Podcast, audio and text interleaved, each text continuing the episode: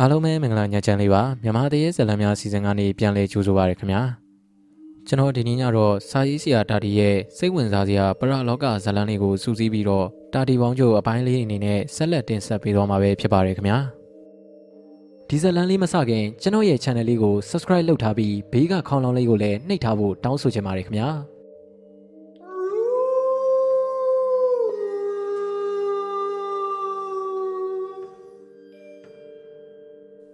ကျုပ်တို့ရွာကထဏောင်းကုန်းလေဗျာအရှိမြောက်ဘက်မှာငွေရာကုန်းဗန်ပွေကုန်းဝက်စုနဲ့ငွေရင်းကုန်းဆိုတဲ့ရွာတွေရှိတယ်အရှိဘက်မှာတော့ကြားဟုံးရွာရှိတယ်တောင်ဘက်မှာကမီးလောင်ကုန်းရွာရှိတယ်အနောက်ဘက်မှာတော့ရွာတစ်တို့ဆရာမနိုင်တို့ရှိတာပေါ့ဗျာကျုပ်တို့ထဏောင်းကုန်းတကြီးကဥပိုးတင်လေလွတ်စိတ်တူတဲ့လူကြီးပါဗျာကျုပ်တော်မှတခါကထိတ်တုံးခက်ခံရသေးရဲ့ခိုင်းစရာများရှိရင်တော့လူလွတ်ပြီးကျုပ်ကိုမတွေ့တွေ့အောင်ရှာရဲပါဗျာအခုတလောကျုပ်ကဘဲမှတိတ်မသွားဖြစ်ဘူးဗျ အိမ်မှာပဲချိန်ငိမ့်နေတယ်နေကလည်းပူပါဗျာအောက်ပြည်မှာမိုးရွာပေမဲ့ကျုပ်တို့အညာဘက်ကတော့မိုးပွဲလေးတစ်ခါနှစ်ခါလောက်ပဲရောက်သေးတာဗျကျုပ်လည်းထမင်းစားပြီးကလေးကဝိုင်းထဲကမကြီးပင်အောင်မှာခင်းထားတဲ့တစ်သားကုတ်ပြပေါ်မှာဝဘိုးချမ်းလေးခေါင်းပြီးတော့အိတ်နေတာဗျမီးညိပြီးတော့နှက်ထားတဲ့ငကားစေးဘောလေးလေးကိုတစ်ဖာနှစ်ဖာလောက်ဖာလိုက်အသာချထားလိုက်ပေါ့ဗျာကျုပ်အတွက်စီးစိမ်ဆိုလို့ဒါပဲရှိတာဗျဟာတာတီတို့ကတော့ဇိန်ရှိပါကွာ ငါတို့ဗံမွေးကုန်းမှာတော့ပေတိုးဒုက္ခပြီးလို့ညညကောင်းကောင်းမအေးရဘူးဟေ့ဝိုင်းပေါက်ကအတန်ကြလို့ကျုပ်လဲစက္ကနဲ့ခေါင်းထောင်ကြီးရဲ့ဟာကိုကြီးစိန်တောင်းပါလားဗျလားလီဗျာကိုကြီးစိန်တောင်းဆိုတာကဗံမွေးကုန်းကအကြီးမလုံးကြီးရဲ့သားအကြီးဗျအသက်ကတော့40လောက်ရှိပြီဒါပေမဲ့အခုချိန်ထိအိမ်အောင်မကြသေးတဲ့လူယိုကြီးဗျကိုကြီးစိန်တောင်းကကျုပ်ကိုပြမှာဝင်းထိုင်နေပြီးတော့သူဆောင်းလာတဲ့ဝါခမောက်လေးကိုချွတ်ပြီးရက်ခတ်နေရဲ့ဗျ ကိုကြီးစိန်တောင်းကအိမ်အောင်သားမကြတာဗျလူကလူပုံကျော်အသားလက်လက်နှကမ်းမွေးကရေးရေးနဲ့နှာရန်လဲပေါ်တယ်ကိုကြီးစိန်တောင်းရော့ဗျာဆက်လိုက်တော့အမောပြီပေါ့ကျုပ်ကငကားစီးဘောလိတ်တလေးကိုမီးကန်းနဲ့မင်းညိပြီးတော့ကိုကြီးစိန်တောင်းကိုပေးတယ်ဒါနဲ့နေပါအောင်ကိုကြီးစိန်တောင်းရဲ့အခုနကကိုကြီးစိန်တောင်းပြောလိုက်တာဗါတဲ့ဘသူဒုက္ခပြီးနေရတော့ဟာမင်းမကြားသေးဘူးလားတာတီရဟင်ဘာတော့ဗျ ကျုပ်ကတော့ဘာမှမကြားမိဘူးဗျအခုတလောလဲကျုပ်ဘဲမှမရောက်ဘူးဟေးအံ့ပါရဲ့ကွာမင်းလောက်နှံ့ဆက်တဲ့ကောင်ကပေတိုးတရင်ကိုမကြားဘူးလေလားဗျာဘသူဗျပေတုံးဟုတ်လားဟာပေတုံးမဟုတ်ပါဘူးတာတီယာပေတိုးပါကွာပေတိုးဟုတ်လားကိုကြီးစင်တော်နေပါဦးဗျဒီနမိတ်ကိုကျုပ်မကြားဘူးပါဘူးပေတိုးကဘသူသားတော့ဒီကောင်ကဘာရီဒုက္ခပေးနေလို့တော့ဟာကောင်တာတီယာ ပေတိုးကဘသူသားမှမဟုတ်ဘူးကွာငါတို့ရွာသားလည်းမဟုတ်ဘူးပြီးတော့လူလည်းမဟုတ်ဘူးကွာဗျာလူမဟုတ်ဘူးဒါဆိုရင်ဘာတုံးဗျတရေကွာတရေတရေပေတိုးဟင်တရေဟုတ်လားဟုတ်လားကိုကြီးစိန်တော်အေးဟုတ်တယ်ဟေးဘယ်ကရောက်လာတဲ့တရေလဲမသိပါဘူးကွာရွာထဲမှာဟိုအိမ်ဝင်ဘူးဒီအိမ်ဝင်ဘူးနဲ့ဟာဟုတ်လားဗျဟုတ်တယ်တာတီရေမိန်းမတွေကိုပူးတာများတယ်ကွာ ပူးရင်လဲတိန်လုံးကိုပြောင်းဆန်အောင်ခုံပေါက်ပြီးတော့စူနေတာဟိပြီးတော့သူဝင်ဘူးတဲ့အိမ်ကြီးကအမဲသားချက်တဲ့အိမ်ကြီးပဲကွာအဲ့ဒါအမဲသားနဲ့ထမင်းကျွေးရမယ်ဆိုပြီးတောင်းချမ်းတော့တာပဲဟိနောက်ဆုံးအိမ်သားတွေကအမဲသားဟင်းနဲ့ထမင်းကျွေးလိုက်တော့မှတဝါတပြဲစားပြီးတော့ထွက်သွားရောဗျာဟင်ဒါဆိုရင်ဒီတရေကဘိန်းမအမဲသားချက်တယ်ဆိုတာသိနေရပေါ့အောင်မလီတိလိုက်တော့မှဘလောက်သားချက်တယ်ဆိုတာကအစသိရဟိအခုတော့အမဲသားမချက်လဲဝင်းဝင်းပူးပြီးတော့အမဲသားဝဲချက်ခိုင်းနေ လူတွေကလည်းသူ့ထံကိုတော်တော်ခံနေကြရတာကွာနေပါဦးမြကိုကြီးစိန်တောင်တို့ဆရာတွေဘာတွေမရှာကြဘူးလားအေးကွာအစားကတော့ဖုန်ကြီးပင့်ပြီးရွာထဲမှာပရိတ်လေးပါလေးရွတ်တာပေါ့ကွာဒီလောက်နဲ့မရဘူးတာတီအဲ့ဒီတော့မှငါတို့လဲဆရာရှာကြတာပေါ့ကွာအခုလာတာအဲ့ဒါလာပြောတာကွာမနှက်ဖြန်ဆိုရင်မျိုးကဆရာတယောက်ရောက်လိမ့်မယ်ဆရာပွားတဲ့ပယောကတော့လွတ်နိုင်နေဆိုပဲအဲ့ဒါမနှက်ဖြန်ကြရင်မင်းမလာခဲ့ကွာ မင်းကအတွေးကြုံရှိတော့နည်းနည်းပါးပါကြည့်ရှုပြီးဝေဖန်နိုင်တာပေါ့ကွာရွာကလူတွေကလည်းမင်းကိုခေါ်ခိုင်းလို့ငါလာခေါ်တာကွာဩဒီလိုလားဗျဟုတ်ပြီလေမနှက်ဖြန်မနှက်ပိုင်းကလေးကကြုတ်ထွက်လာခဲ့ပါမယ်ဟာဒါဆိုရင်တော့နေရာကြပြီပေါ့ဒါတရားမင်းမနှက်ဖြန်ဆက်ဆက်လာနော်ငါ့ရင်ကိုပဲလာခဲ့ငါစောင့်နေမယ်ကိုကြီးစိန်တောင်းနဲ့လည်းမတွေ့တာကြတော့နှစ်ယောက်သားစကားပြောလိုက်ကြတာညနေနေဆောင်တော့မှကိုကြီးစိန်တောင်းပြန်သွားတာပြုတ်ကျုပ်ကလည်းငကားဆေးပွဲလေးလေးဖွာရင်းနဲ့ ကိုကြီးစိန်တောင်းပြောတဲ့တရေပေတိုးအကြောင်းကိုထိုင်ပြီးတော့တွေးနေမိရဲ့တွေးရင်းနဲ့ကျုပ်စိတ်ထဲမှာကိုပေသီးကိုသတိရလိုက်တာဗျာကျုပ်နဲ့အတူတူသွားပြီးတော့ပီယာဈေးဖော်ရင်တေးခဲ့ရတာမလားတွေးရင်းနဲ့အဲ့ဒီညကအဖြစ်အပျက်ကိုကျုပ်မျက်စိထဲမှာပြန်ပြီးတော့မြင်လာတာဗျို့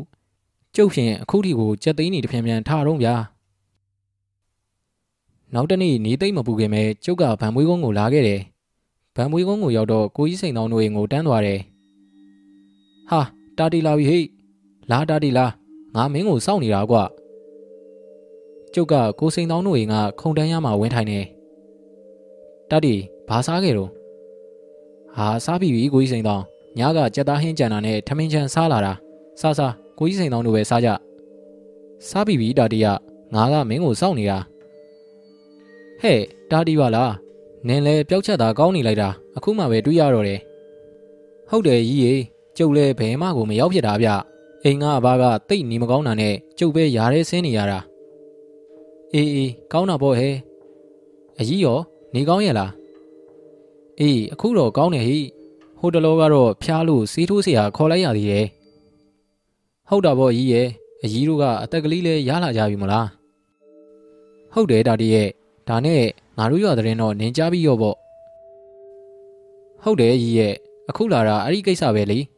ထူးထူးဆန်းဆန်းဗျာ ဘဲကရောက်လာတဲ့တရေပါလေတရွာလုံးကိုလိုက်ပူပြီးတော့အမဲသားချက်ကြွေခိုင်းနေကောင်ဒီလိုဟဲ့ရွာလေပိုင်းကအုံဖူးတို့အုံညွန့်တို့ညီကိုတွေကင်းကြတဲ့ညကားတဲ့ဟိမဲမဲအရေးတစ်ခုတွေးကြတယ်ဆိုပဲတစ်ပင်ရိတ်တယောက်မှာရိတ်ကနေရိတ်ကနေပြေးကပ်လိုက်ပြေးထွက်လိုက်နေတဲ့နောက်နေ့ကစပြီးတော့လူတွေကိုဝင်ပူးတော့တာတာတီဒါနဲ့နေဝအောင်ကိုကြီးစိန်တောင်းရဲ့အဲ့ဒီတရေရဲ့နာမည်ကိုပေတိုးလူဘသူကပေးတာတော့မြဟာတာတီကလည်းတရေကိုဘသူကနာမည်မှင့်မှာတော့ကွာ သူ့ဟာသူဝင်ပူးပြီးတော့ပြောတာဟိဝင်ပူးလိုက်ပြီဆိုတာနဲ့ငါနာမည်ပေတိုးတယ်ဟိငါ့ကိုအမဲသားချက်ကြွေးတပိတ်တာကြွေးမကြွေးရင်ဟော်ရီကောင်မကိုငါအသေးသက်မယ်ဆိုပြီးတော့ပြောတာကွာပြီးရင်လည်းဘလို့မှနှင်လို့မထွက်ဘူးဟိကျွေးပါမယ်နောက်နေ့လာစားပါဆိုမှထွက်သွားတာနောက်တနေ့မှအမဲသားချက်ပြီးတော့ထမင်းနဲ့သွားကြွေးရတယ်ဟင်ဘယ်မှာသွားကြွေးရတာတော့ဗျရွာနောက်ကလက်ပတ်မင်းကြီးအောင်မှကျွေးရတာဟိဒါနဲ့ကျွေးတော့စားလာဗျ ဟာစားပါပြီလားတာတီယာအမဲသားရောထမင်းရောပြောင်းအောင်ကိုစားတာဟိဟာဒါဆိုရင်တော့ဒီတရေကတော်တော်မလွယ်ဘူးတင်တဲ့ကိုကြီးစိန်တောင်းကြီးဟုတ်တယ်တာတီယာအခုလာမဲ့ဆရာကိုလည်းအချီအနီကြည့်ရမှာပေါ့ကွာဦးစိန်တောင်းကျုပ်ကဘာကခေါ်ခိုင်းလိုက်လို့ဗျမျိုးကဆရာကြီးဆိုတာရောက်နေလို့အခုလာခဲ့ပါတဲ့ဟေးမောင်းကြောပါလားအေးအေးဦးစိန်တောင်းတို့အခုလိုက်ခဲ့မယ်မင်းသွားနှင်းတော့ဩ ဆရာပွားဆိုတာရောက်ပြီတဲ့လားကဲတွားကြစို့လေဗျာဘယ်အိမ်မှာတော့အဘဦးညီလေးတို့အိမ်မှာကွခုနကလာခေါ်တာဘိုးညီလေးရဲ့မိလေအကြီးကောင်ချက်ကြီးရဲ့သားကွကိုကြီးစိန်တောင်းတဲ့ကျုံနဲ့ရွာထဲကိုထွက်လာတယ်ဘိုးညီလေးတို့အိမ်ကရွာအရှိပိုင်းမှာကျုပ်တို့အိမ်ဝိုင်းထဲကိုဝင်လိုက်တော့လာဟေးစိန်တောင်းအောင်မဲတာတီလဲရောက်နေတာ ਉਹ လာကြဟေးလာကြမင်းတော့ပွဲကြီးပွဲကောင်တွေးရအောင်မှာပေါ့တာတီယာ ကျုပ်လဲပြုံးပြီးတော့ဘိုးညီလေးတို့အိမ်မော်ကိုတက်လိုက်တယ်ဘိုးကြီးလေးတို့အိမ်ကခြေတန်းရှိဆိုပေမဲ့အောက်ထပ်မှာလည်းအပြည့်ခင်းထားတာဗျကျုပ်အိမ်ထဲကိုလှမ်းကြည့်လိုက်တော့နှကမ်းမွေးကားကားကြီးနဲ့ရောင်တစောင်းထုံးထားတဲ့လူကြီးတယောက်ဖះဆင်ရှိမှထိုင်နေရကိုတွေ့ရတယ်ကဲလာကွာစိန်တောင်းရောတာတီရောဖះကန်းကိုလာခဲ့ကြဒီမှာဆရာပွားနဲ့စကားလေးပါလီပြောရအောင်ကျုပ်တို့လည်းဆရာပွားကြီးရှိမှရိုးရိုးသေးသေးဝင်ထိုင်လိုက်ကြတယ်ဆရာကြီးရေဟော်ရီကတငယ်ကမောင်တာတီရဲ့ဗျ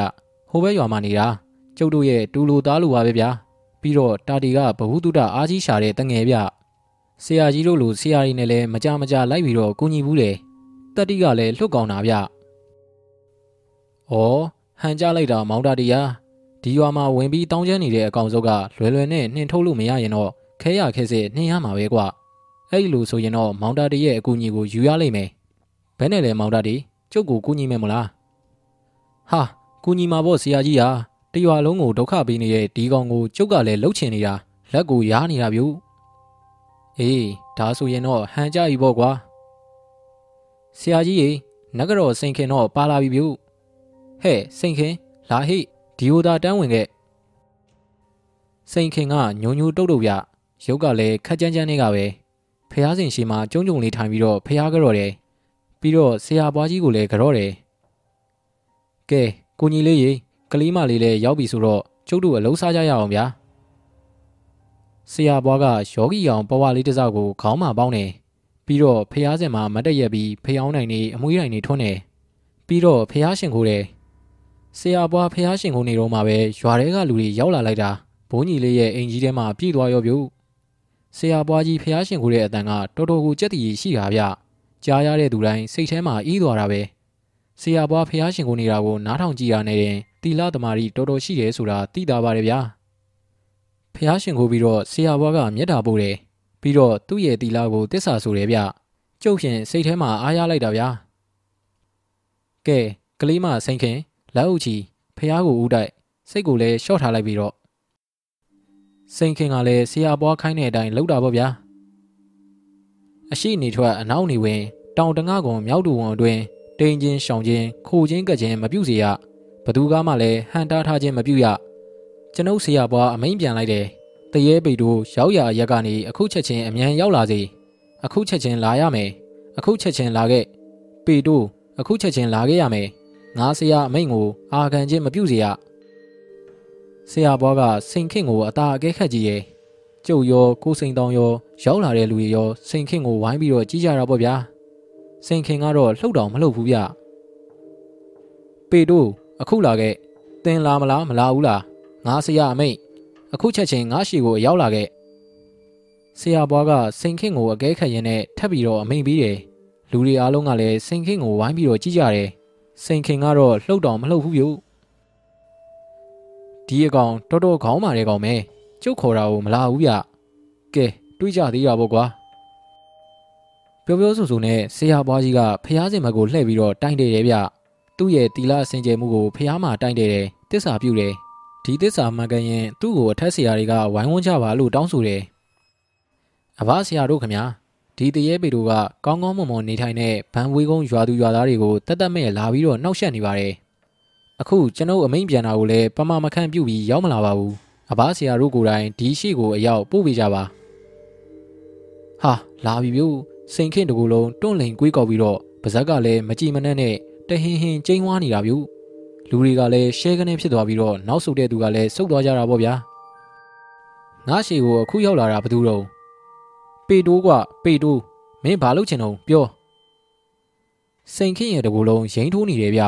ဒါပေမဲ့ပါဇက်ကထွက်လာတဲ့အတန်ကြီးကတော့ယောက်ျားတဲ့ကြီးပြု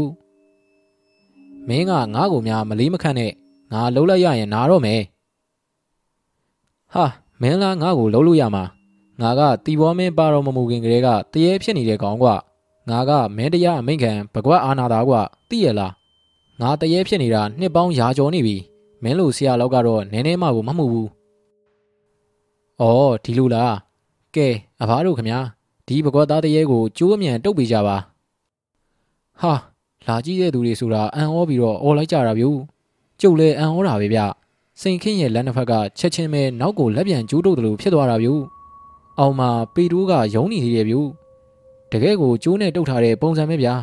။ဆရာဘွားကဖျားစင်မှာထောင်ထားတဲ့သူ့ရဲ့ကျိန်လုံးကိုလှမ်းပြီးတော့ယူတယ်။ပြီးတော့သူ့နှကမ်းမွေးကြီးတက်လိုက်ပြီးကျိန်လုံးကိုလေထဲမှာရိုက်တယ်။အောင်မလေးဗျ။အာအောင်မလေးဗျ။ဟာလေထဲမှာရိုက်တာနဲ့ထိတာဟိ။ကျွတ်စီကျွတ်စီနဲ့အတန်နေထွက်လာတာဗျ။ ဟုတ်တော့လေဟုတ်သားဗျ။ကျိန်လုံးကိုလေထဲမှာရိုက်ယုံနဲ့ပေတူးကအော်နေတာဗျ။တော်တော်လေးထူးဆန်းတဲ့ပညာရက်တွေဗျာ။ဆရာဘွားကအရိုက်ရက်လိုက်ပြီးတော့ပြောတယ်ဗျ။ဘကွက်သားပေတူတရေပေတူနင်းဒီရွာကနေအမြန်ထွက်သွားရမယ်။အဘဆရာကြီးတွေရဲ့အမိတ်ငါအမိတ်ဟိကြားလာပေတူပေတိုးကဘာမှပြန်မပြောဘူးဗျငိမ့်နေတယ်ဆရာဘွားကလည်းကျိန်လုံးကိုလေထဲမှာထက်ရိုက်တယ် ဆရာဘွားကနောက်တစ်ချက်ထက်ရိုက်မလို့ကျိန်လုံးကိုရွယ်လိုက်တဲ့အချိန်ပြုတ်ကနေပဲကျိုးတစ်ချောင်းပြတ်သွားတဲ့အတန်ကိုကြားလိုက်ရတယ်လူတွေအားလုံးလည်းအံ့ဩပြီးတော့ကြီးနေတော့မှဟာစိန်ခင်လဲသွားပြီစိန်ခင်လဲသွားပြီလူတွေကဝိုင်းပြီးတော့អော်ကြတယ်ဗျနဂရောစိန်ခင်ကထိုင်နေရာကနေနောက်ကိုဒုံကနေလဲသွားတာဗျပေတိုးကြီးကဘယ်ရောက်သွားတာတုံးဟာထွက်သွားတာနေမှာပေါ့ကွာစောစောကကျိုးပြတ်တဲ့အတန်ကြီးကြားလိုက်တာပဲ တုတ်ထားတဲ့ကျိုးကိုဖြတ်ပြီးတော့ပြေးရနေမှာပေါ့ဟေးအားလုံးငြိမ်ကြစမ်းတယောက်တစ်ပေါက်နဲ့စူးနေတာပဲဘိုးကြီးလေးကထားော်လိုက်တော့မှပဲအကုန်လုံးငြိမ်သွားတာဗျဆရာဘွားကသူ့ရဲ့ရေစင်ပလင်းထဲကရေနဲ့စိန်ခင်းရဲ့မျက်နှာကိုတောက်တယ်စိန်ခင်ကပြန်ပြီးတော့သတိရလာတယ်မျက်လုံးပြူးပြူးနဲ့ဟိုကြည့်ဒီကြည့်လုံနေရပြူပြီးတော့လဲနေရကနေပြပြတလဲထထိုင်ပြီးတော့ရှက်ကုရှက်ကန်နဲ့လူတွေကိုလိုက်ကြည့်နေတယ် ဒီကောင်မလွယ်ဘူးပြူကျုပ်နီလန်းရှာပါအောင်မယ်ဗျာဆရာဘွားကဘုန်းကြီးလေးကိုပြောတယ်ဗျစိတ်ထဲမှာတော့တော်တော်ကိုခံပြင်းနေတဲ့ပုံပဲရုံပါတယ်ဆရာရဲ့ဆရာကိုကျုပ်တို့တရွာလုံးကယုံပါတယ်စောစောကအဖြစ်အပျက်တွေကိုလည်းအားလုံးမြင်ကြတာပဲလေဟုတ်ပါတယ်ဆရာကြီးဆရာကြီးရဲ့ပညာစွမ်းကိုကျုပ်တို့အံ့ဩကြပါတယ်ဗျာကဲကိုကြီးလေးရေရွာသားတွေကိုပြန်လွှတ်လိုက်ပြီးတော့ဗျာကျုပ်လည်းဖះရှင်ကိုဗတိစိတ်လိုက်အောင်မယ် ပြီးတော့မှအကြံလေးပါလေးထုတ်သေးတာပေါ့ဒီကောင်အစွမ်းလဲကျုပ်တို့သိပြီပဲလေဘလို့လုပ်ရမယ်ဆိုတာနီလန်းကတော့တွေးမှာပါဗျာဘုန်းကြီးလေးကရွာသားတွေကိုလှုပ်ရှားရှိတာလှုပ်ကြဖို့ပြန်လွှတ်လိုက်တယ်စိန်ခင့်ကိုတော့ဘုန်းကြီးလေးရဲ့ချွေးမကအိမ်မော်ကိုခေါ်သွားတယ်ဗျဖះကမ်းမှာတော့ဆရာဘွားရဲ့ဘိုးကြီးလေးရဲ့ကိုကြီးစိန်တောင်းနဲ့ကျုပ်ရဲ့ပဲကြံနေခဲ့တာလေဆရာဘွားကလည်းရေနွေးချက်နှစ်ခွက်ကုန်အောင်တောက်ပြီးတော့ငိမ့်နေတယ်ကျုပ်တို့ကလည်းငိမ့်နေကြတာပေါ့ဗျာဟာ ကျုပ်သိပြီဗျို့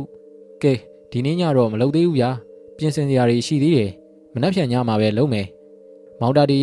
ကျုပ်ကတော့မင်းကူညီမဖြစ်မယ်နော်မနှက်ဖြန်ညနေဆောင်လောက်ဒီကိုရအောင်ပြန်လာခဲ့ကွယ်စိတ်ချပါဆရာကြီးရဲ့ကျုပ်လာခဲ့မယ်ကဲကိုကြီးစိန်တော့ကျုပ်ရွာပြန်လာအောင်မယ်မနှက်ဖြန်ညနေမှာပဲကျုပ်ပြန်လာခဲ့မယ်အေးအေးပြန်လာပေါ့ကွာအခုတော့အိမ်လိုက်ခဲ့ပါအောင်ကွာစကားလေးပါလေးပြောကြတာပေါ့တာတီယာ ကျုပ်နဲ့ကိုကြီးစိန်တောင်းနဲ့ဘုံကြီးလေးတို့အိမ်ကပြန်လာခဲ့တယ်ကျုပ်လည်းကိုကြီးစိန်တောင်းတို့အိမ်မှာပဲထမင်းစားပြီးတော့တကြီးတမောအိတ်လိုက်တယ်ညနေဆောင်မှပဲကျုပ်ကရွာကိုပြန်ခဲ့တယ်အိမ်ပြန်ရောက်တော့အဘားနဲ့အမေကိုတရေပေတို့အကြောင်းပြောပြတော့အံ့ဩလိုက်ကြတာဗျာကျုပ်လည်းတဏီလုံးသွားလာပြီးညောင်းနေတော့ခက်စောစောပဲအိတ်လိုက်တယ်နောက်နေ့မနက်ကျုပ်အိတ်ရာကနိုးတော့အိမ်ရှိမှာအဘားတို့အမေတို့နဲ့စကားပြောနေတဲ့ဧည့်သည်အတန်ကြားလို့ကျုပ်လည်းထွက်ကြည့်ရပါဗျာဟင် ကိုကြီးစိန်တော်မလားအစိုးကြီးရောက်လာပါလားဗျရောက်ဆိုညားကရွာမှာပြဿနာတွေဖြစ်ကုန်ပြီတာတည်းဟင်ဘာဖြစ်လို့တော့ဗျရွာတဲကကောင်တွေမနေ့ကညနေကငွေရားကုန်းကကောင်တွေနဲ့ဘောလုံးချင်းခံကြတာလीကွာအဲ့ဒါဘာဖြစ်လို့တော့ဗျဒီကောင်တွေခါတိုင်းလဲကန်နေရပဲမို့လားအေးခါတိုင်းလို့မဟုတ်ဘူးတာတည်းမင်းရွာလေပိုင်းကတင်ကြီးရဲ့ညီစင်ပေါက်ကိုသိရမလားသိတာဗောကိုကြီးစိန်တောင်းရဲ့ အေးစင်ပေါက်ကလူလဲလုတ်ပြီးတော့လောင်ကြီးများများထပ်ပြီးငွေရားကုန်းကိုစိန်ခေါ်ရဲဆိုပဲကွာပြီးတော့ကျင်းတီပေါင်းနိုင်အောင်ငါလုတ်ပြီးမယ်ဆိုပြီးတော့သူကတရေပီတူကိုတွားပြောတာဆိုပဲဟင်ဘယ်မှာတွားပြောတာတော့ဟိုလက်ပတ်မင်းကြီးလေကွာရွာနောက်ဖက်ကလက်ပတ်မင်းကြီးလေပေတိုးကြီးကိုအမဲသားတွားကြရတဲ့လက်ပတ်မင်းလေကွာဩဟုတ်ပြီဟုတ်ပြီစင်ပေါက်ကဘာသွားပြောတာတော့မြတရေပေတိုးကြီး ဒီညနေကစားမဲ့ဘောလုံးဝဲမှာကျုပ်တို့နိုင်အောင်လုပ်ပြီးရင်ခမားကိုဘောလုံးဝဲပြီးတာနဲ့ဒီနေ့ညအမဲသားနှစ်ပိတ်တာချက်ပြီးတော့ထမင်းနဲ့ကျွေးမယ်တဲ့ကွာပြီးတော့တူတူငမက်ဆိုတဲ့ကောင်ကိုဝက်စုကိုလွတ်တယ်အဲ့ဒီရွာမှာပြီးခဲ့တဲ့ညကအမဲပေါ်မယ်ဆိုလို့ငမက်ကိုပတ်စံပေးပြီးတော့အမဲသားနှစ်ပိတ်တာဝယ်ခိုင်းတာတဲ့ဟိအဲ့ဒါမနေ့ကညနေကဘောလုံးကန်တော့ဒီကောင်နေတခါမှမနိုင်တဲ့ငွေရားကုန်းကိုအပြက်အသက်ကိုနိုင်တာတဲ့ဟိကိုကိုတောင်တွင်းလိုက်တယ်ဆိုပဲအဲ့ဒီမှာပြဿနာတက်တော့တာပေါ့ကွာဟင်ဘာဖြစ်လို့တော့မြ ဘာဖြစ်ရမလို့ဒါတရဝက်စုကိုသွားတဲ့ငမက်ကမျက်စိမျက်နှာပြက်ပြီးတော့ပြန်ရောက်လာတာဟိဘာဖြစ်လို့လဲအမဲသားမရခဲ့လို့လားရတယ်ဒါတရဒါပေမဲ့သူရောက်တာနောက်ကျသွားလို့90သားပဲရလာတာတဲ့ဒီတော့စင်ပေါက်ကပြောတာပေါ့ကွာဘဲတက်နိုင်မှာတော့နဲ့နှစ်ပိတ်တာဝယ်ခိုင်းတာပဲရမှမရတာရသလောက်ပဲချက်ကြွရမှာပေါ့ပေတိုးကြီးကနှစ်ပိတ်တာစားရဖို့ကံမရှိလို့ဖြစ်မှာပေါ့ဆိုပြီးအော်ကြီးနေတာဟိကြံတဲ့ဘောလုံးကန်တဲ့ကောင်တွေကလည်းဝိုင်းရီကြတာပေါ့ကွာ အဲ့ဒါနဲ့ပဲအမဲသားကြက်တော့ထမင်းနဲ့လက်ပတ်မင်းကြီးရောက်ကိုတွားကြွကြတာတဲ့မိုးချုပ်ဆပြုတ်တဲ့အချိန်ပေါ့ကွာအဲ့ဒီတော့ဘာဖြစ်လို့တော့မြဘာဖြစ်ရမလို့တာတီယာပေတိုးကြီးကထမင်းနေအမဲသားတွေကိုခါတိုင်းလိုပဲစားတာပေါ့ကွာဒီတော့စင်ပေါက်တို့ကလည်းအစင်ပြေသွားပြီဆိုပြီးလှဲ့ရပြန်မှာအုံငနေအုံငနေပဲအတန်ကြီးနှစ်ချက်ထွက်သွားပြီးတော့စင်ပေါက်ကထိုးလဲသွားရောတဲ့ဟိဟာဒါဆိုရင်ဟိုကောင်ရိုက်လိုက်တာနေမှာပေါ့ဗျဒါပေါ့တာတီယာ ပါဇက်ကနေတွေးရီပွက်ကနေပွက်ကနေအန်နာတဲ့ဟိတခါတည်းကိုပွဲချင်းပြီးတေးပါရောလားကွာဟာဒါဆိုရင်စင်ပေါက်တေးသွားတာပေါ့ဟုတ်လားကိုကြီးစိန်တော်အေးဟုတ်တယ်ဒါဒီစင်ပေါက်ညားကတေးပြီကွာဒါဆိုရင်ဒီကောင်လူဟာတက်ပြီပေါ့အေးပေါ့ကွာမနက်ပိုင်းကဆရာဘွားကသူ့ကိုကြိမ်လုံးနဲ့နှက်ထားတော့ဒေါသကလည်းဖြစ်နေမှာပေါ့စင်ပေါက်အလောင်းကိုတဲလာပြီးကြည့်လိုက်တော့ကြောကုန်းမှာလဝါးရကြီးနှစ်ခုတွေ့ရတာတည်းရ ကျုပ်လည်းဘာပြောရမှန်းမသိအောင်ဖြစ်နေတော့တာပေါ့ဗျာစင်ပေါက်အကိုတင်းကြီးဆိုတာကကျုပ်တို့နဲ့ငယ်တငယ်ချင်းနေဗျစင်ပေါက်ဆိုတဲ့ကောင်ကကျုပ်တို့လက်ပေါ်မှာတင်ကြီးလာတဲ့ကောင်ပေါ့ဗျာကျုပ်ဖြင့်စိတ်မကောင်းလိုက်တာဗျူအဲ့ဒါမင်းကိုလာခေါ်တာတာတီကဆရာဘွားကမင်းကိုမိုးလင်းလင်းချင်းပဲတွားခေါ်လို့ပြောတယ်ဒီနေ့ညလှုပ်ရှားတွေကိုကြူပြီးတော့လှုပ်ဖို့တယ်ကွာဟုတ်ပြီဟုတ်ပြီဒါဆိုရင်ကျုပ်လိုက်ခဲ့မယ်ဗျာဟိုကောင်လေးအာသူကလည်းတွားအောင်မယ်လေကျုပ်လည်းပြောပြောဆိုဆိုနဲ့အခန်းထဲဝင်ပြီးတော့ ဆရာနှွန်ဖပေးခဲ့တဲ့မျက်ကွင်းစီးနဲ့တစ်ဆုံးစီးကိုယူရတာပေါ့ဗျာပြီးတော့အဝတ်အပိုးတစ်စုံကိုလွယ်ထည့်ထည့်ပြီးအဘားနဲ့အမေကိုတင်ကြည့်ညီအာသူဘချပြီးမှပဲပြန်ခဲ့မယ်လို့ပြောခဲ့တယ်ကိုကြီးစိန်တော်နဲ့ကျုံနဲ့ဗံမွေးကုန်းကိုရောက်တော့ဖုန်ကြီးเจ้าကစွန်းစားတန်เจ้าနောင်ခောက်နေပြီဗျကိုကြီးစိန်တော်ကကျုပ်ကိုသူ့အိမ်ကိုခေါ်သွားတယ်ခဏတစ်ဖြုတ်နားနေပြီးတော့အကြီးလုံးကြီးကကျုပ်တို့ကိုထမင်းကျွေးတယ်ကျုပ်လာမယ်ဆိုတာသိနေလို့ဖြစ်လိမ့်မယ်ဗျအိမ်ကကြက်တကောင်ချက်ထားတယ် ကျုပ်လည်းစားစားရှိရနဲ့တော်တော်ကိုစားပြစ်လိုက်မိတာဗျထမင်းစားပြီးတော့ငကားစေးဘောလေးလေးမင်းညိပြီးဖွာနေလိုက်တယ်တောင်းတနာနားပြီးမှကဲတာတီဘိုးကြီးလေးတို့အိမ်ကိုသွားကြစို့ဟိတ်ကိုကြီးစိန်တော်ကပြောတာနဲ့ကျုပ်တို့နှစ်ယောက်လည်းဘိုးကြီးလေးတို့ဘက်ကိုထွက်ခဲ့ကြတယ်ဟာတာတီရောက်ပြီလားကွကဲလာဟေးလာလာအိမ်ဝိုင်းထဲကိုဝင်လိုက်တာနဲ့ဘုန်းကြီးလေးကဝမ်းသာအားရလှမ်းခေါ်တယ်ကိုကြီးစိန်တော်နဲ့ကျုံနဲ့အိမ်မော်ရောက်တော့ ဖះကန်းထဲမှာပတိစိတ်နေတဲ့ဆရာဘွားကိုတွေ့တယ်အဲ့ဒါနဲ့ကျုပ်တို့လည်းစကားတိတ်မပြောဘဲငြိမ်နေတာပေါ့ဗျာခဏနေမှကိုကြီးစိန်တော်ကအတန်ခတ်အုပ်အုပ်လုပ်ပြီးတော့ပြောတယ်စင်ပေါအတူအကိုတော့ဒီကိစ္စတွေပြီးမှပဲတွားကြတာပေါ့ကွာအင်းဒီလိုပဲလုံးရတော့မှာပေါ့ဗျာဩမောင်တာတီရောက်ပြီကိုအေးဒီနေ့ညတော့ပွဲကြီးပွဲကောင်းပေါ့ကွာတရေပီတို့ကလူသက်တဲ့အဆင့်အောင်ရောက်လာပြီဆိုတော့ပြီးပြက်အောင်ရှင်းရတော့မှာပေါ့လေ ဒီလိုမှမရှင်းနိုင်ရင်ဒီအနီးတစ်ဝိုက်ကရွာတွေကိုပို့ပြီးတော့ဒုက္ခပေးတော့မှာဟုတ်တာဗောဆရာကြီးရဲ့ကျုပ်ဘက်ကတော့ဆရာကြီးကိုကူညီဖို့အစင်သင့်ပါပဲဗျာကျုပ်ကပြောလိုက်တော့ဆရာဘွားကြီးကသူ့ရဲ့နှကမ်းမွေးကြီးကိုကားသွားအောင်ပြုံးနေဗျဆရာဘွားရဲ့ဥပဒေယုတ်ကမစိုးပါဘူးတီလာသမားကြီးရှိခဲ့ပုံပဲပြီးတော့ရိုးသားမှုအပြည့်ရှိတဲ့ယုံမျိုးရဩဒါနဲ့ ကျုပ်သတင်းတန်တန်ကြားတာကမောင်တာတိတ်မှာဆရာကြီးတယောက်ချီးမြှင့်သွားတဲ့မြက်ကွင်းစီးတော်ဆိုတာရှိတယ်ဆိုကွဟုတ်ကဲ့ရှိပါတယ်ဆရာကြီးအဲ့ဒါကိုကွင်းပြီးကြည့်ရင်နာနာဘာဝတွေအကုန်လုံးကိုမြင်ရပါတယ်အေးဒါဆိုရင်တော့ဟန်ကြပြီပေါ့ကွယ်ကျုပ်ဒီနေ့ညလုံးမဲ့အစီအစဉ်ကတင်းချိုင်းထဲကိုသွားပြီးတော့မဖဲဝါကိုဖိတ်ခေါ်မယ်ပြီးတော့သူ့ကိုအစားအသောက်ကျွေးရမှာပေါ့ကွယ်ပေတိုးကြီးကိုစုံမပြီးထိမ့်သိမ့်ပေးဖို့မဖဲဝါကိုပြောရမှာပေါ့ ပေတိုးကြီးကိုမဖဲဝါကနိုင်မမလားဆရာကြီးရဲ့ဒီကောင်ကြီးကအတော်ကိုကြမ်းတာဗျကိုကြီးစိန်တော်ကဝင်ပြီးတော့ပြောတာဗျဒီတော့ဆရာဘွားကသူ့ရဲ့နှကမ်းမွေးကြီးကိုတက်ပြီးတော့ပြန်ပြောတယ်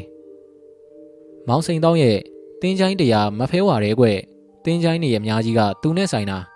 နာနာဘဝတွေအကုန်လုံးသူ့ပိုင်နာကွသူ့ကိုဘယ်သူမှမလွန်ဆန်နိုင်ပါဘူးကွ။အော်ဒီလိုကိုဒါဆိုရင်တော့ဒီနေ့ညပွဲကြီးပွဲကောင်းပေါ့ဗျာ။ ဟုတ်ပါမောင်စိန်တောင်းကြီး။အော်ဒါနဲ့ကိုကြီးလေးကျုပ်လုတ်ခိုင်းတာတွေလောက်ထားကြပြီလား။ဟာလုံနေပြီဆရာကြီးမြို့ကိုမနက်စောစောလူလွတ်ပြီးတော့အမဲသားတပိတ်တာဝယ်ခိုင်းပြီးကြာကြာနာနာကိုချက်ခိုင်းတာတယ်။ထမင်းလဲချက်ထားတယ်။ဟုတ်ပြီဟုတ်ပြီကျုံနဲ့မောင်တာတွေကညမိုးချုပ်တာနဲ့တင်းချိုင်းထဲကိုသွားကြမှာအချိန်ကြတာနဲ့တပြိုင်တည်းကျုပ်ကမဖဲဝါကိုခေါ်ပြီးတော့ကျွေးမွေးမှာဗျမောင်တာတွေကတော့စေးကွင်းလာခဲ့ပေါ့ကွာမင်းမြင်တာတွေကျုပ်ကိုပြောပြပြီးတော့ဒါမှလည်းကျုပ်လည်းသိရမှာပေါ့ မဟုတ်ဘူးလားမောင်တာတွေဟုတ်ပါတယ်ဆရာကြီးကျုပ်စေးကွင်းခဲ့မှာပါကျုပ်မှာအားလုံးပါလာပါတယ်ကျုပ်တို့တွေဆရာပွားကြီးနဲ့စကားတွေထမ်းပြောကြရင်တဖြည်းဖြည်းနဲ့ညနေဆောင်လာတော့ဗောဗျာနောက်တော့မိုးချုပ်လာတယ်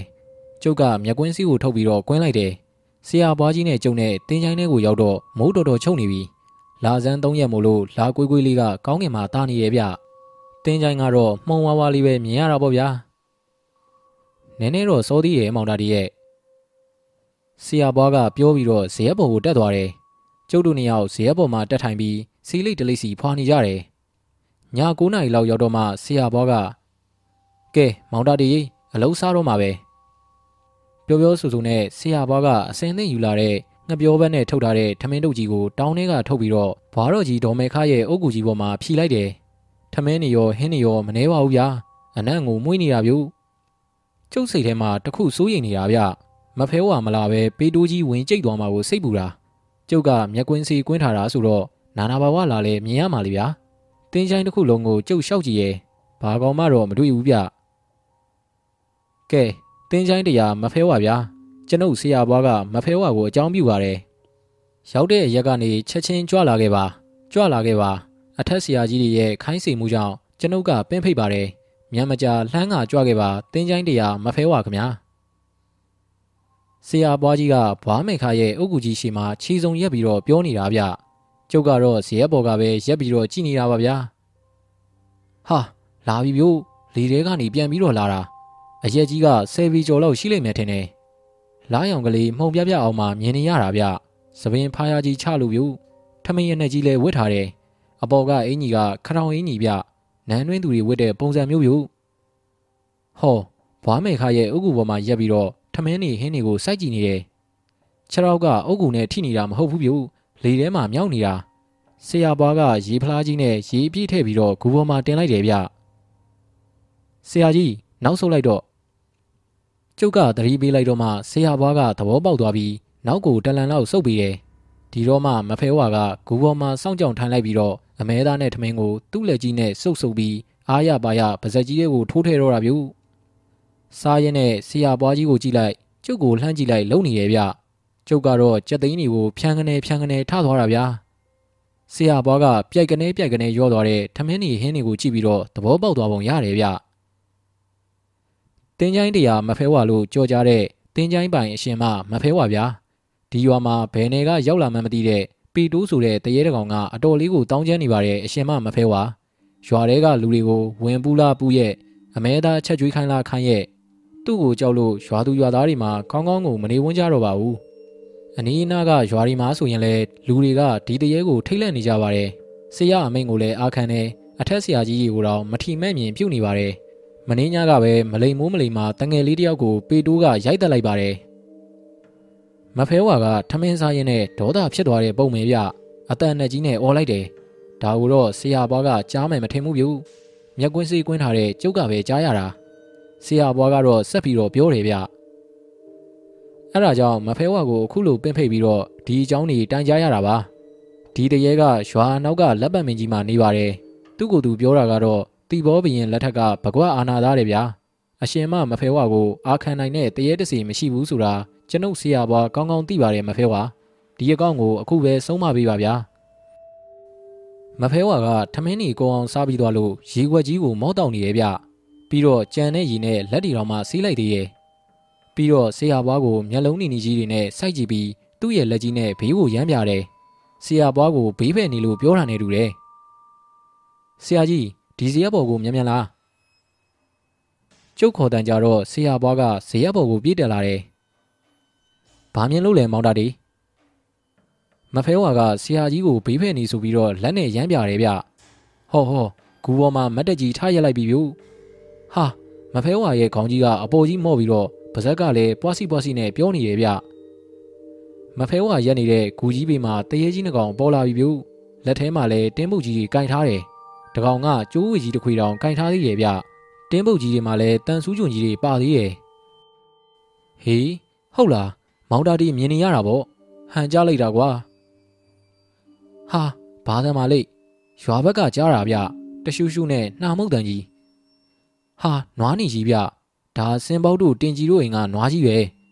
အဲ့ဒီနွားပေါ်မှာအကောင်ကြီးတကောင်မြင်နေရတာဗျပီတိုးဆိုတာဒီကောင်ကြီးပဲထင်တယ်နွားကလည်းတရှူးရှူးနှာရီမဟုတ်ခွာရီတဖြောင်းဖြောင်းရက်နေပါရောလားနွားပေါ်မှာသပင်ဖားရကြီးချထားတဲ့အကောင်ကြီးဗျနဲတဲ့အကောင်ကြီးမှမဟုတ်တာ တကူလုံးကိုအမွှေးကြီးဖုံးနေတာဗျမဲနဲ့နေရပဲမျက်လုံးကြီးတွေကတလုံးတလုံးကိုရင်နွေးချမ်းပကံလောက်ရှိလိမ့်မယ်ထင်တယ်။နီရဲပြီးတော့အပြင်ကိုပြူးထွက်နေတာအယောင်ကိုတောက်နေတာပဲဗျာ။ဆရာကြီးတတိထားနော်ပေတိုးကြီးလာနေပြီဗျ။နွားနီကြီးကိုစီးလာတာမဖဲဝါခေါ်လိုက်လို့လာတာဖြစ်လိမ့်မယ်။ဒါပေမဲ့ပုံစံကြည့်ရတာမကောင်းဘူးဗျ။မဖဲဝါကိုယိုကျိုးတဲ့ပုံစံမရှိဘူးနော်။ဟာဟုတ်လားကွ။နွားပေါ်မှာဒီကောင်ကြီးပါလာတာလား။ပါတယ်ဆရာကြီးရဲ့ပါတယ်။ ဟောဟောနွားကကစုံပေါက်ပြီးတော့ပြေးလာပြီဆရာကြီးပေတိုးကြီးကကျုပ်တို့နှစ်ယောက်ကိုလှမ်းပြီးတော့စိုက်ကြည့်နေတာဗျ။နွားကြီးကကျုပ်တို့ဇရက်ဘက်ကိုပြေးလာပြီ။တက်တက်ဆရာကြီးထုတ်တန်းပေါ်ကိုရောက်အောင်တက်။ကျုပ်ကလည်းပြောပြောတက်တက်တက်လိုက်တာထုတ်တန်းပေါ်ကိုဘလို့ရောက်သွားမှန်းတော့မသိပါဘူးဗျာ။ဆရာဘွားကြီးကိုကြည့်လိုက်တော့အလလာဘယ်အချိန်ကများထုတ်တန်းပေါ်ရောက်နေတယ်မသိပါဘူး။ထုတ်တန်းပေါ်မှာအကြအနောက်ကိုထိုင်နေတာဗျ။တော်တော်ကိုတွတ်တဲ့ဆရာကြီးပဲဗျာ။ဟောလာပြီဗျ နွားနီကြီးကဇရက်ဘော်ကိုလွှာကနေခုန်တက်လာတယ်နွားဘော်မှာတော့ပေတိုးကြီးကခွစီနေရဲ့ဗျအောင်မလေးဗျာနွားနီကြီးကတရှုရှုနဲ့နှာမှုတ်ပြီးတော့ခွာဆောင်နဲ့ဇရက်ကျမ်းမြင့်ကိုတဖြောင်းဖြောင်းရက်နေတာဗျကျုပ်တို့သာထုတ်တန်းဘော်ကိုအချိန်မီမတက်နိုင်ရင်တော့တွေးရဲစရာတော့မရှိပါဘူးဗျာပေတိုးကြီးကနွားဘော်ကနေဆရာဘွားကြီးကိုစိုက်ကြည့်နေတယ်ဘာမှတော့လုံနိုင်ပုံမပေါ်ဘူးဗျကြည့်ုံပဲကြည့်နေတာအန်တကြိတ်ကြိတ်လုံနေမှာပေါ့ဗျာ ဗန်မွေးကုန်းတုတ်တန်စရက်ကအုပ်နဲ့ဆောက်ထားလို့တော်ကြီးရယ်မဟုတ်ရင်တော့ပြိုကျသွားမှတေးကြတယ်ဗျဟာပေတိုးကြီးကမဖဲဝါကိုလှမ်းကြည့်ရဲ့ဗျဟာပေတိုးကနွားနီကြီးကိုဖြန်းကနေရိုက်လိုက်တာနွားနီကြီးကဇရက်ဘော်ကဆင်းပြေးသွားပြီးတော့မဖဲဝါတို့ရှိတဲ့အုတ်ကူဘက်ကိုကစုံပေါက်ပြီးတော့တာဗျဆရာပွားနဲ့ကျုပ်လည်းအောက်ကိုပြန်မစင်းရဲပဲနဲ့ထုတ်တန်းပေါ်ကပဲအသားငုတ်ကြည့်နေရတာပေါ့ဗျာဟာဆရာကြီးရေနွားကြီးကမဖဲဝါကိုလိုက်ဝေ့နေပြီဗျဟေး ဟုတ်လားဒီတရေကအာကတရေပါလားဟေးမဖဲဝါကိုတော့အာခံရဲတဲ့ကောင်ပဲကြည့်ပါဦးမောင်တာတရဲ့မဖဲဝါကဂူဘော်ကဆင်းပြီးတော့လီထဲမှာရွေးနေတာဗျဟောနွားနီကြီးကတရှူးရှူးတရှဲရှဲနဲ့ကိုလိုက်ဝေ့နေတာဗျ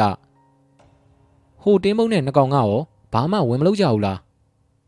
အခုထိတော့မလုပ်ကြသေးဘူးဗျကြည့်နေကြတယ်မဖဲဝါအမိတ်မပေးသေးလို့ဖြစ်လိမ့်မယ်ကွဟာမဖဲဝါကဂူရီကြားမှာရွေးနေတာဗျ ပေတိုးကြီးကမဖဲဝါကိုလက်ညှိုးကြီးနဲ့ထိုးပြီးတော့နွားကိုဝိတ်ခိုင်းနေတာဗျမဖဲဝါကလေထဲကိုကြွတက်သွားတယ်ဟောလက်ကြီးတစ်ဖက်မြောက်လိုက်ပြီဗျရိုက်ပြီဗျာရိုက်ပြီပေတိုးကြီးရဲ့ကြောကိုသုံးချက်ဆင့်ပြီးတော့ရိုက်လိုက်တာဗျနရင်ကိုတစ်ချက်သွားပြီဗျသွားပြီပေတိုးကြီးကနွားဘော်ကပြုတ်ကျသွားပြီမြေကြီးပေါ်မှာကုန်းကုန်းကြီးဗျခေါင်းတော်မထောင်နိုင်တော့ဘူး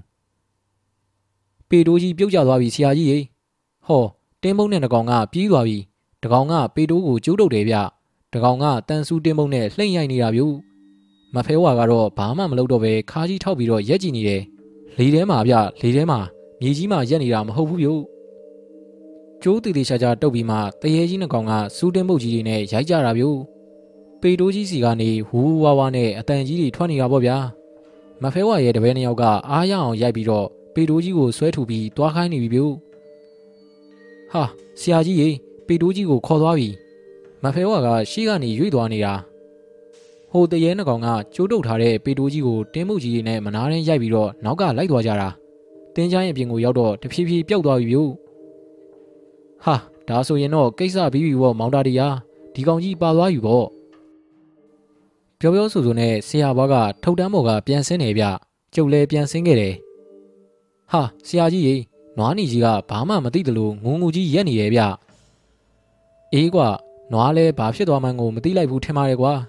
ကဲကဲငါတို့လဲရွာထဲပြန်ကြစို့မောင်တာတွေနွားနီကြီးကိုပါဆွဲခဲ့ပါကွာဟုတ်ကဲ့ပါဆရာကြီး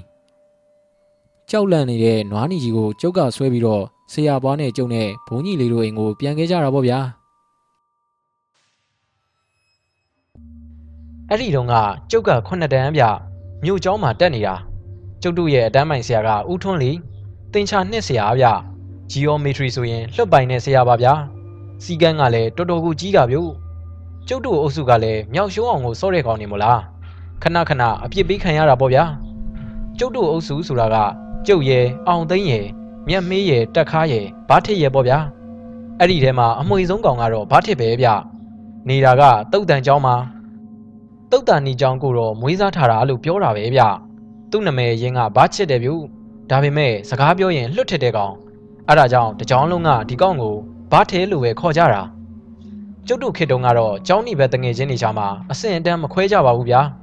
ဘာထစ်ကိုဖုန်ကြီးကျောင်းသားမို့လို့တုတ်တန်ကျောင်းကကောင်းမို့လို့ဆိုပြီးတော့ဘသူမှမနှိမ်ချကြဘူးဗျဘာထစ်ကလည်းမခေဘူးဗျလူကသာထစ်နေတာတင်ချာကတော့လွတ်တော်တဲ့ကောင်မျိုး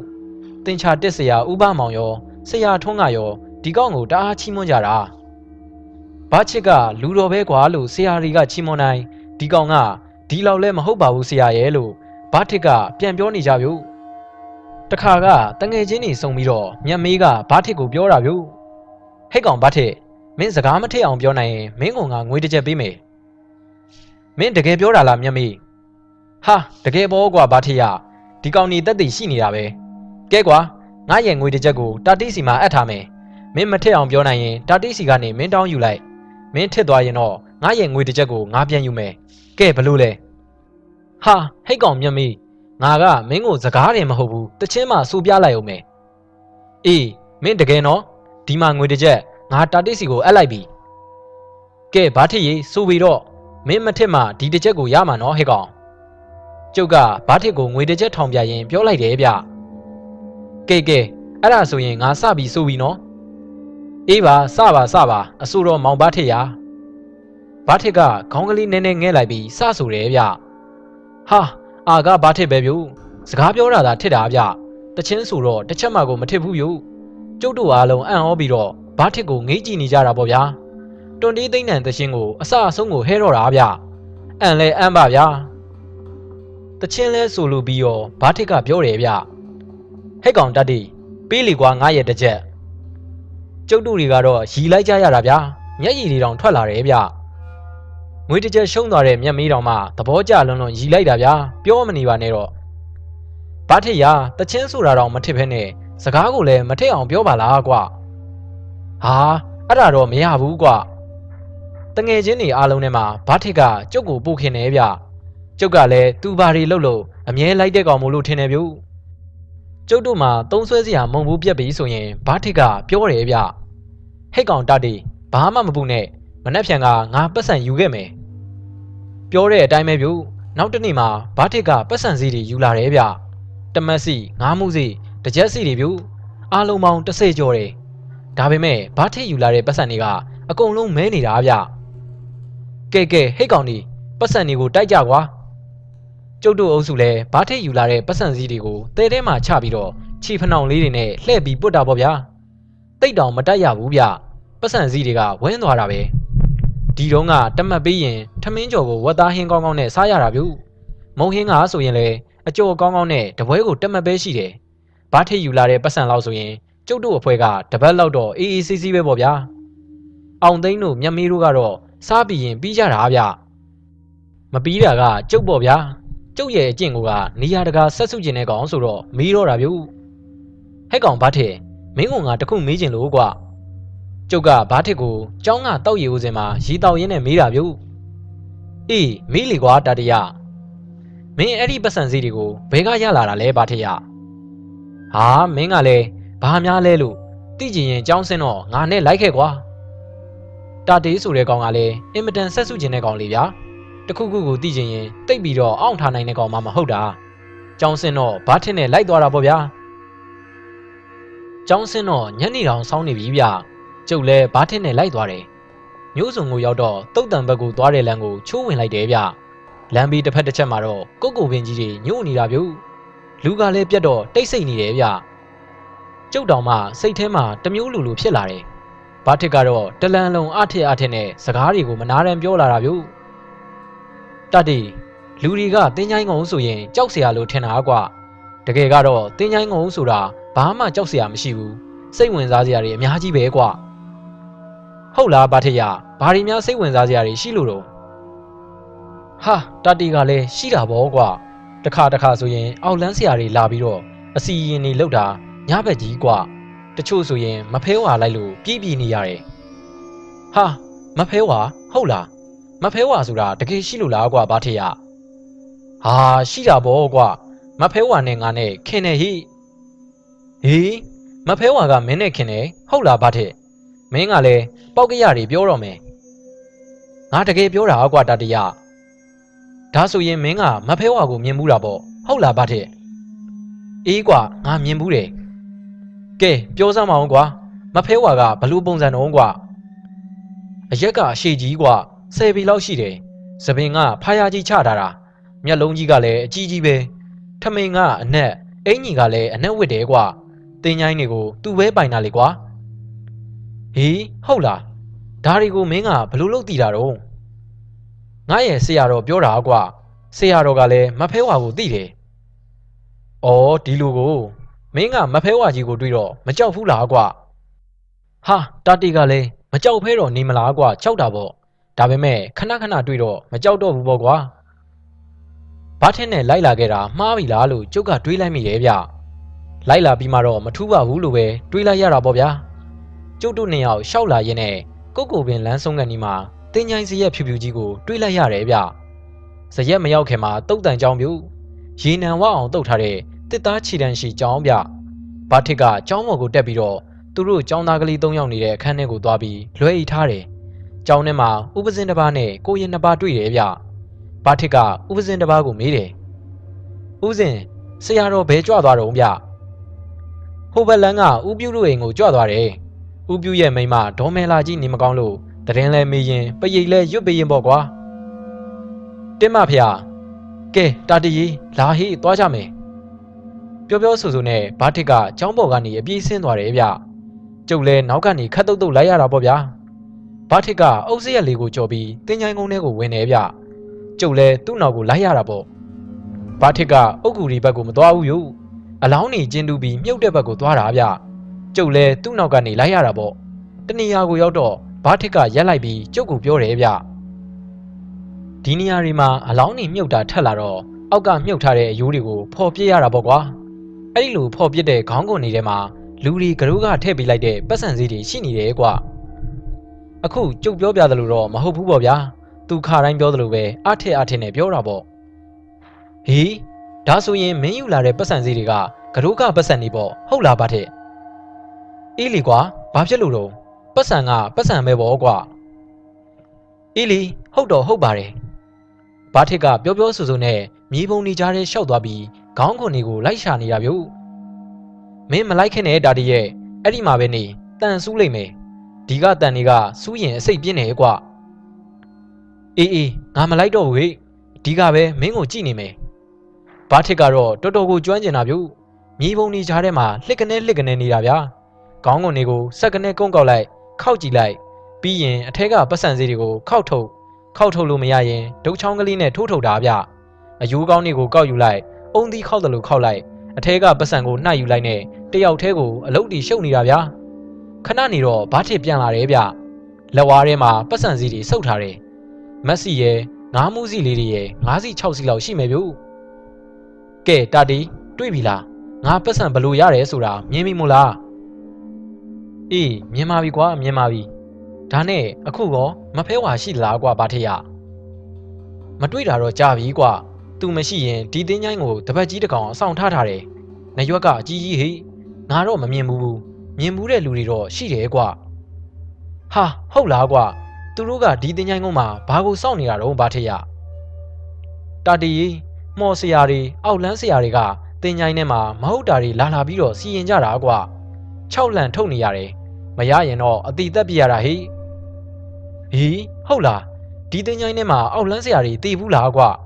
။ဟာတေးတာဗောတာတရတနစ်ကို၃ယောက်လောက်တေးကြတာဟိဟာဟုတ်လားဗာထရမင်းပြောတာတော့ဟုတ်နေတာပဲဟိတင်ချိုင်းကုန်းဆိုတာစိတ်ဝင်စားစရာတွေရှိနေတာပဲကွာကျုပ်ဘာထစ်စီကပြန်လာတော့တလန်လုံးတွေးလာတာပေါ့ဗျာမနက်ကမှကရိုးကပတ်စံနေနဲ့ဝယ်စားထားတဲ့ဝတ်သားဟင်းနဲ့ထမင်းကြော်ကိုတရိယာပြီး ရင်ထဲမှာပြုတ်တလူတောင်ဖြစ်သွားတယ်ဗျကျုပ်ရဲ့မျက်စိထဲမှာတော့အယိုးကောင်းတွေကောက်လိုက်ခောက်ကြည့်လိုက်လုံနေတဲ့ဘာထစ်ကိုပဲမြင်တော့တာဗျာဒီအကြောင်းကိုကြံနေကောင်တွေကိုပြန်ပြောပြတဲ့မပြတဲ့ကြုတ်တွေးမိတယ်။ဒါပေမဲ့ဘာထစ်ရဲ့တငယ်ချင်းတွေကိုကြွေးကျင်မွေးကျင်တဲ့စီဒနာကိုတွေးမိပြီးတော့ကျုပ်ဘယ်တော့မှမပြောဘူးလို့ဆုံးဖြတ်လိုက်တာဗျ။တကယ်လဲမပြောခဲ့ပါဘူးဗျာ။တရက်မှာတော့ဘာထစ်ကကျုပ်ရဲ့အိမ်ကိုအစောကြီးရောက်လာတယ်ဗျ။လွယ်အိတ်တစ်လုံးလည်းပါလာတယ်။ လွယ်အိတ်ထဲမှာတော့သတင်းစာစက်ကူနဲ့ပတ်ထားတဲ့ပလင်းကြီးတစ်လုံးကိုပွေထားတယ်ဗျ။ဟဲ့ကောင်ဘာထစ်မင်းကြောင်းလာတာစောလာကြီးလားကွာ။ကျုပ်ကဘာတစ်ကိုမေးလိုက်တယ်အေးကွာငါဈေးတဲကိုသွားစရာရှိလို့မင်းကိုဝင်ခေါ်တာဟေးဘာလို့ဖို့တော့ဘာထရမင်းရဲ့ဆရာတော်ကဖို့ထိုးဖို့လုံနေဝယ်ခိုင်းလို့လားမဟုတ်ပါဘူးကွာလိုက်မှသာလိုက်ခဲ့စမ်းပါလမ်းကြတော့ငါပြောပြမှာပေါ့ကွာအေးအေးငါလိုက်ခဲ့ပါမယ် ကျုပ်လည်းပြောပြီးတော့ဘာထစ်နဲ့လိုက်ခဲ့တယ်ဗျမင်းရဲ့လက်ထက်ကဘာပလင်းကြီးတော့ဘာထရပြဓားတွေကွာဟေးပြဒါဟုတ်လားအလေးကြီးလားကွာယော့မင်းမကြည့်လေကွာကျုပ်ကဘာတိရဲ့လက်ထက်ကပလင်းကိုယူပြီးမကြည့်တယ်ဗျဟာအလေးကြီးပါလားကွာအေးဟုတ်တယ်ဟိညကနှင်းနေကြတော့ပြဓားတွေအများကြီးကြလာတာကွာဘလို့ကွာဘာထရ ညကနှင်းကြတာနဲ့ပြဓားနဲ့ဘာဆိုင်လို့တော့ကွာပြဓားဆိုတာအပုတ်စားတာကွာတာတရနှင်းနေကြရင်ပြဓားတွေပါပါလာတယ်တင်းချိုင်းမြေပုံပေါ်မှာရေအင်တုံချထားရင်ဗျားတွေမိနေတာပေါ့ကွာဟာဒါဆိုရင်ဒီဗျားတွေကိုမင်းဖမ်းလာတာပေါ့ညကတင်ချိုင်ကုန်းထဲကိုမင်းတယောက်တည်းသွားဖမ်းတာလားမင်းမကြောက်ဘူးလားကွာမဖဲဝါကြီးကိုရောတွေ့သေးလားတွေ့တယ်ကွာမဖဲဝါကဗျားကြမဲ့နေရာကိုငါ့ကိုပြတာ အဲ့ဒါကြောင့်ငါအများကြီးရတာပေါ့တတရငါတော့မင်းကိုအံ့ဩတာပဲဘာထက်ရမင်းကဓာရီကိုဘလူသိတာတော့ကွာငါတို့ရဲ့တုတ်တန်ကြောင်းကိုဆရာကြီးခဏခဏလာတယ်ကွာ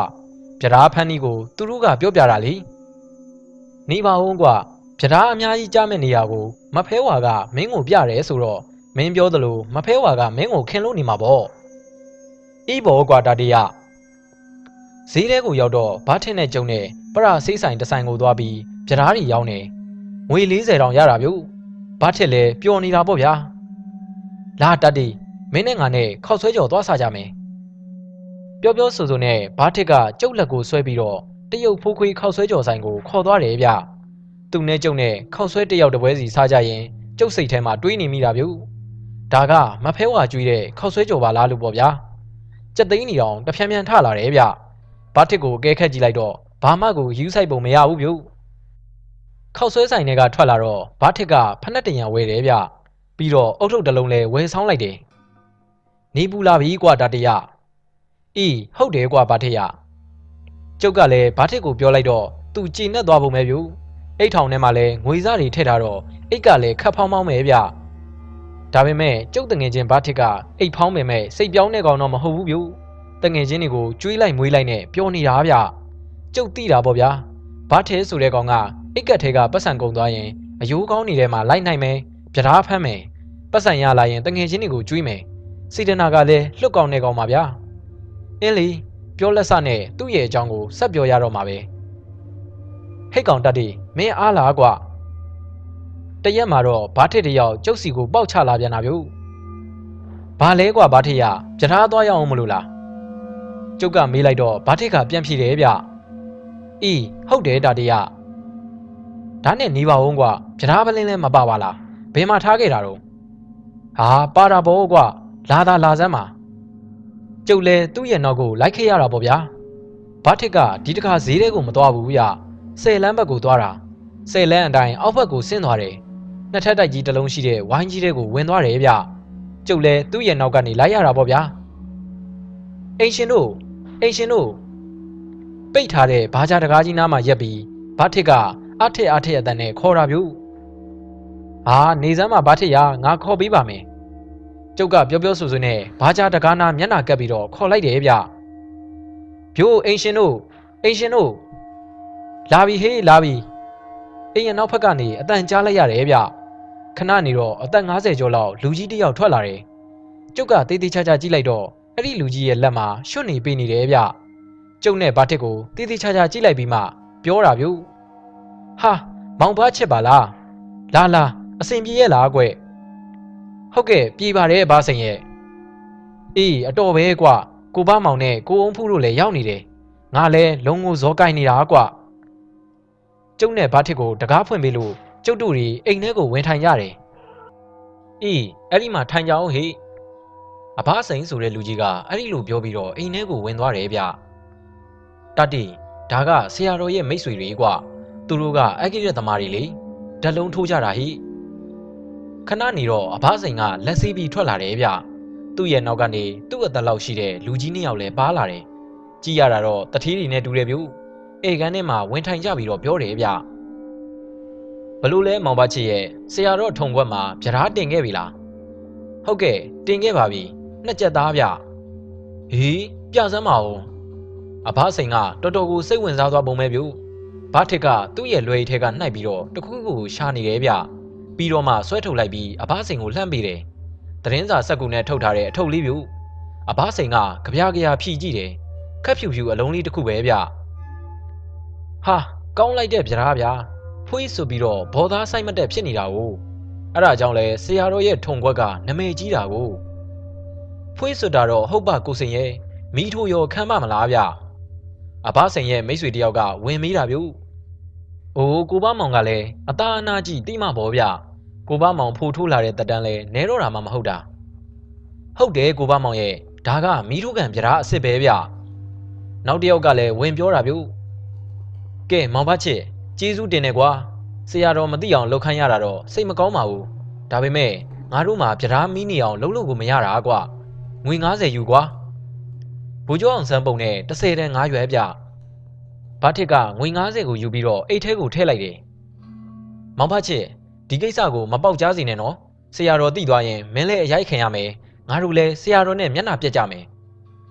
စိတ်ချပါဗျမပေါက်ကြားပါဘူး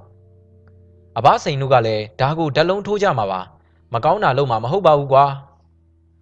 ခဏနေတော့ဘာထစ်နဲ့ကျုံနဲ့ပြန်လာခဲ့ကြတယ်ဗျ ဟဲ့ကောင်ဘာထစ်မင်းဘာတွေလုပ်ပြန်ပြီလဲကွာဟာမဟုတ်ပါဘူးတတိယငါဆရာတော်စီမှာပြဓာခဲတဲ့ထုံခွက်ရှိတယ်ကွာအဲ့ဒါကိုအဘစိန်တို့ကပြဓာခဲခိုင်းတာပါကွာမင်းကအဲ့ဒါတွေလဲလုတ်တက်တာပဲလားကွာဟာလုတ်တက်တာဗောတတိယဆရာတော်ကိုငါကအမြဲတမ်းဖုတ်ထုတ်ပေးနေကြကွာငါကတော့မင်းကိုတော်တော်အံ့ဩတာပဲကွာမင်းအရွယ်လေးနဲ့ဓာရီကိုတိနေတက်နေတာကိုငါအံ့ဩတာကွာဟာတာတီကြီး မင်းတို့မသိတာတွေအများကြီးရှိတယ်ကွာအမေမင်းကဘာတွေများသိထားလို့တော့ပြောစမ်းမအောင်မင်းတို့လူကိုဟားတိုက်တာမြင်မှုသလားဘာကွာဟားတိုက်တာဟုတ်လားငါဖြင့်ကြားတော်မကြဘူး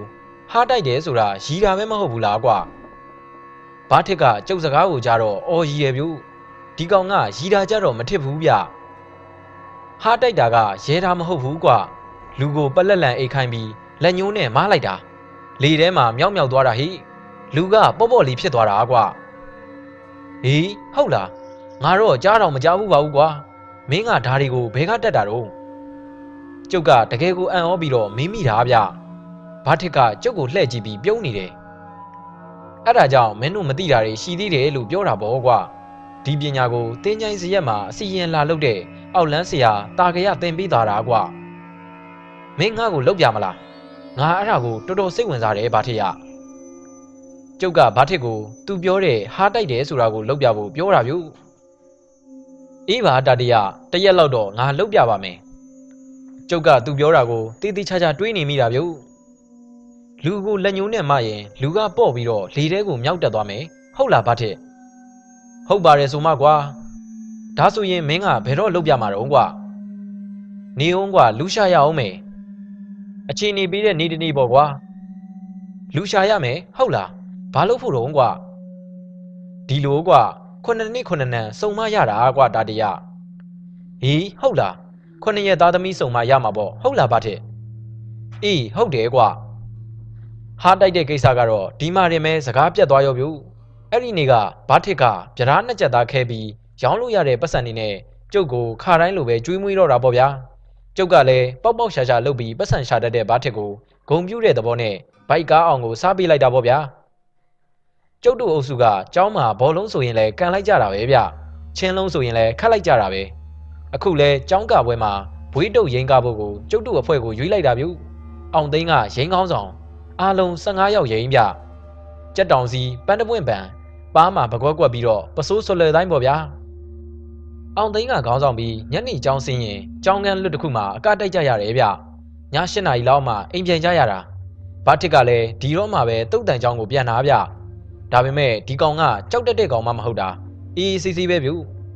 နောက်တော့ကျောင်းကပွဲကနီးနီးလာတဲ့အခါရိန်းကောင်းဆောင်အောင်သိန်းကတပတ်ကိုတညကျောင်းမှာအိပ်ပြီးတော့ညနေတဲ့အထိရိန်းတိုက်ဖို့ပြောတာဗျအားလုံးကသဘောတူကြတယ်ဗျဆရာတွေရောမိဘတွေကပါသဘောတူကြတယ်ဘာထစ်ရဲ့ဘုန်းကြီးကလည်းခွင့်ပေးတယ် ကျုပ်တို့အဖွဲ့ကည7နာရီအထိရိန်းတိုက်ကြတယ်ပြီးတော့မှကျောင်းဆောင်ကြီးအပေါ်တက်မှာစောင့်လေးတွေခြုံပြီးတော့ကိုေးရတာပေါ့ဗျာဒီမှာတင်မဲ့ဘာထစ်ကကျုပ်ကိုပြောတော့တာဗျဟဲ့ကောင်တတိမင်းကငါပြောထားတဲ့ကိစ္စလုပ်ရင်ရပြီကွာဟေးဘာကိစ္စတော့ကွာဘာထစ်ရဟာတတိကလည်းမေ့သွားပြန်ပြီထင်တယ်အေးကွာဘာထစ်ရငါ့ကိုပြောပါဦးဘာကိစ္စတော့ဆိုတာဟာဘာကိစ္စရမှာလဲကွာဟာတိုက်တာလေကွာ မင်းမဲကြည့်ကျင်တာဆိုဟာဟုတ်သားပဲကွာငါမေ့နေတာအေးမင်းအဲ့ဒါကိုလုံးလို့ရမလားခုနှစ်ရက်သားစုံမှရတာဆိုငါမေးကြည့်ပြီးပြီကွာတတရငါတို့ထဲမှာခုနှစ်နှစ်ခုနှစ်နန်းစုံနေကွာဟာဒါဆိုရင်တော့လောက်ကွာဘာထက်ငါကြည့်ကျင်နေကွာအေးပါကွာငါလောက်ပြပါမယ်မင်းဒီကောင်တွေကိုပြောပြထားလိုက်အေးအေးစိတ်ချဘာထက်ကြီးဒီကောင်နေစိတ်ဝင်စားအောင်ငါပြောပြမယ်ဟာ ဆရာကြီးဘာထစ်ရဲ့အစွမ်းကိုတော့တွေးရတော့မှာပေါ့ကွာနောက်နေ့ကစပြီးကျုပ်ကရင်းအဖွဲကကောင်းတွေကိုတဖြည်းဖြည်းပြောပြီးတော့စီးယုံတာပေါ့ဗျာဒီကောင်းတွေကလည်းကျုပ်လိုပဲဗျဘာထစ်ပြောတဲ့ဟာတိုက်တဲ့ကိစ္စကိုတော်တော်စိတ်ဝင်စားကြတာဗျကျုပ်ကလည်းဒီကောင်းတွေစိတ်ဝင်စားအောင်အမျိုးမျိုးပြောတာပေါ့ဗျာကဲဘာထစ်ရေငါတာဝန်တော့ပြီးပြီနော်မင်းတာဝန်ပဲရှိတော့တယ်အေးပါကွာဒီတစ်ပတ်ကျောင်းမှာညအေးရင်ငါလှုပ်ပြမယ် ကျုပ်ကဘာမဆိုဆက်စုပ်ကျင်တဲ့ကောင်ဆိုတော့အရန်ကိုပြောနေတာဗျအဲ့ဒီညကိုမြန်မြန်ရောက်ပါစေလို့တောင်ဆုတောင်းနေတာဗျဒီလိုနဲ့ပဲညအေးရမယ့်ရက်ကိုရောက်လာတာဗျဘာထက်ကလိုတဲ့ပစ္စည်းလေးတွေဝယ်လာတယ်ဗျတခြားတော့မဟုတ်ပါဘူးအမွှေးတိုင်းဖျောင်းနိုင်တဲ့လက်ဖက်ဗျအဲ့ဒီညရောက်တော့ည7နာရီလောက်မှဘွေးတုပ်ရင်တိုက်တာပြီးသွားတာဗျဒီမှာရင်ပဲဘာထက်ရဲ့အလုပ်စားတော့တာပေါ့ဗျာဘာထက်ခိုင်းတဲ့အတိုင်းကျုပ်တို့ကလုတ်ပေးရတာပေါ့ စပွဲကြီးတစ်လုံးကိုအခန်းအလယ်ကိုရွှေ့ကြတယ်ပြီးတော့လူကောင်ခက်သေးသေးမျက်မေးကိုစပွဲပေါ်မှာပက်လက်အိတ်ခိုင်းနေဗျပြီးတော့ခေါင်းတက်တဲ့မှာခုံတလုံးချပြီးအမွှေးတိုင်းဖျောင်းနိုင်ထွက်နေလက်ဖက်ပွဲလဲတင်လိုက်တယ်ပြီးတော့တနင်းကနေသားအောင်သိန်းတနင်းလာသားချစ်တောင်းအင်္ဂါသားစံပဗုဒ္ဓဟူသားရံပိုင်ကြာသာပရိသားမြို့သားတောက်ကြသားတောင်းဖီစနေသားတက်ခါနဲ့အစဉ်အတိုင်းနေရာချလိုက်တာဗျကြံတဲ့လူတွေကတော့ဘေးကနေပဲဝိုင်းကြည့်နေကြတာပေါ့ဗျာ ကျုံနဲ့ဘာထစ်ကလည်းဘေးကနေပဲကြည့်နေတာဗျဘာထစ်ကတော့ဆရာကြီးပေါ့ဗျာကဲနားထောင်ကြမင်းတို့ရဲ့လက်ညှိုးနှချောင်းကိုမြက်မေးရဲ့ကြောကုန်းအောက်ကိုထိုးသွင်းထားကြပြီးရင်တနင်္ဂနွေသားကစပြီးတော့ဟောဒီလိုခေါင်းငုံထားပြီးဟာလို့ခေါင်းကစပြီးတော့အောက်ဖက်ကိုလှုပ်လိုက်သူဆုံးသွားတဲ့နေရာကနေတနင်္လာသားကဆက်ပြီးတော့ဟာလို့လှုပ်ခြေထောက်ဘက်ကိုလှုပ်တနင်္လာသားပြီးရင်အင်္ဂါသားနောက်ဗုဒ္ဓဟူကြာတာပရိတောက်ကြအဲ့လိုသာဆက်လို့အဆက်မပြတ်စေရဘူး ခုနှစ်ပတ်တိတိလောက်ရမယ်ဟုတ်ပြီဟုတ်ပြီငါတို့သိပြီကဲငါကစလုံးမယ်အောင်သိန်းကပြောပြီးတော့မြက်မေးရဲ့ခေါင်းသားကိုကတ်ပြီးဟာလို့ပါဇက်ဟပြီးလှုပ်တယ်ဗျပြီးတော့ချစ်တောင်းပြီးတော့စံပပြီးတော့ရံပိုင်ပြီးတော့မြို့သားပြီးတော့တောင်းဖေနောက်ဆုံးတက်ခါပေါ့ဗျာအဲ့ဒါနဲ့ပဲတပတ်ပြည့်သွားတယ်ဗျတပတ်လဲပြည့်ရောအောင်သိန်းကနေပြန်စတယ်ပြီးတော့အစင်အတိုင်းပြန်သွားတယ်အဲ့ဒီကနေ3 4 5ဘက်ရှိသွားပြီးတော့ခုနှစ်ဘက်လဲပြီးသွားပြီဗျ ဟုတ်ပြီလက်ညှိုးနဲ့မလိုက်ဟာမြက်မေးကအိပ်ပျော်သွားပြီးတော့ဆန်းဆန်းကြီးဖြစ်နေတာဗျတောင်းတောင်းကြီးဖြစ်ပြီးလေထဲကိုကြွလာတယ်ဗျဟိုကောင်ကြီးကသူတို့ရင်ဘက်နဲ့တဲတဲလောက်အထိမထားကြတယ်ဖြည်းဖြည်းချင်းပြန်ချကြဘာထစ်ကညွန်ကြားနေတာဗျဘာထစ်ခိုင်းတဲ့အတိုင်းလိုက်လို့ကြရတာပေါ့ဗျာကျုပ်ဖြင့်အံ့ဩလိုက်တာမြက်မီးကလေထဲမှာပေါ့ပေါ့ပါပါနဲ့ဘောလုံးပေါ်နေသလိုပုံစံဗျကဲပြန်မကြည့်ကြအောင်ဟော နောက်တစ်ခါမကြပြန်ပြီဗျမြက်မီးရဲ့ကိုလုံးကြီးကမြောက်လာတာပဲဗျဒါနဲ့ဆိုရင်၃ချိန်တောင်ရှိပြီမြက်မီးကတော့ဘာမှကိုသိပုံမပေါ်ဘူးဗျ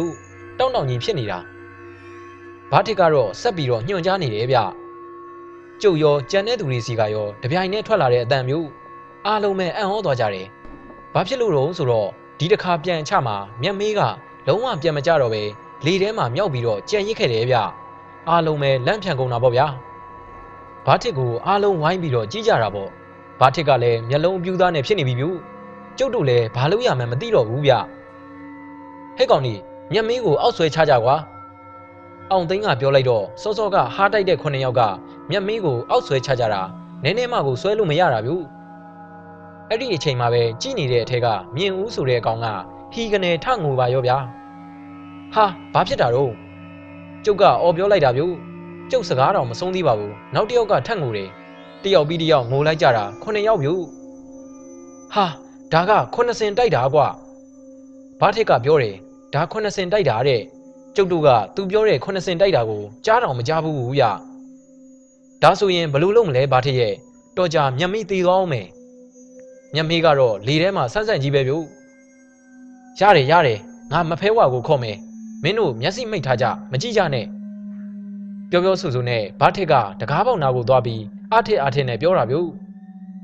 မဖဲဝါအခုချက်ချင်းကျုပ်စီကိုလာပါကျုပ်ကိုကူညီပါဗျာကျုပ်ကဘာချစ်ပါကျုပ်တို့အားလုံးမျက်စိမိတ်ပြီးတော့ခေါင်းနှီငုံထားကြတယ်ငိုတဲ့ကောင်ကြီးကတော့ငိုလို့ပေါ့ဗျာကျုပ်ကတော့အင်မတန်ဆက်ဆူးတယ်ကောင်မို့လားမျက်စိပိတ်မဲ့အစားမျက်တောင်မခက်ပဲကြည့်နေတာပေါ့ဗျာဟာတကားပေါက်ကနေဝင်လာတာဗျဖြူဖြူကြီးဗျတဲတဲကွဲကွဲတော့မမြင်ရဘူးလူပုံစံပဲ အရက်ကြီးကတော့10ပေလောက်ရှိမယ်ဗျလက်ကြီးနှစ်ဖက်ကိုရှေ့ကိုတန်းပြီးတော့လေထဲမှာရမ်းလိုက်တယ်ဗျဟောလေထဲမှာမြောက်နေတဲ့မြက်မေးလဲအောက်ကိုဖြည်းဖြည်းလေးပြန်ကျလာတယ်ငိုနေတဲ့ကောင်တွေလည်းအငိုတိတ်သွားပြီဗျ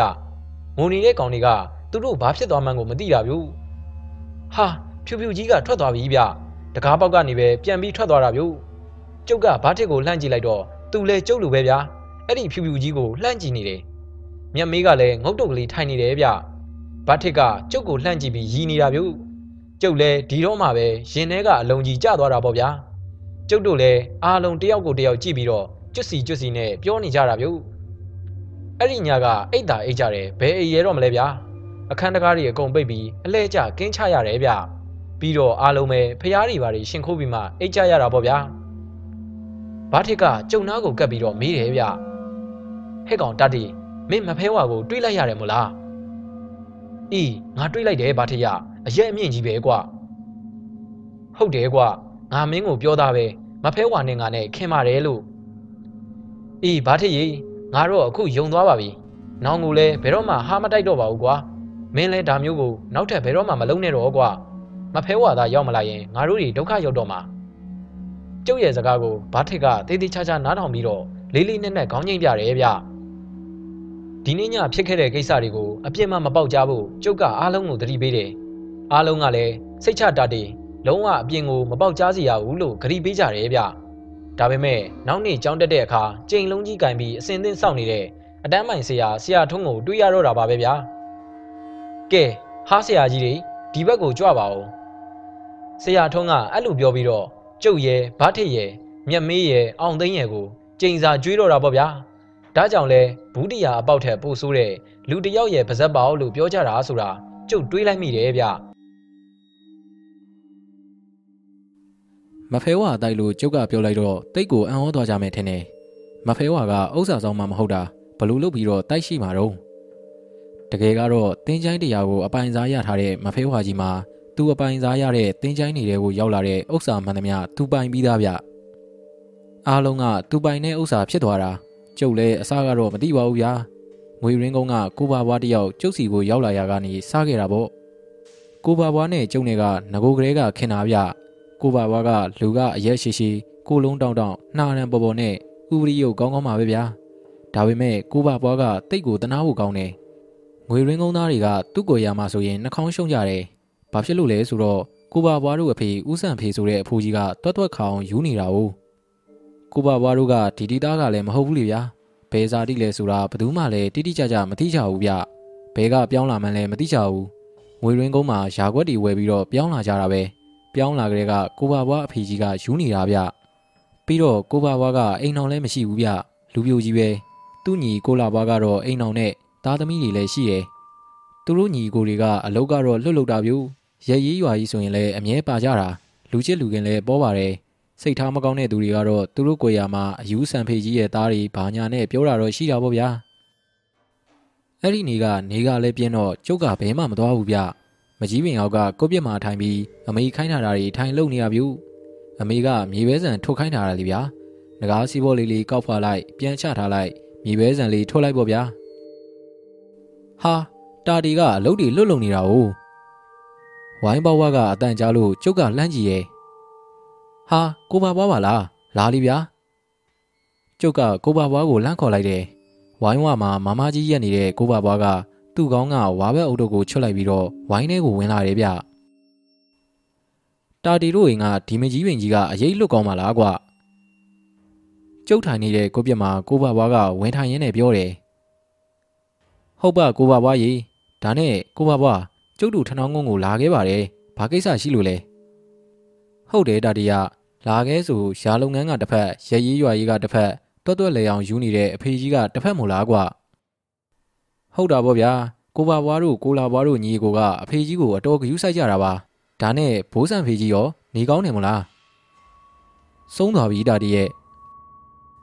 ဗျာဘယ်တော့ကလဲကျုပ်ဖြင့်သတင်းမကြားပါလားမနေ့ကပဲရက်လေတာကွသတင်းမကြားဆိုရက်လဲမထားဘူးလीကွာအားချင်းမဲ့တကြူလိုက်တာဟင် ဘာဖြစ်လို့တော့မြဒီလိုတာတည်းရွာတွေကတချို့လူတွေကသူတို့ရွာကိုငါတို့ပြောင်းလာတာတိတ်မကြိုက်ကြဘူးလေဟင်ဘာဖြစ်လို့တော့မြ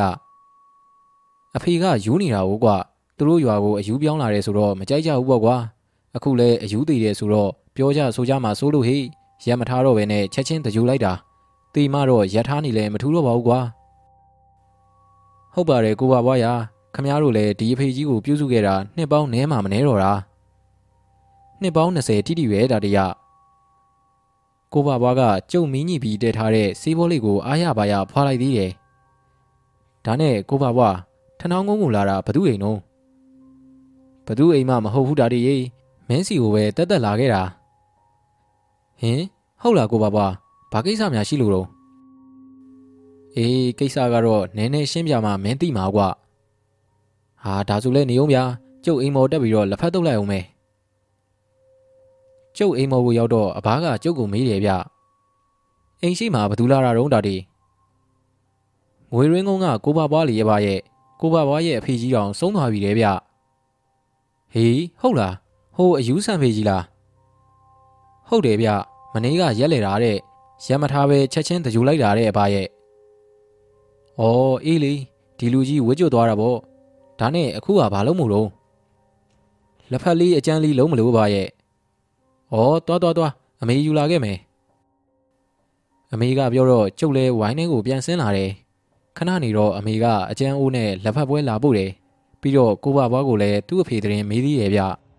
။အေးပေါ့ဘာဘွားရဲ့ဝစ်တစ်ခုကျွတ်သွားတာပေါ့။နင်တို့ညီကိုတွေလည်းတော်ကြပါတယ်။အဖေကိုတီးတဲ့အထိစောင်းရှောက်ကြတာပါ။အမေကအားပေးစကားပြောပြီးတော့အိမ်မော်ကိုပြန်တက်သွားတယ်။ကဲကိုဘဘွားလက်ဖက်စားအကျန်းတော့ဗျာ။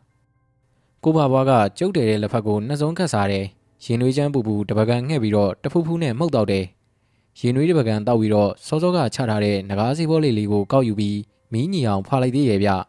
။ကဲကိုဘဘွားပြောပါအောင်ဗျ။စောစောကပြောတဲ့အေးအေးစီစီပြောရမယ့်ကိစ္စဆိုတာလေ။ကျုပ်ကပဲစကားဆပြီးတော့မေးလိုက်တယ်။ဒီတော့ကိုဘဝါကခေါင်းငိမ့်လိုက်ပြီးမကြီးပင်ကိုတစ်ချက်မော့ကြည့်ရဲ့ဒီလိုကွာတတရ ငါတို့အဖေကြီးဦးဆန်ဖေကတက်တက်လုံးယူနေတဲ့အယူကြီးတယောက်ဆိုတာမင်းလည်းသိတာပဲလေလူတွေအားလုံးလည်းဒီအတိုင်းသိကြတာပေါ့ကွာဒါပေမဲ့တို့အဖေမသိခင်အိယာထဲမှာဘုံဘုံလဲတဲ့အချိန်အယူယောဂပျောက်သွားပြီးပြန်ကောင်းသွားတာကိုဘယ်သူမှမသိလိုက်ကြဘူးကွာဟင်ဟုတ်လားကိုဘဘဘာကြီးဆန်ဖေကပြန်ကောင်းသွားတယ်ဟုတ်လားအေးဟုတ်တယ်ဒါတရဒါနဲ့နေပါဦးဗျဘာကြီးဆန်ဖေကဘယ်တော့ကလေးကယူနေတာတော့ ငါ10နှစ်သား17နှစ်သားလောက်မှယူသွားတာကွဟင်ဟုတ်လားဘာကြီးဆန်ဖေကအစကဘာလုပ်တာတော့ဗျငါရောငါအမေရောငါတို့တရွာလုံးရောတိထားတာကတော့ကုံတယ်ပေါ့ကွာတခါတခါအောက်ပြည်အထိဆင်းပြီးတော့အညာကုန်းကြီးရောင်းနေကွအောက်ပြည်ကပြန်လာရင်ငပိတို့ငချောက်တို့ယူလာပြီးရွာရီလှည့်ရောင်းနေအိမ်ကယာလီနည်းနည်းရှိတာကိုတော့အမေကပဲဦးစီးပြီးလုပ်ရတာ။အော်ဒါဆိုရင်ကိုပါဘွားတို့မိသားစုကစီးပွားရေးအဆင်ပြေမှာပဲ။ လွတ်ပြေတာပေါ့တာတရား။ဒါပေမဲ့ငါတို့အဖေကုန်းတယ်မဟုတ်မှန်းအဖေတီကန်ကြီးမှငါတီးလိုက်ရတာကွ။ဗျာကိုပါဘွားပြောတော့ကုန်းတယ်ဆို။အေးကုန်းတယ်တော့ဟုတ်တယ်ဟိ။ဒါပေမဲ့အဲ့ဒါကဟန်ပြအလုပ်ကွ။တကယ်လောက်တာကအဲ့ဒါမဟုတ်ဘူး။ဟင်ဟုတ်လား။ကျုပ်တော်မှနားနေနေထွေးသွားပြီကိုပါဘွားကြီး။ဒီလိုတာတရားအဖေအယူကြီးဘွားနဲ့ရှိနေတဲ့တခြားလုံးမှာ မကြာခဏအော်ပြောတဲ့လင်္ကာလိုလိုတပေါင်းလိုလိုတခုရှိရဲ့ကွဟင်ဟုတ်လားဘာများတော့ကိုပါဘွားရဲ့ဒီလိုကွာဗါတဲ့မကြီးပင်မြောက်ဆယ်လန်းလျှောက်စံနီမာကိုရောက်စံနီမာနောက်ဆယ်လန်းလျှောက်အောင်ဗလာကိုရောက်အောင်ဗလာကောင်6အိမ်ပြောင်းပွဲစားကိုကန်ကောင်နဲ့အဲ့ဒါကဘာတော့ကိုပါဘွားရဲ့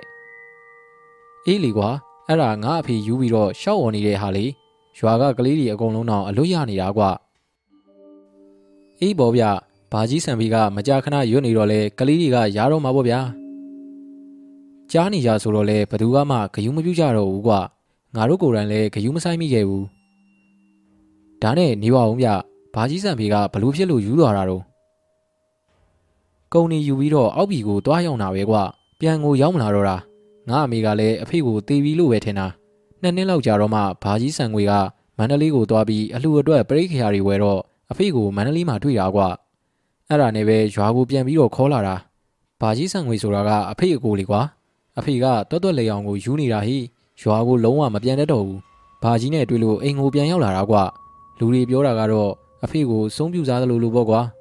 ဒါပေမဲ့အဖြစ်မှန်ကိုတော့ငါတို့ညီကိုအဖေမသိခင်ကမှတီးလိုက်ရတာကွာဟင်ဟုတ်လားဘလို့ဖြစ်တာတော့ကိုပါဘွားရဲ့ကျုပ်ရောကိုပါဘွားရောလက်ဖက်တစ်စုံစီခတ်စားပြီးတော့ အကျန်းတစ်ပကံစီတောက်ကြတယ်ဗျပြီးတော့မှကိုပါဘွားကစကားကိုဆက်တယ်အေးကွာမင်းကိုဒီအကြောင်းကြီးပြောပြီးတော့တိုင်ပင်စရာရှိလို့လာတာဆိုတော့လေပြောရတော့မှာပေါ့ဒါတရားဒီလိုကွာအဖေမသိခင်ပြောပြတာက तू ကကုံတဲ့အစ်စ်မဟုတ်ဘူးတဲ့ကုံတဲ့အောင်ဆောင်ထားတဲ့ဓမြဆိုပဲဗျာဓမြဟုတ်လားဟုတ်တယ်ဒါဒီအဖေမှာအဖွဲရှိတယ်တဲ့အင်မတန်ကိုညီကြတာဆိုပဲအားလုံးကလက်ရဲစက်ရဲရှိသလောက် အနေအထိုင်လဲပြီးကြတယ်ဆိုပဲအမြဲတမ်းတိုက်ကြတာလည်းမဟုတ်ဘူးလေကွတေးသေးချာချာသတင်းထောက်လန်းပြီးမှတနေ့နှစ်နှစ်ကိုတစ်ချိန်ပဲတိုက်ကြတာတဲ့သူတို့အဖွဲကအားလုံး9ယောက်ရှိရဲ့အဖေကတော့ဘိုးမဟုတ်ပါဘူးသူတို့ဘိုးကတော်တော်ကိုထက်မြက်တယ်ဆိုပဲအဲ့ဒါနဲ့တနေ့ကျတော့သူတို့တွေမိုးကုတ်ကကြောက်တွင်းတထေးရဲ့အိမ်ကိုတိုက်တာဗရမ ्या တွေရောရွှေတွေရောတော်တော်ကိုရလာခဲ့တာဆိုပဲသူတို့ဘိုးကဓာတွေကိုချက်ချင်းမသုံးဖို့ပြောတယ် ဒီလောက်များတဲ့ပစ္စည်းတွေကိုပလိတ်ဘက်ကခြေရချင်းထက်အောင်လိုက်မှာပဲဆိုတာသူတို့အားလုံးသိနေကြတယ်အဲ့ဒါနဲ့ပဲသူတို့အားလုံးတိုင်ပင်ပြီးတော့မန္တလေးကတင်းချိုင်းတစ်ခုထဲမှာမြုပ်ကြတယ်အဲ့ဒီတင်းချိုင်းတွေကပွဲစားကြီးဦးကန်ကောင်းရဲ့ဂူကိုဖောက်ပြီးတော့ပစ္စည်းတို့ကိုဂူထဲထည့်ပြီးခြေရလက်ရမပြတ်အောင်ပြန်ပိတ်ခဲ့ကြတာတဲ့အဲ့ဒီနေရာကိုမမေ့အောင်လို့ငါတို့အဖေကသူရွရွနေတဲ့လင်္ကာနဲ့မှတ်ထားတာတဲ့ဟိယူသွားတော့ပါဇက်ကဒီလင်္ကာကိုသာရွနေတာဘာအိဗယ်မှန်သူ့ဘာသာမသိတော့ဘူးပေါ့ကွာ သူမသိခင်ပြန်ကောင်းသွားတော့မှဓာရီကိုတတိယပြီးပြောခဲ့တာကွာဒါနဲ့နေပါအောင်ကိုပါဘွားရဲ့ဘာကြီးဆန်ဖေကဘာဖြစ်လို့တွတ်တွတ်လေအောင်ယူသွားတာတော့အဲ့ဒီညာကပေါ့ကွာအဖေတို့9ယောက်ဂူဖောက်ပြီးတော့ဂူထဲကိုပစ္စည်းတို့ထည့်တယ်ပြီးတော့ဂူပိတ်ကြတယ်ပြီးတော့မှဂူကိုအမှတ်သားလောက်တာတဲ့အမှတ်အသားကတော့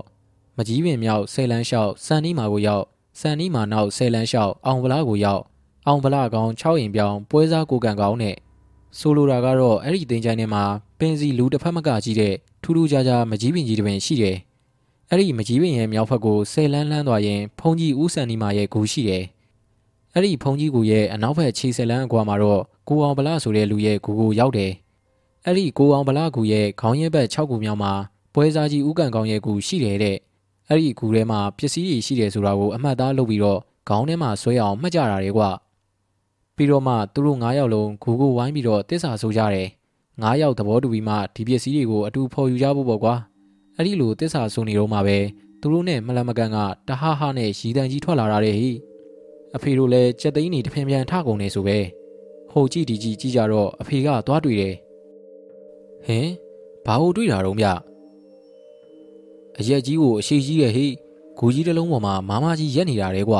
သပင်ဖားရကြီးချထားတယ် မျက်လုံးတွေကလည်းလက်ဖက်ရည်ပကံလောက်ရှိတယ်အမောင်ထဲမှာကိုအယောင်တွေတောက်နေတာနီနီကြီးတွေတဲ့အဖေကကုန်းသေးအောင်ဆောင်ပြီးနေအနှံ့သွားနေတော့ကြားဘူးနာဝရှိတာပေါ့ကွာအဲ့ဒီမှာရင်မဲ့အဖေကတအားကြောက်သွားပြီးတော့မဖဲဝါဟိုမှာဆိုပြီးလက်ညှိုးနဲ့ထိုးပြတယ်ကျန်တဲ့၄ယောက်ကလိုက်ကြည့်ကြပေမဲ့မမြင်ကြဘူးလေကွာဒါပေမဲ့အဖေမေးသွားတာတခုရှိတယ်အဲ့ဒါကမဖဲဝါကိုတွေ့ရင်လက်ညှိုးနဲ့မထိုးရဘူးလေတာတီလက်ညှိုးထိုးမိရင်တွတ်တွတ်ခေါင်ယူရတယ်ဆိုပဲဟာဒါတော့မဟုတ်ပါဘူးဗျာ ကျုပ်လည်းမဖဲဝါကိုတွေးဘူးပါတယ်လက်ညှိုးနဲ့လည်းထိုးဘူးပါတယ်ဗျအေးလေမင်းကကံမြင့်နေလို့ဖြစ်မှာပေါ့ကွာအဖေကတော့မင်းမြင်တဲ့အတိုင်းတွတ်တွတ်လေအောင်ကိုယူတော့တာပဲဟိဒါနဲ့နေပါအောင်ကိုပါပွားရဲ့ဟိုကြံတဲ့လေးယောက်ကရောဘာဖြစ်သွားတော့ယူသွားကြတာလားဟာမယူဘူးကွာသူတို့ကမဖဲဝါကိုမြင်ကြတာမှမဟုတ်တာဒါပေမဲ့မဖဲဝါကဘာလုပ်လိုက်တယ်မသိဘူးဟေ့လူစိတ်ပြောက်ကုန်ကြပြီးတော့တယောက်နဲ့တယောက်ဓာတ်နဲ့ထိုးကြတာ လေးယောက်စလုံးတေကုံရောဆိုရဲကွာမဖဲဝါကတော့အဲ့ဒါကိုကြည့်ပြီးတော့တဟားဟားနဲ့အော်ရီနေတာတဲ့ဟေ့အဖေလည်းကြောက်လန့်ပြီးတော့ထွက်ပြေးလိုက်တာဘယ်ရောက်လို့ရောင်မန်းကိုမသိတာတဲ့နောက်ဆုံးတော့ဆက်မပြီးနိုင်တော့ပဲသတိလစ်ပြီးတော့လဲသွားတယ်သတိလဲပြန်ရရောဘာမှမသိတော့ပဲတွတ်တွတ်ခေါင်ယူသွားတာပေါ့ကွာဟာဖြစ်မှဖြစ်ရလေဗျာကိုပါဘွားကငကားစီးဘောလိတ်ကိုမီးကန်းနဲ့ခတ်ပြီးတော့မင်းကြီးရဲ့ဗျဆေးလိတ်နှစ်ဖာလောက်ဖာပြီးမှစကားကိုဆက်ပြောတယ် သူ့ရှည်တင်အမေဆုံးခဲ့တာကိုသူဘာမှမသိဘူးကွာမင်းတို့အမေမပန်းတို့ရောလို့မေးတယ်ဆုံးပြီလို့ပြောတော့ဘယ်တော့ကဆုံးတာတော့လို့မေးတယ်ပြီးတော့သူတို့မြုပ်ထားတဲ့ပစ္စည်းတွေကတော်တော်များတာလို့လည်းပြောတယ်ကွာဗရမ ्या အရင်တွေရောသွေးပြီးသားတွေရောပါတယ်လို့ပြောတယ်ဒါပေမဲ့မတန့်စင်တဲ့ပစ္စည်းတွေမို့လို့မလိုချင်ကြနဲ့လို့ပြောတယ်ကွာဒီအကြောင်းတွေကိုကိုလာပွားရောသိလားဟာသိတာဗောဒါဒီကငါတို့ညီကိုနှစ်ယောက်စလုံးကိုပြောပြတာကွာ ဒါဆိုရင်အခုကိုပါဘွားကကျုပ်စီကိုလာတာဘာအတွက်တုံးတင်းချိုင်းတွေကဂူထဲမှာအလဟတ်သက်ဖြစ်နေတဲ့ပစ္စည်းတွေကိုငါသွားယူရှင်နေတာဒီပြီးတော့ဒီပစ္စည်းတွေကတန့်နေပဲပြောပြောမတန့်မှုပဲပြောပြောငါတို့အဖေတစ်သက်လုံးအယူကြီးဖြစ်အောင်ရင်းနှီးခဲ့ရတာကွာဒီတော့အဖေစာငါသွားယူခြင်းနဲ့ကိုလာဘွားကရောဘာပြောတော့လှဘွားကတော့ဖြတ်တာပေါ့ကွာမတန့်စင်တဲ့ပစ္စည်းဘာညာပြောတာပေါ့ပြီးတော့မင်းသိရဲ့အတိုင်းပဲလေလှဘွားကအားကြီးရိုးတာကွာ ပြီးတော့ကြောက်လဲကြောက်တတ်တယ်ဒါပေမဲ့ငါကဒီကိစ္စကိုစိတ်အားထက်သန်နေတော့ तू မဖြတ်တော့ပါဘူးကွာဒါပေမဲ့အကူကြီးတယောက်တည်းမသွားနဲ့တဲ့ तू လဲလိုက်မယ်လို့ပြောတယ်ပြီးတော့ကျုပ်တို့ကြီးတော့မဖြစ်ဘူးဗျအတွေ့အကြုံများတဲ့ကိုကြီးတာတွေကိုလည်းအကျိုးအကြောင်းပြောပြီးတော့ပအောင်ခေါ်ခဲ့ပါလို့ပြောတယ်အဲ့ဒါကြောင့်မင်းစီကိုငါလာခဲ့တာတတီ။အော်ဒီလိုလားဗျကျုပ်လည်းကိုဖာဘွားရဲ့စကားဆုံးမှပဲဇက်ရည်လဲတော့တာဗျ။ဒါဆိုရင်ကျုပ်တို့ကမန္တလေးကိုသွားကြမှာပေါ့ ဘယ်တော့လောက်ဖြစ်မလဲ။အခုလှဘွားတို့နှမ်းထောင်နေခါနေကြတယ်ကွာအဲ့ဒီနှမ်းနေအားလုံးသိမ့်ဆက်ပြီးရင်တော့ကိစ္စတွေပြီးပါပြီ။အဲ့ဒီတော့ဒီလားကုံလောက်ဆိုရင်သွားလို့ရပြီကွာ။ဗမာလားနဲ့ကြတော့ရောဘလူးနေတော့ညဗမာလားနဲ့ဆိုရင်လားကွယ်လောက်သွားကြမယ်ကွာ။ဘာဖြစ်လို့လုံးတာတည်းကဟာကိုဘဘွားကလည်းဗျာတင်းချိုင်းထဲမှာဂူဖောက်ရမှာလေဗျာလာတာရက်ဆိုဘယ်ကောင်းမှာတော့လာမရက်မှာကောင်းမှာပေါ့ဗျအေးဟုတ်သားပဲကွာ အဲ့ဒါကြောင့်လဲလှပွားကမင်းကိုလွတ်ပြီးအားကိုးတာ哦မင်းကောင်းသလိုသာစီစဉ်ကွာခတ်တာကဘာကြီးဆန်ဖေကမန္တလေးကဘယ်တင်းချိုင်းဆိုတာအတက်မပြောနိုင်ခဲ့တာခက်နေတာဗျအဲ့ဒီကိစ္စကိုတော့ငါလည်းအတန်တန်မေးပါတယ်တာတရားအဖေကတင်းချိုင်းကိုမှတ်ကိုမမှတ်မိတော့တာကွာမကြီးပင်ကြီးနဲ့အုတ်ကူတွေပဲမှတ်မိနေတာအင်းခတ်တော်လဲခတ်သားလားဗျာသူခမညာတသက်လုံးယူသွားတာမလားဘလို့လို့အကုန်မှတ်မိတော့မလဲဗျာဒါလောက်မှတ်မိတာပဲအံ့ဩစရာဖြစ်နေတာ ငါလဲပထမတော့မေးသေးတယ်ကွာဒါပေမဲ့အဖေကကြက်ကြက်စဉ်းစားလိုက်ရင်ခေါင်းနေမူးလာရောဟိဒီတော့ငါလဲတိတ်မမေးရတော့ဘူးပေါ့ကွာဟာဟုတ်တာဗောကိုပါဝါရဲ့တိတ်စဉ်းစားလို့ယောဂပြန်ဖြစ်ရင်ခတ်တယ်မလားဟုတ်တယ်လေတာတီယာအေးလေဗျာဒါဆိုရင်လည်းဟိုရောက်မှပဲကြည့်ပြီးတော့စုံစမ်းရတော့မှာပေါ့ဒါပေမဲ့ကျုပ်စိုးရိမ်တာကနှစ်တီဒီလောက်ကြာနေတော့တင်းချိုင်းအနေထားပြောင်းသွားမှရဲ့ပစ္စည်းကိုတယောက်ယောက်ကများရသွားပြီလားဆိုတာရဲ့တွေးပူတာပါ ဒါတော့ဘယ်တက်နိုင်မလဲတာတီယာတခြားသူရသွားပြီဆိုတော့လဲပြန်လာကြရုံပေါ့ငါကတော့ဒီအတိုင်းမေးမပြစ်လိုက်ချင်ဘူးဟေ့ဒါတော့ဟုတ်တယ်ကိုပါပါရဲ့တွားတော့ရှာကြည့်တဲ့နေရလာတော့လဲကိုသဘောပေါ့ဗျာလှူတဲ့နာလှူရတန်းရတာပေါ့ကိုပါဘွားပြောသလိုဆိုတင်းချိုင်းတစ်ခုထဲမှာဒီအတိုင်းဖြစ်နေမယ်အစားရှာတော့ရှာတဲ့နာပေါ့ဗျာအေးဟုတ်တယ်ကွာဒါဆိုရင်ငါပြန်မဲ့တာဒီလှပွားလဲမျောနေတော့မှာ အစီအစဉ်အသေးစိတ်အတွက်ငါ3လရက်လောက်ကြာရင်ပြန်လာခဲ့မယ်အဲ့ဒီကြာရင်လှပွားလဲခေါ်ခဲ့မယ်ဟိုမှာရှာရဲဖွေတဲ့ရက်အတွင်းစားရေးတောက်ရေးကတော့မပူနဲ့နော်ငါအားလုံးစီစဉ်ခဲ့မယ်တဲဖို့ခိုးဖို့အတွက်ကတော့တခုခုစီစဉ်ရမှာပေါ့ကွာငါတို့လာမှာပဲမင်းနဲ့တိုင်ပင်ကြမယ်ဒီအတွင်းမင်းလည်းစဉ်းစားထားပေါ့ကွာကိုပါဘွားပြန်တော့ညနေတောင်တော်တော်စောင်းနေပြီဗျကျုပ်လည်းကိုပါဘွားပြောသွားတဲ့ကိစ္စကိုတော်တော်လေးကိုစိတ်ဝင်စားသွားတာဗျူတာတီအကြောင်းကိုခမရတို့လည်းသိကြတာပဲဗျာ ဒီလိုကိစ္စမျိုးဆိုရင်တာတီဆိုတဲ့ကောင်ကစွန့်စားဖို့အစင်တယ်မဲ့ဗျူခါမှဝတ်ထားတဲ့ပစိုးကိုအခုချက်ချင်းတော့ကြောင်းထကြိုက်ပလိုက်ချင်တာဗျာအဘနဲ့အမေကိုကျုပ်ကကြိုပြီးတော့ပြောထားတယ်ဗျကိုပါဘွားတို့ညီကိုနဲ့မန္တလေးကိုလိုက်သွားမယ်အကြောင်းပေါ့ဗျာတပတ်လောက်ကြာတော့ကိုပါဘွားကကျုပ်စီကိုပြန်ရောက်လာတယ်သူတို့နှမ်းသိမ့်တာအားလုံးပြီးသွားတဲ့အကြောင်းခရီးထွက်ဖို့အစင်းသိမ့်ဖြစ်တဲ့အကြောင်းကျုပ်လိုက်ဖို့တေးကြလားလို့လာမိတာဗျတေးကြရင်တော့မန္တလေးကားလက်မှတ်မှားတော့မယ်အကြောင်းလာပြောတယ် ကျုပ်ကလည်းအခုချက်ချင်းအောင်ထသွားခြင်းနေတဲ့ကောင်ဆိုတော့ကျုပ်ကတော့အစင်းသိမ့်မယ်ဆိုပြီးပြောလိုက်တာပေါ့ဗျာနောက်နှစ်ရက်ကြာတော့ကျုပ်ရဲ့ကိုပါဘွားတို့ညီကိုရဲ့ခရီးစထွက်ကြတယ်မန္တလေးရောက်တော့ဖះကြီးဘက်ကဘုန်းကြီးကျောင်းတစ်ကျောင်းမှာတဲကြတယ်ကိုပါဘွားတို့အတီဖုန်းကြီးပေါ့ဗျာအဲ့ဒီမှာတဲပြီးတော့နေတိုင်းအပြင်ထွက်တင်းချိုင်းတွေလိုက်ရှာကြတာပေါ့ဗျဒါပေမဲ့ခတ်တာကဘာကြီးဆန်ဖေးကဘယ်တင်းချိုင်းလဲဆိုတာအတိအကျမမှတ်မိတော့လဲခတ်သားလားဗျာ ဘာကြီးဆန်ဖေးယူနီတော့ကအမြဲရွတ်တဲ့တပေါင်းလိုလိုတိုက်စာကိုတော့ကျုပ်စိတ်ထဲမှာအမြဲရွတ်နေမိတယ်ဗါတဲ့မကြီးပင်မြောက်ဆယ်လန်းလျှောက်စန်နီမာကိုရောက်စန်နီမာနောက်ဆယ်လန်းလျှောက်အောင်ဗလာကိုရောက်အောင်ဗလာကောင်း6ရင်ပြောင်းပွဲစားကိုကန်ကောင်းနဲ့ရွတ်လို့ကတော့ကောင်းသားပြူတင်းချိုင်းကိုရှာမတွေ့သေးတာကခတ်နေတာဗျမကြီးပင်လဲရှာရအုတ်ကူတွေလည်းလိုက်ရှာရတချို့ကူတွေကရင်းကြီးတွေတက်ပြီးမဲနေလို့မနှဲကိုပုတ်တိုက်ပြီးတော့စာရီဖတ်ရတာဗျာ တချို့ကြတော့လည်းအင်္ဂလိပ်တွေကြွာကြပြီးတော့စလုံးတွေကပြက်နေပြီးဖတ်လို့ကိုမရတော့တာဗျ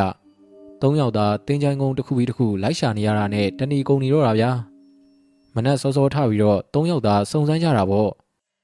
ဒီနေ့တော့ကျုပ်တို့သုံးယောက်လုံးစိတ်ပြက်သွားကြပြီဗျဘာဖြစ်လို့လဲဆိုတော့မန္တလေးကတင်းချိုင်းနေလဲကုန်းပြီလေဗျာဘာကြီးဆန်ဖေးပြောခဲ့တာတွေလည်းတခုမှကိုမတွေ့ဘူးဗျအကိုရစိတ်လျှော့လိုက်ပါတော့ အဖေမသေးခင်ပြန်ကောင်းတယ်ဆိုပေမဲ့စိတ်ကလုံးလုံးကောင်းတာဟုတ်ချင်မှဟုတ်မှာပါဗျတစ်ချက်တစ်ချက်ပြန်ပြန်ပြီးဖောက်သွားတာလေအကိုသိတာပဲကိုလှဘွားကသူ့အကိုကိုစိတ်လျှော့လိုက်ဖို့တောင်ပြောနေပြီကိုဘဘွားကတော့ခေါင်းအမာသားပြူရှော့ကျင်မုံမရသေးဘူးဗျကျုံနဲ့ကိုလှဘွားနဲ့တောင်တမန်အင်းကမဲဆဲတပင်မှာထိုင်နေတော့ကိုဘဘွားကထွက်သွားတယ်ကျုံနဲ့ကိုလှဘွားလည်းကိုဘဘွားကိုစောင့်နေတာညနေကိုစောင်းရောက်ပြူကိုလှဘွားကလည်းသူ့အကိုကိုစိတ်တူတော့တာပေါ့ဗျာ ပါဇက်ကလည်းပြစ်တော့ပြစ်တော့နဲ့ပြောရောပြူနောက်တော့ကိုဘဘွားကတုတ်တုတ်တုတ်တုတ်နဲ့ပြန်ရောက်လာတယ်အကိုဘယ်ဒီသွားနေတာတော့ကိုလှဘွားကခက်ဆက်ဆက်မေးတော့တာပေါ့ဗျာငါအကြံရလို့ကွာတက်ကြီးရွယ်ကိုတယောက်လောက်ကိုမိမရလိမ့်မယ်ထင်လို့မြင်းလဲသမားတယောက်ကိုပေါင်းပြီးတော့အသက်ကြီးကြီးနှက်နှက်ဆက်ဆက်အဖိုးကြီးတယောက်ကိုစုံစမ်းရတာပေါ့ကွာအဲ့ဒီမြင်းလဲသမားကအသက်60ကျော်အဖိုးကြီးတယောက်စီကိုလိုက်ပို့တယ်ကွာအဖိုးကြီးနာမည်ကဦးမြတဲ့ တော်တော်ကိုဘ ഹു တုဒရှိပြီးတော့ဒီဒီသားကိုနှမ်းဆက်တဲ့လူကြီးကွာငါကဥပေတမြင်နဲ့ပြောရတာပေါ့ကွာအဖိုးကြီးကတော်တော်လေးစဉ်းစားပြီးမှငါ့ကိုပြောတယ်ပွဲစားဥကန်ကောင်ကိုသူသိတယ်တဲ့မန္တလေးကမဟုတ်ဘူးဆိုပဲအမရပူရာကတဲ့ဥကန်ကောင်ဆုံးတော့သူတော်မှအာတုဝလိုက်ပူတည်တယ်ဆိုပဲကွာအမရပူရာတင်းချိုင်းမှာပဲတကြိုးတာပါတဲ့မန္တလေးမှာတကြိုးတာမဟုတ်ပါဘူးတဲ့ဟာဟုတ်လားကိုပါပါဒါဆိုရင်ကျုပ်တို့အမရပူရာတင်းချိုင်းမှာရှာရမှာပေါ့ ဖြစ်နိုင်တာပေါ့ဗျာဘာကြီးစံဖေးကအမရပူရာနဲ့မန္တလေးကိုအမှတ်မှားသွားတာဖြစ်မှာပေါ့စိတ်ယောဂါကလည်းတက်တက်လုံးခံစားသွားရတာဆိုတော့အမှတ်တွေလည်းလွဲလို့ရှိမှာပေါ့ဗျာဒါဆိုရင်မနှက်ဖြန်အမရပူရာကိုသွားကြတာပေါ့ကျုပ်ကဝင်ပြောတော့မှညီကိုနှစ်ယောက်ကြီးနေပြီးတဲခိုတဲ့ဘုန်းကြီးเจ้าကိုပြန်ခဲ့ကြတာဗျ။နောက်နေ့ကျတော့အိယာကနေခက်စောစောထပြီးတောင်မြို့ကိုလာခဲ့ကြတာပေါ့ဗျာ။အမရဘူရာကိုတောင်မြို့လို့ကျုပ်တို့ညာမှာခေါ်ကြတယ်လေဗျာ။ နေသိမ့်မမြင်ခင်တင်းချိုင်းထဲကိုဝင်ခဲ့ကြတယ်။သုံးယောက်သားလဲဟိုကြည့်ဒီကြည့်ပေါ့ဗျာ။ဟာဟိုမှာဟိုမှာမကြီးပင်ကြီးတော်တော်ကိုကြီးရဗျလူနှစ်ယောက်ဖက်စာလောက်ကိုရှိမှာဗျ။ကျုပ်ကပြောပြောဆူဆူနဲ့လက်ညှိုးထိုးပြတယ်။ကိုဘဘွားတို့ညီကိုကလည်းကျုပ်ပြောတဲ့ဘက်ကိုကြီးကြတာပေါ့ဗျာဟာဟုတ်သားပဲဒါတီရကဲလာလာအဲ့ဒီအပင်ကြီးစီကိုသွားရအောင်ကိုဘဘွားကဥဆောင်ပြီးတော့ရှေ့ကသွားတယ်ဗျ ကျုံနဲ့ကိုလာဘွားကတော့နောက်ကလိုက်ရတာပေါ့ဗျာမကြီးပင်ကြီးစီကိုရောက်တော့ကျုံနဲ့ကိုလာဘွားကမကြီးပင်ကိုလက်နဲ့ဟိုဘက်ဒီဘက်ဖက်ကြည့်ရဲ့ယောက်ျားနှစ်ဖက်တောင်ကြော်သေးရဲ့ဗျကဲကျုပ်တို့ရှားကြစို့ဗျာမြောက်ဖက်ကိုခြေလန်းဆယ်လန်းရှောက်ပြီးဗျဟာဒီမှာဂူပြက်ကြီးတစ်လုံးပြစာရီတောင်ပြက်နေပြီကျုပ်ကခြေလန်းဆယ်လန်းလျှောက်ပြီးတော့တွေးတဲ့ဂူကြီးကိုပြတယ်အနာကခြုံနေတဲ့ကတစ်ပင်တစ်ပင်ကိုချိုးပြီးတော့ စလုံးဒီဘောကကြီးကိုချစ်ချတယ်ဟာပေါ်လာပြီဗျဦးစံဒီမှာတက်တော်80ဝါတော်40နဲ့ဖုန်းကြီးကူသွင်းတာတော့ရှားသားဗျကျုပ်လဲဝမ်းသာအားရလှမ်းပြီးတော့ပြောတာပေါ့ဗျာဟုတ်ပြီဗျဟုတ်ပြီဒါဦးစံဒီမှာရဲ့ဂူပဲဗျအစတော့တွေ့ပြီကိုပါဘွားကြီးအေးဟုတ်ပြီဟေ့ဒါတည်းပြီးတော့ဗါတဲ့ကိုပါပါစန်နီးမာပြီးတော့လေစန်နီးမာနောက်ဆယ်လန်းလျှောက်တယ်ကွဟုတ်ပြီဟုတ်ပြီ ဦးစန်နီးမာကူရဲ့အနောက်ဘက်ကိုခြေလန်းဆယ်လန်းလျှောက်ရမယ်ဟာတွေ့ပြီတာတည်းဦးအောင်ဗလာအသက်60ရဲ့ကွကျုပ်ခြေလန်းဆယ်လန်းအရောက်မှာတွေးရတဲ့ဂူဘော်ကကပီးစာတန်းကိုကိုဘဝါကအတန်ကြဲကြဲနဲ့ဖတ်လိုက်တာဗျဟာဒါဆိုရင်တော့ဟုတ်ပြီဗောဗျကဲပြီးရင်ရောဗါတဲ့တော့အောင်ဗလာကောင်6အိမ်ပြောင်းပွဲစားကိုကန်ကောင်းနေကွာဟုတ်ပြီဟုတ်ပြီဒါဆိုရင်ဦးအောင်ဗလာကူရဲ့ခေါင်းရင်းဘက်ကိုရှောက်မယ် ကဲ6ခုမြောက်ရောက်ပြီဗျာကြည်စမ်းမအောင်ဘသူတဲ့တော့ဟာဟုတ်ပြီဟေ့တာတရေပွဲစားကြီးဦးကန်ကောင်းအသက်80တဲကွာတွေ့ပြီဟေ့တွေ့ပြီကိုဘဘွားရောကိုလာဘွားရောမျက်နာတွေကိုဝင်းသွားတာပေါ့ဗျာကျုပ်လဲဝမ်းသာသွားတာပေါ့ကျုပ်ကပွဲစားကြီးရဲ့ကူကိုတပတ်လှည့်ကြည့်ရဲ့ဒီကူကိုဘာကြီးဆန်ဖီတို့အဖွဲ့ဘယ်နေရာကဖောက်ပြီးတော့ပစ္စည်းတွေထည့်လဲဆိုတာကြည့်တာပေါ့ဗျာအခုထီတော့ကူကခြေရလက်ရမပြတ်သေးဘူးဗျတယောက်ယောက်ဖောက်ထားတဲ့ပုံစံတော့မပေါ်သေးဘူး ဒါဆိုရင်ဘာကြီးဆန်ဖီတို့ဝတ်ထားတဲ့ရန်နာတွေကဒီထဲမှာရှိနေနိုင်သေးတာပေါ့တတိငါတို့အလုပ်ဘယ်တော့လုပ်မလဲကိုဘဘွားကကျုပ်ကိုမေးတာဗျကိုလာဘွားကလည်းကျုပ်ဘာပြောမလဲဆိုတာကြည့်နေတယ်ဟာကိုဘဘွားကလည်းဒီနေ့ညလုံးမယ်လေဗျာဒီနေ့ညလားမိတ်တယ်ဗျဒါမှအလုံးလုံးလို့ကောင်းပါအေးဟုတ်ပြီဟုတ်ပြီဒါဆိုရင်အခုမန္တလေးကိုသွားပြီးတော့လူလာတွေဝယ်ကြရအောင်ဘာတွေလိုမလဲဆိုတာတော့မဲမဲစဉ်းစားပြီကွာလူတဲ့ငွေတော့ငါပေးမှာပါ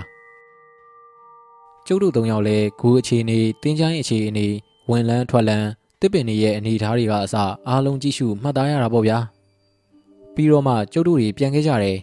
မန္တလေးဘက်ကိုပြန်ရောက်တော့တဲခုတဲ့ဘုံကြီးကျောင်းကိုသွားပြီးကျုပ်တို့ရဲ့အိတ်တွေကိုယူပြီးတော့ကျောင်းနိုင်ဆရာတော်ကိုရွာပြန်တော့မယ့်အကြောင်းတခါလေးလျှောက်ထားပြီးထွက်ခဲ့ကြတယ်ပြီးတော့မှဈေးကိုသွားပြီးတူရဲတန်စိုးရဲဂေါ်ပြားတက်လက်ရဲလက်နှိပ်ဓမီတခဲတွေရဲဝယ်ရတာပေါ့ဗျာအားလုံးစုံအောင်ယူပြီးတော့အမရဘူရာဘက်ကိုပြန်ထွက်ခဲ့ကြတယ် ကျုပ်တို့တဲ့အကြောင်းကဆရာတော်ကတော့ကျုပ်တို့တွေပြန်သွားပြီလို့ထင်ပါပေါ့လေတင်းချိုင်းထဲကိုရောက်တော့ည၈နာရီထိုးနေပြီဗျကျေရောင်ကလေးကိုအားပြုပြီးတော့ကျုပ်တို့၃ယောက်တင်းချိုင်းထဲကိုဝင်ခဲ့ကြတာပေါ့ဗျာနေကင်းကမှတ်ထားတဲ့အတိုင်းပွဲစားကြီးဦးကန်ကောင်းရဲ့ကူကိုတန်းပြီးတော့လာခဲ့ကြတယ်ကူဘေးမှာကျုပ်တို့၃ယောက်ထိုင်ပြီးတော့ငြင်းနေကြတာပေါ့ဗျာအချိန်ကလည်းစောနေသေးတာ ਉਹ တုတ်တန်တစားပြင်တစ်ခုလုံးတိတ်ဆိတ်နေတာဗျတစ်ချက်တစ်ချက်တော့လေးအေးကြီးကတိုက်နေတယ် လီအဝိမှာအမောင်ထဲကတစ်ပင်တွေရင်းထိုးလှုပ်ရှားသွားတာကိုကြည့်ပြီးတော့နာနာဘာဝတွေလမ်းလျှောက်နေတယ်လို့တောင်ထင်မိရပြုတစ်ချက်တစ်ချက်ကြာရင်တစ်ပင်မှာကတ်နေတဲ့ပိုးဆုံကျူးလေးတွေတလက်လက်ဖြစ်နေတာကိုတွေ့ရတယ်တင်းချိုင်းထဲမှာငြိမ်ပြီးထိုင်နေတော့ကြက်သိန်းတွေကိုတဖြန်းဖြန်းထနေရပြုကျုပ်ရောကိုပါဝါတို့နှစ်ယောက်ရောတောင်ကြီးမြောက်ကြီးနဲ့ရှောက်ကြည့်နေကြတာပေါ့ဗျာဒီလိုနဲ့ပဲတကောင်ကြက်တွန်တန်ကိုကြားလိုက်ရတယ်ဟာတတိတကောင်ကြက်တွန်ပြီကွဟုတ်တယ်ကိုပါဝါ လုပ်ငန်းစကြစို့ပြောပြောဆိုဆိုနဲ့ကျုပ်ကအိတ်ထဲကစွတ်ကြက်တထဲကိုထုတ်ပြီးတော့လက်နှိပ်ဓမီကိုအုပ်ပတ်လိုက်တယ်ဒီတော့မှအလင်းရောင်ကဝတ်သွားတာဗျပြီးတော့မှတန်ဆိုးနဲ့တူကိုယူတယ်တန်ဆိုးကြီးကိုလည်းစွတ်ကြက်နောက်တစ်ထည်နဲ့ပတ်တယ်ဒါမှတူထုရင်အသက်မမီပါလေဗျာကဲကိုလာပါကကျုပ်ကိုမီးထိုးပြဗျာဂူကိုခြေရင်းကနေဖောက်မယ်ဘာကြီးဆန်ဖီတို့ဖောက်ပြီးတော့ပစ္စည်းတို့ထဲတာခြေရင်းကပဲဖြစ်လိမ့်မယ် ကိုလာဘွားကမီးကိုခတ်အုပ်ထိုးပြထားတယ်။ခြုံပုတ်တွေကွယ်နေတော့အလင်းရောင်ကိုဘေးကမြင်စရာတော့မရှိပါဘူး။ပြီးတော့ကျုပ်တို့ဖောက်မဲ့ကူရဲ့ဘေးပတ်ပတ်လည်မှာကတခြားကူတွေကွယ်နေတာဆိုတော့တော်တော်လေးလုံခြုံပါတယ်။ကျုပ်ကတန်စိုးကိုဂူမထောက်လိုက်ပြီးတော့တူနဲ့ထုဖို့ဟန်ပြေုံမဲ့ရှိသေးတာဗျ။တစ်ပင်အုပ်ကြီးရှိတဲ့ဘက်ကဆွဲဆွဲငင်ငင်ဦးလိုက်တဲ့ခွေးဥတန်ကြီးတက်တန်ကထွက်လာတယ်။ဟိုညီကိုတော့မသိဘူးဗျာ။ ကျုပ်ကတော့ကြက်သိန်းတွေကိုဖြန်းကနေဖြန်းကနေထသွားတာဗျို့ကိုပါဘွားနဲ့ကိုလာဘွားတို့လည်းဟိုကြည့်ဒီကြည့်ကြည့်နေကြတယ်ကျုပ်ကဘာကူမှစဉ်းစားမနေတော့ပဲလှုပ်ရှားရှိရာဆက်လုပ်တာပေါ့ဗျာအဝတ်ပတ်ထားတဲ့တန်စိုးဘော်ကိုတူနဲ့ခက်ဆက်ဆက်ထုတယ်အင်္ဂလိပ်စားတွေဖွာကနေဖွာကနေလွင့်ထွက်လာတယ်ခွေးဥတန်ကြီးကကျုပ်တို့ဘက်ကိုတဖြည်းဖြည်းနဲ့နီးလာသလိုပဲဗျကျုပ်ဆိုတာသပင်းနေတောင်ထောင်သွားသလိုပဲဗျဒါပေမဲ့ကျုပ်ကတူကိုဆက်ထူတယ် ဒီတစ်ခါခွေးဥတန်ကကျုပ်တို့နဲ့ကပ်ပြီးတော့ထွက်လာတယ်ဗျအလုံးစုံကွာမှဂူ၄၅လုံးလောက်ပဲကွာတော့တယ်ကျုပ်လည်းတန်းဆိုကြီးကိုရောင်ပြီးတော့လွတ်ချလိုက်တယ်တူကိုတော့လက်ထဲမှာကြစ်ကြစ်ပအောင်ဆုပ်ထားတယ်ကိုဘဘွားကကျုပ်တို့ယူလာတဲ့ကော်ပြားကိုလက်ထဲမှာကြစ်ကြစ်ပအောင်ဆုပ်ပြီးတော့ကျုပ်တို့၃ယောက်စလုံးဗျိုင်းတူထရလိုက်တယ်ဓမီးကိုတော့ပိတ်လိုက်ပြီးကိုလာဘွားကကင်ထားတယ်ကျုပ်တို့၃ယောက်ဟိုကြီးဒီကြီးနဲ့ရှောက်ကြည့်တာပေါ့ဗျာဟာဟိုမှာ ကိုလာဘွားကပြောလိုက်တော့သူကြီးရဲ့ဘက်ကိုကျုပ်တို့ကကြည့်လိုက်ကြတယ်။ဟာမဖဲဝါကြီးကျုပ်ပါဇက်ကနေလှုပ်ကနေထွက်သွားတာဗျ။ကျုပ်တို့တောင်ဘက်ကသုံးခုကျော်မှတွေ့တာဗျ။ဂူပေါ်မှာမမကြီးရက်နေတာအရက်ကြီးကဆယ်ဘီလောက်ရှိမယ်ထင်တယ်။ကျေရောင်နဲ့ဆိုတော့အမောင်ထဲမှာတဲတဲကွဲကွဲတော့မမြင်ရဘူးပေါ့ဗျာ။သပင်ဖားရကြီးနဲ့မျက်လုံးနီနီကြီးတွေကပြူးထွက်နေတာဗျ။ဒါငါတို့ပစ္စည်းငါတို့အဖေရဲ့ပစ္စည်းငါလာယူတာမနှောက်ရှက်နဲ့ ကိုဘဘွားကပြောလိုက်တာမျိုးကျုပ်တော်မှအံ့ဩသွားတယ်ဟာမဖဲဝါရဲ့ရည်တန်ကြီးထွက်လာပြီဗျာကျုပ်ဖြင့်အတန်ကြီးကိုကြားလိုက်တာနဲ့သပင်းနေတောင်ထောင်ကုန်ရောဗျကိုလာဘွားကနောက်ကိုနည်းနည်းဆုတ်သွားတယ်ဗျငါတင်းချိုင်းနဲ့ရောက်ရင်ငါပစ္စည်းဒီတိုက်ကငါတိုက်မဖဲဝါတိုက်အခုထွက်သွားကြဟာအတန်ကြီးကဝါဝါကြီးဗျကျုပ်ကကိုဘဘွားကိုလက်ကုပ်လိုက်တယ်ကိုဘဘွားပြေးကြစို့ ဟာမပြေးဘူးတာတေဘာလို့ပြေးရမှာလဲဒါငါအဖေရဲ့ပစ္စည်းကွာဒီကောင်မကြီးနဲ့ဘာမှမဆိုင်ဘူးငါမပြေးဘူးဒင်းကိုငါလုံမယ်ငါအဖေလည်းသူ့ကြောင့်ယူတာကျုပ်လည်းဘာပြန်ပြောရမှန်းမသိအောင်ဖြစ်သွားတာဗျကိုဘဘွားကတော့ဂေါ်ပြားကိုလက်ထဲမှာချစ်ချစ်ပအောင်ဆုပ်ပြီးမဖဲဝါကြီးစီကိုတရှိန်ထိုးပြေးသွားတော့တာဗျာဟာကိုဘဘွားကဂေါ်ပြားကြီးကိုလွှဲလိုက်ပြီးလွှဲပြီးတော့ခုတ်လိုက်တာဗျကိုဘဘွားခုတ်လိုက်တဲ့ခေါ်ပြားကမဖဲဝါကိုထိပေမဲ့ လေကိုခုတ်လိုက်တယ်လို့ဝှီးကနေမြည်သွားတာပဲရှိတယ်။ကျုပ်ရောကိုလာပါရောနောက်ကိုဆုပ်ပြီးတော့ခြေလန်းငါးလန်းလောက်ပြေးလိုက်ကြတယ်ဟာခုတ်ပြန်ပြီဗျို့ကိုဘဘွားကထပ်ပြီးတော့ခုတ်ပြန်ပြီခေါ်ပြားကိုသူ့ကောင်းပေါ်မှာဝှီကနေမြေအောင်လွှဲပြီးတော့မဖဲဝါကိုလိုက်ခုတ်နေတာဗျို့မဖဲဝါကဂူတလုံးကနေတလုံးခုန်ကူးပြီးတော့ရှောင်းနေတယ်ကိုဘဘွားကလည်းမရက်မနာကိုလိုက်ခုတ်တယ်အကိုမလုံးနဲ့ကိုလာဘွားကအတန်ကုန်អော်လိုက်တယ် ကိုလာဘွားអော်တဲ့အတန်ကတင်းချိုင်းကုန်းတစ်ခုလုံးကိုလွှမ်းသွားတာဗျအဲ့ဒီအချိန်မှာပဲခွေးဥတန်ကြီးကမဖဲဝါရက်နေတဲ့ဂူဝေးကနေထွက်လာတာဗျို့ကိုဘဘွားကတော့လူစိတ်ပြောက်တယ်လို့ကိုဖြစ်နေပြီ။ကော်ပြားကြီးကိုလည်းမနာတန်းလွှဲပြီးတော့မဖဲဝါကိုလိုက်ခုန်နေတယ်။မောလဲတော်တော်မောနေပုံပဲ။မဖဲဝါကိုကော်ပြားနဲ့တအားလွှဲခုတ်တဲ့အချိန်ကိုဘဘွားကချီချော်ပြီးတော့ရှေ့ကိုစိုက်ကြသွားတယ်။မဖဲဝါရက်နေတဲ့ဂူဘော်ကိုတိတ်တိတ်ကြီးစိုက်ကြသွားတာဗျာ။ အဲ့ဒီအချိန်မှာပဲကိုဘဘွားရဲ့ကြောကုန်းကိုမဖဲဝါကလက်ဝါးကြီးနဲ့ရိုက်ချလိုက်တာဗျာ။တုံးချက်တီတီရိုက်ချပြီးတော့ကိုဘဘွားကကြောကြီးကော့ပြီးလဲကျသွားပြီဗျ။လက်ထဲကကော်ပြားကြီးလည်းလွတ်ကျသွားပြီ။မဖဲဝါကြီးလည်းပြန်ပြောက်သွားပြီဗျ။ဒီတော့မှကိုလာဘွားနဲ့ကျုံနဲ့ပြေးပြီးတော့ကိုဘဘွားကိုပွေ့ထူတယ်ကိုဘဘွားရဲ့ပါဇက်ကနေတွေးတွေကဒလဟောစီးကြနေတယ်တကူလုံးလဲဒဇက်ဇက်နဲ့အကျိုးကြီးဆွဲနေတယ်ကိုလာဘွားကတော့သူ့အကိုကိုခေါ်ရင်းနဲ့အတန်တိမ်ဝင်သွားတယ် ကိုဘဘွားတယောက်ငြိမ်သွားပြီ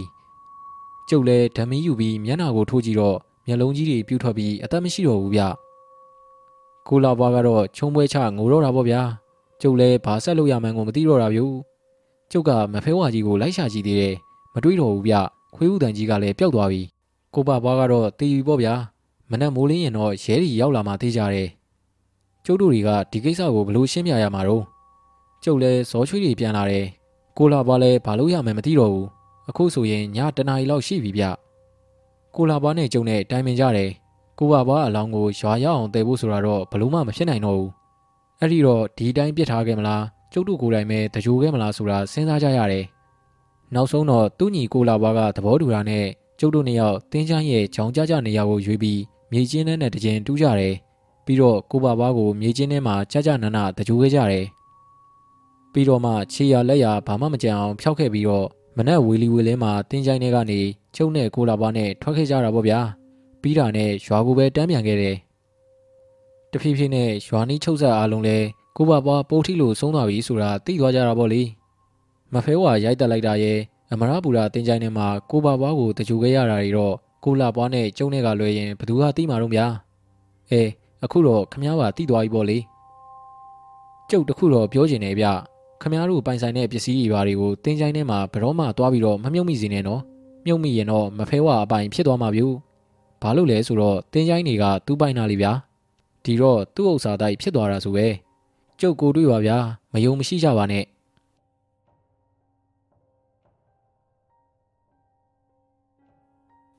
ကိုပါဘွားဆုံးသွားတဲ့နောက်မှာတာတီဆိုတဲ့ကျုပ်လည်းတော်တော်ကိုချိန်ချိန်သွားတယ်ဗျူအခေါင်းလေးတော့မပါပဲမြေချင်းထဲမှာဒီတိုင်းမြုပ်ခဲ့ရတဲ့ကိုပါဘွားကို ကျုပ်ကခဏခဏသတိရနေတာဗျတက်တီကလည်းကောင်းလိုက်ပါပြီဗျာမဖဲဝါကြီးကိုမကြောက်မရွံ့ဂေါ်ပြားနဲ့လိုက်ခုတ်ရတဲ့လူဗျတင်ချိုင်ကုန်းရဲ့ဂူတလုံးထဲမှာအလဟတ်သက်ဖြစ်နေတဲ့ရတနာရီအကြောင်းတွေးမိတိုင်းပွဲစားကြီးရဲ့ကိုကိုသွားပြီးတော့ဖောက်ပစ်လိုက်ချင်တာဗျ။ဒါပေမဲ့ကိုပါဘွားကိုရဲရဲဆက်ဆက်ရိုက်တက်လိုက်တဲ့မဖဲဝါကြီးကိုအခုထိကျုံမျက်စီထဲမှာမြင်နေတော့မြတွေးမိတိုင်းလဲချက်သိန်းနေတဖြည်းဖြည်းထနေတာပါဗျာ။သူ့ညီကိုလာဘွားကတော့ဘလို့ရှိမယ်မသိဘူး။ ကျုပ်ကတော့ကိုပါဘွားကိုမေးပစ်လို့ကိုမရတာဗျ။မကြီးပင်ရောက်ကကိုပြစ်ပေါ်မှာဝဘိုးချမ်းလေးခေါင်းပြီးတော့ဒီအကြောင်းတွေကိုကျုပ်ကတွေးနေတာဗျ။ထမင်းစားပြီးတော့တမီလောက်အိတ်မယ်လို့စိတ်ကူးထားတာပေါ့ဗျာ။ဒါပေမဲ့ဒီအကြောင်းတွေတွေးနေတာနဲ့အိတ်ချင်စိတ်တောင်ဘယ်ရောက်သွားမှန်းမသိတော့ပါဘူးလေဟာတော်ပါသေးရဲ့ကွာမင်းနဲ့တွေးမှတွေးပါမလားလို့စိတ်ပူနေတာလာသာလာရတာစိတ်ထဲတော့ပူတာကွာကျုပ်မျက်စိဖွင့်ပြီးတော့စကနေခေါင်းထောင်ကြည့်လိုက်တယ် ကျုပ်တို့ဝိုင်းထဲကိုဝင်လာတဲ့လူနှစ်ယောက်ကိုတွေ့တော့ဘသူတွေပါလိမ့်လို့ကျုပ်ကကြည့်လိုက်မိရဲ့ဟာကိုကြီးเจ้าနေနဲ့ကိုပေါ်လာကြီးပါလားဗျလာကြဗျာလာကြတန်ခနောက်သားတွေဘယ်ကများရောက်လာတယ်မသိဘူးကိုเจ้าနေနဲ့ကိုပေါ်လာဆိုတာကကျုပ်တို့ရွာဦးဖျားပွဲမှာဒိုးဘက်လာပြိုင်နေကြတန်ခနောက်ရွာသားတွေဗျကျုံနဲ့တော့လှုပ်ခင်တဲ့လူတွေပေါ့ဗျာကျုံများတန်ခနောက်ကိုတစ်ခေါက်တချင်းသွားရင်လှုပ်ကိုအဲဝစ်ကြည့်တဲ့လူတွေဗျတန်ခနောက်သားတွေကခင်တတ်တာပါဗျာ ကိုကြီးเจ้าနေကအရဲပုပြက်ပြက်ခင်းတူတူဗျမျက်လုံးကလည်းခပ်ပြူပြူအသက်ကတော့40လောက်ရှိပြီကိုပေါ်လာကတော့အရက်ရှိရှိကြီးဗျာမျက်နာကလည်းအမြဲပြုံးနေတာကျုပ်ထိုင်နေတဲ့ကိုပြက်မှာသူတို့နှစ်ယောက်ဝင်ပြီးတော့ထိုင်ကြတယ်ကိုเจ้าညီတို့ကအဘတို့အမေတို့နဲ့တော့တိတ်မရင်းနေကြဘူးဗျ ဒိုးတီးရဲ့လူတွေဆိုတော့ကျုပ်တို့လူငယ်တွေနဲ့ပဲယဉ်နီးရပါဗျာကျုပ်ကငကားစီးပွားလေးတယောက်ကိုတလိတဲလိုက်တယ်ကိုကြီးเจ้าညီတို့နှစ်ယောက်ကအမောပြေစီးပွားလေးဖွာကြတာပေါ့ဗျာ စီးလိတ်ဖွာရင်နဲ့အိမ်နဲ့ဝိုင်းကိုအကဲခတ်ပြီးတော့ကြည့်နေကြတယ်ဒါနဲ့ဘဲကလှည့်ဝင်လာကြတာတော့ကျုပ်ကမေးလိုက်တော့သူတို့နှစ်ယောက်မျက်နှာကိုပြန်လိုက်ကြတယ်ဘဲကမှလှည့်ဝင်တာမဟုတ်ဘူးဟေ့မင်းစီကိုပဲတက်တက်လာခဲ့တာကွာဒါတီက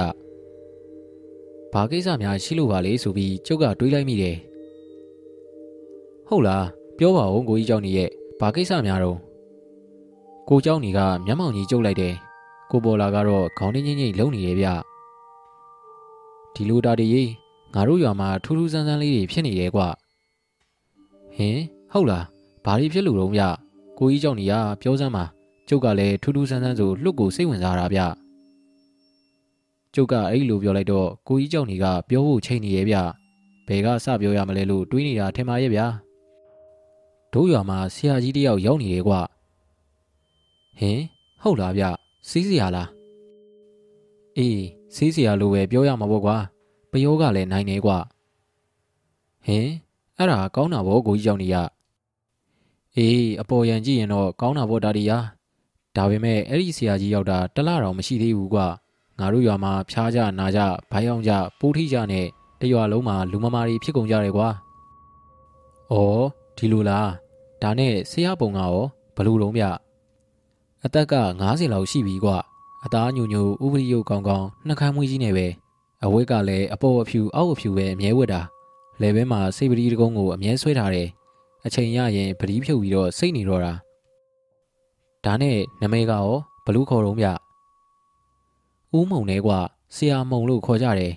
စီးကတော့အလိုက်သားကွသူကိုရင်ပျောက်တာကြီးပဲဒါဆိုရင်ကိုကြီးကြောင့်နေတော့ကဘာဘူးတန်တရားဖြစ်တာတော့ သူရောက်လာမှရွာမှာအနာရောဂါတွေထူပြောလာတာရဲ့ပြီးတော့ဆရာမုံကအမြဲတက်တက်လွတ်စားတာကွာဒါပေမဲ့တချို့ဖျားနာတဲ့လူတွေကညဘက်ကြောင်ကရန်းတွေပြောတာတို့ရောင်ရမ်းអော်တာတို့ဖြစ်ကြတော့ဆရာမုံကရွာသူမကြည့်နိုင်ဘူးဟဲ့အမဲသားဟင်းချက်ကြစမ်းဆိုပြီးတော့ညဘက်ထမင်းဟင်းတွေယူပြီးရွာပြင်ကိုထွက်တော်သွားတယ်ပြီးတော့ရွာတွေကဖိုးထောင်လူတွေပြောတာတော့ဆရာမုံကမှန်ရှိမှရက်ပြီးတော့တယောက်တည်းစကားပြောနေရတယ်ဆိုပဲဟင်ဟုတ်လား မှန်ထဲမှာပေါ်နေတဲ့သူ့ပုံကိုကြည့်ပြီးတော့ပြောတာလားမဟုတ်ဘူးတာတရတခြားတယောက်နဲ့ပြောနေတဲ့ပုံစံပဲတဲ့ဖိုးထောင်တို့ပြောတာတော့မိမတယောက်နဲ့ပြောနေတဲ့ပုံနဲ့ကွတူတူတူတူပြောတာပဲတဲ့ဒါပေမဲ့ဖိုးထောင်တို့ကချောင်းနာထောင်လို့သိရတာတဲ့ခမည်းတော်ဆရာမုံကစိတ်ရောမှန်ရဲ့လားဗျာကျုပ်ကမေးလိုက်တော့ကိုပေါ်လာကဝင်ပြီးတော့ဖြေတယ်ဗျဟာစိတ်တော်မှန်ပါတယ်ဒါတီကစီးဒီပါတွေကုတာဘာအမားယွင်းမှမရှိပါဘူးကွာ ဒါနဲ့အဲ့ဒီဆရာကဘယ်မှာတဲတာတော့မြမင်းတန်ခနောက်ကကိုပူဆန်းကိုသိတယ်မလားဟာသိရပါကိုကြီးကြောင့်နေရဲ့အေးကိုပူဆန်းတို့အိမ်မှာတဲတာဟိကိုပူဆန်းတို့မနစ်ကຫນွေကဖျားဘူးသွားကြတာလေအဲ့ဒီမှာသိလာတာလို့ပြောတာပဲဖျားဘူးသွားရင်နဲ့ခင်မင်သွားတော့ရွာကိုလာပါဆေးလာကူပါဘာညာပြောခဲ့မှာပေါ့ဒါတရားကိုပေါ်လာကြီးကသူ့အထင်ကိုကျုပ်ကိုပြောတယ်ဒါဆိုရင်ကျုပ်ကဘာလုပ်ပြရမှာတော့မြတ် ဒီလိုတာတရားမင်းကအတွေ့အကြုံတွေရှိလို့ငါတို့ကလည်းမင်းကိုအားကိုးတာကွာမင်းငါတို့ရွာကိုတစ်ခေါက်လောက်လာပြီးတော့အနေသားကိုနည်းနည်းလောက်အကဲခက်ကြည့်စီခြင်းလို့ကွာဟောဒီလိုလားလာမှာပေါ့ဗျာကျုပ်လည်းဘဲမှမသွားပြတာကြာပြီဗျဒီလိုလို့ဗျာအခုကိုကြီးเจ้าနေတို့ပြန်တော့အဲ့ဒီဆရာရဲ့အခြေအနေကိုတိတိကျကျအကဲခတ်တာကျုပ်တစ်ဖက်ကကြတော့ဆက်ဆက်လာခဲ့မယ်မနှက်ပြန်ကြတော့အဘကမြို့သွားအောင်မှာဆိုတော့ကျုပ်ကအိမ်မှာရှိဦးမှာဖြစ်မှာဗျ တပတ်ခါကျတော့အဘာပြန်ရောက်တာနဲ့ကျုပ်ထွက်လာခဲ့မယ်အေးကောင်းသားပဲကွငါတို့စောင့်နေမယ်မင်းသာဆက်ဆက်လာခဲ့ပြီးတော့တာတီဟာစိတ်ချစမ်းပါကိုကြီးကြောင့်နေရတာတီဆိုတဲ့ကောင်ကဒလိုကိစ္စမျိုးတွေဆိုရင်လှုပ်ကိုစိတ်ဝင်စားတဲ့ကောင်ပါဗျာကိုကြီးကြောင့်နေလဲတီးသားပဲဟာကဲစောင့်စားနေပြီအဲ့ဒီဆရာကသာတေးသေးချာချာကြည့်ထားတပတ်ခါကျုပ်ရောက်အောင်လာခဲ့မယ်အဲ့ဒီနေ့ကကိုကြီးကျောင်းနေနဲ့ကိုပေါ်လာကြီးတို့နှစ်ယောက်ကျုပ်တို့ရွာကဖျားပွဲအကြောင်း ဒိုးဘက်ပြိုင်ပွဲအကြောင်းရောက်တဲ့ရာရာတွေထိုင်ပြောလိုက်ကြတာညနေကိုစောင်းရောဗျာဒီတော့မှပြန်သွားကြတာညရောက်တော့သူတို့ပြောတဲ့ဆရာမုံအကြောင်းကိုကျုပ်ကလည်းတွေးနေတော့တော့ပေါ့ဗျာနောက်နေ့ရောက်တော့အဘကမြို့ကိုသွားတယ်ဈေးဝယ်ပါပဲအမေကလည်းသူ့ဘာလိုက်ချင်တယ်ဆိုတော့အဘကခေါ်သွားတယ်ကျုပ်တို့ရွာကကားကတရက်ကျော်ထွက်တာလေဗျာကားထွက်တဲ့နေ့လိုက်ကြရတာပေါ့မြို့ကပွဲရုံမှာတညတဲကြမှာပေါ့နောက်နေ့စောစောကားပြန်စီးပြီးတော့ရွာကိုစွန့်ခံဝင်ချိန်ပြန်ရောက်မှာပေါ့ဗျာ အဘတို့အမေတို့မျိုးကပြန်ရောက်တဲ့နေ့ပဲကျုပ်ကတန်ခနောက်ကိုထွက်လာခဲ့တယ်တန်ခနောက်ကငွေရားကုန်းရဲ့အရှိဘက်ကျတယ်ငွေရားကုန်းကိုတော့မဝင်တော့ဘူးငွေရားကုန်းကိုဝင်ပြီးရင်တန်ခနောက်ကိုရောက်မှာမဟုတ်တော့ဘူးဗျငွေရားကုန်းကတငယ်ချင်းတွေကဆွဲထားကြမှာအဲ့ဒါကြောင့်ရွာပြင်ကပဲပတ်သွားခဲ့ရတယ်တန်ခနောက်ကိုရောက်တော့ကိုကြီးเจ้าညီတို့အိမ်ကိုသွားရတယ်တန်ခနောက်ကိုအရောက်ပေါက်နေတော့ကျုပ်ကိုတိတ်မသိကြပါဘူးဗျာကိုเจ้าညီတို့အိမ်ကရွာလေလမ်းမှာပဲဗျသူတို့ဝိုင်းထဲမှာမကြီးပင်နှစ်ပင်သုံးပင်ရှိရဲ့ ကျုပ်ကရွာလေလမ်းအတိုင်းရှောက်လာတယ်ဟောတွေ့ပြီဗျူဒါကိုကြီးเจ้าညီတို့ဝိုင်းမဲဗျဟာတာတီလာဟေးငါတို့မင်းကိုမျှော်နေတာအိမ်အောင်ထက်မှာထိုင်နေတဲ့ကိုကြီးเจ้าညီနဲ့ကိုပေါ်လာတို့ကလှမ်းခေါ်ကြတယ်သူတို့နဲ့အတူတူတန်ခနောက်သားနှစ်ယောက်ကလည်းထိုင်နေရဲ့ဗျကျုပ်ပါဝင်ထိုင်လိုက်တော့၅ယောက်ပေါ့ဗျာငါတို့ကမင်းလာနိုင်မမလားလို့ပူနေကြတာတာတီကကိုပေါ်လာကြီးကရီးပြီးတော့ပြောတယ်ဗျလှုပ်ကိုပွင့်လင်းတဲ့လူတွေပါဗျာ ကျုပ်တို့တောသူတောင်သားတွေဆိုတာကအတိကလည်းနေအရောက်ပေါက်ကလည်းနေတော့ဘဟုတုတကလည်းတိတ်မရှိကြဘူးပေါ့ဗျာအဲ့ဒီလိုလဲလုတ်ရာလုံးနဲ့တဏီကုံပင်ပန်းကြတဲ့အယိုးအားအကြီးတွေကိုလာပြီးတော့လူလဲလုတ်တဲ့သူတွေအားရာကိုအခွင့်ကောင်းယူခြင်းတဲ့လူတွေကလည်းတစ်ခါတစ်ခါပေါ်လာတဲ့သေးရဲ့ဗျ။ဘာများထူးသေးတော့မြူကျုပ်ကကိုเจ้าနေငှက်ပြီးတဲ့အကျန်းတစ်ခွက်ကိုမော့တော်လိုက်ရင်းနဲ့မေးကြည့်လိုက်မိရဲ့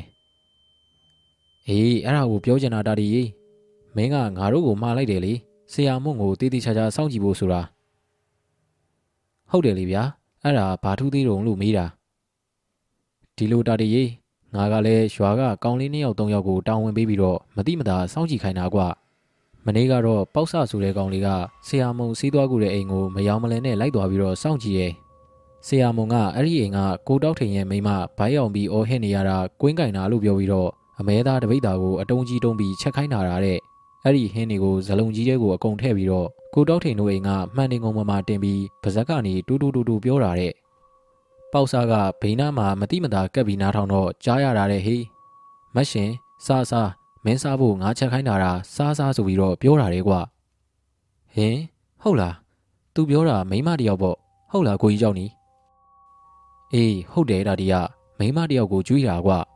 ပေါက်စားကမတိမတာနဲ့တိုင်နောက်ကနေကပ်ပြီးတော့ကြည်နေတာတဲ့ အမဲသားဟင်းတုံးကြီးတွေကရော့ရော်သွားတယ်တစ်ချက်ကြတော့ပေါက်စားဘာတွေးလိုက်တယ်ထင်တော့ကွာဟင်မသိဘူးလေဗျာမှန်တဲ့ကလက်ကြီးတစ်ဖက်ထွက်လာပြီးတော့အမဲသားတုံးကြီးကိုယူသွားတာတဲ့ဟေးဟာကြောက်စရာကြီးပါလားဗျာတခြားလူတွေကရောအဲ့ဒါကိုမတွေးလိုက်ကြဘူးလားမတွေးဘူးကွာဆရာမွန်ကသူတို့ကိုအာယုံလွှဲထားပုံရတယ်တခြားစကားတွေပြောနေတော့မှန်တင်ကုန်ကိုအဲ့ဒီလူတွေကအာယုံမရောက်ဘူးပေါ့ကွာ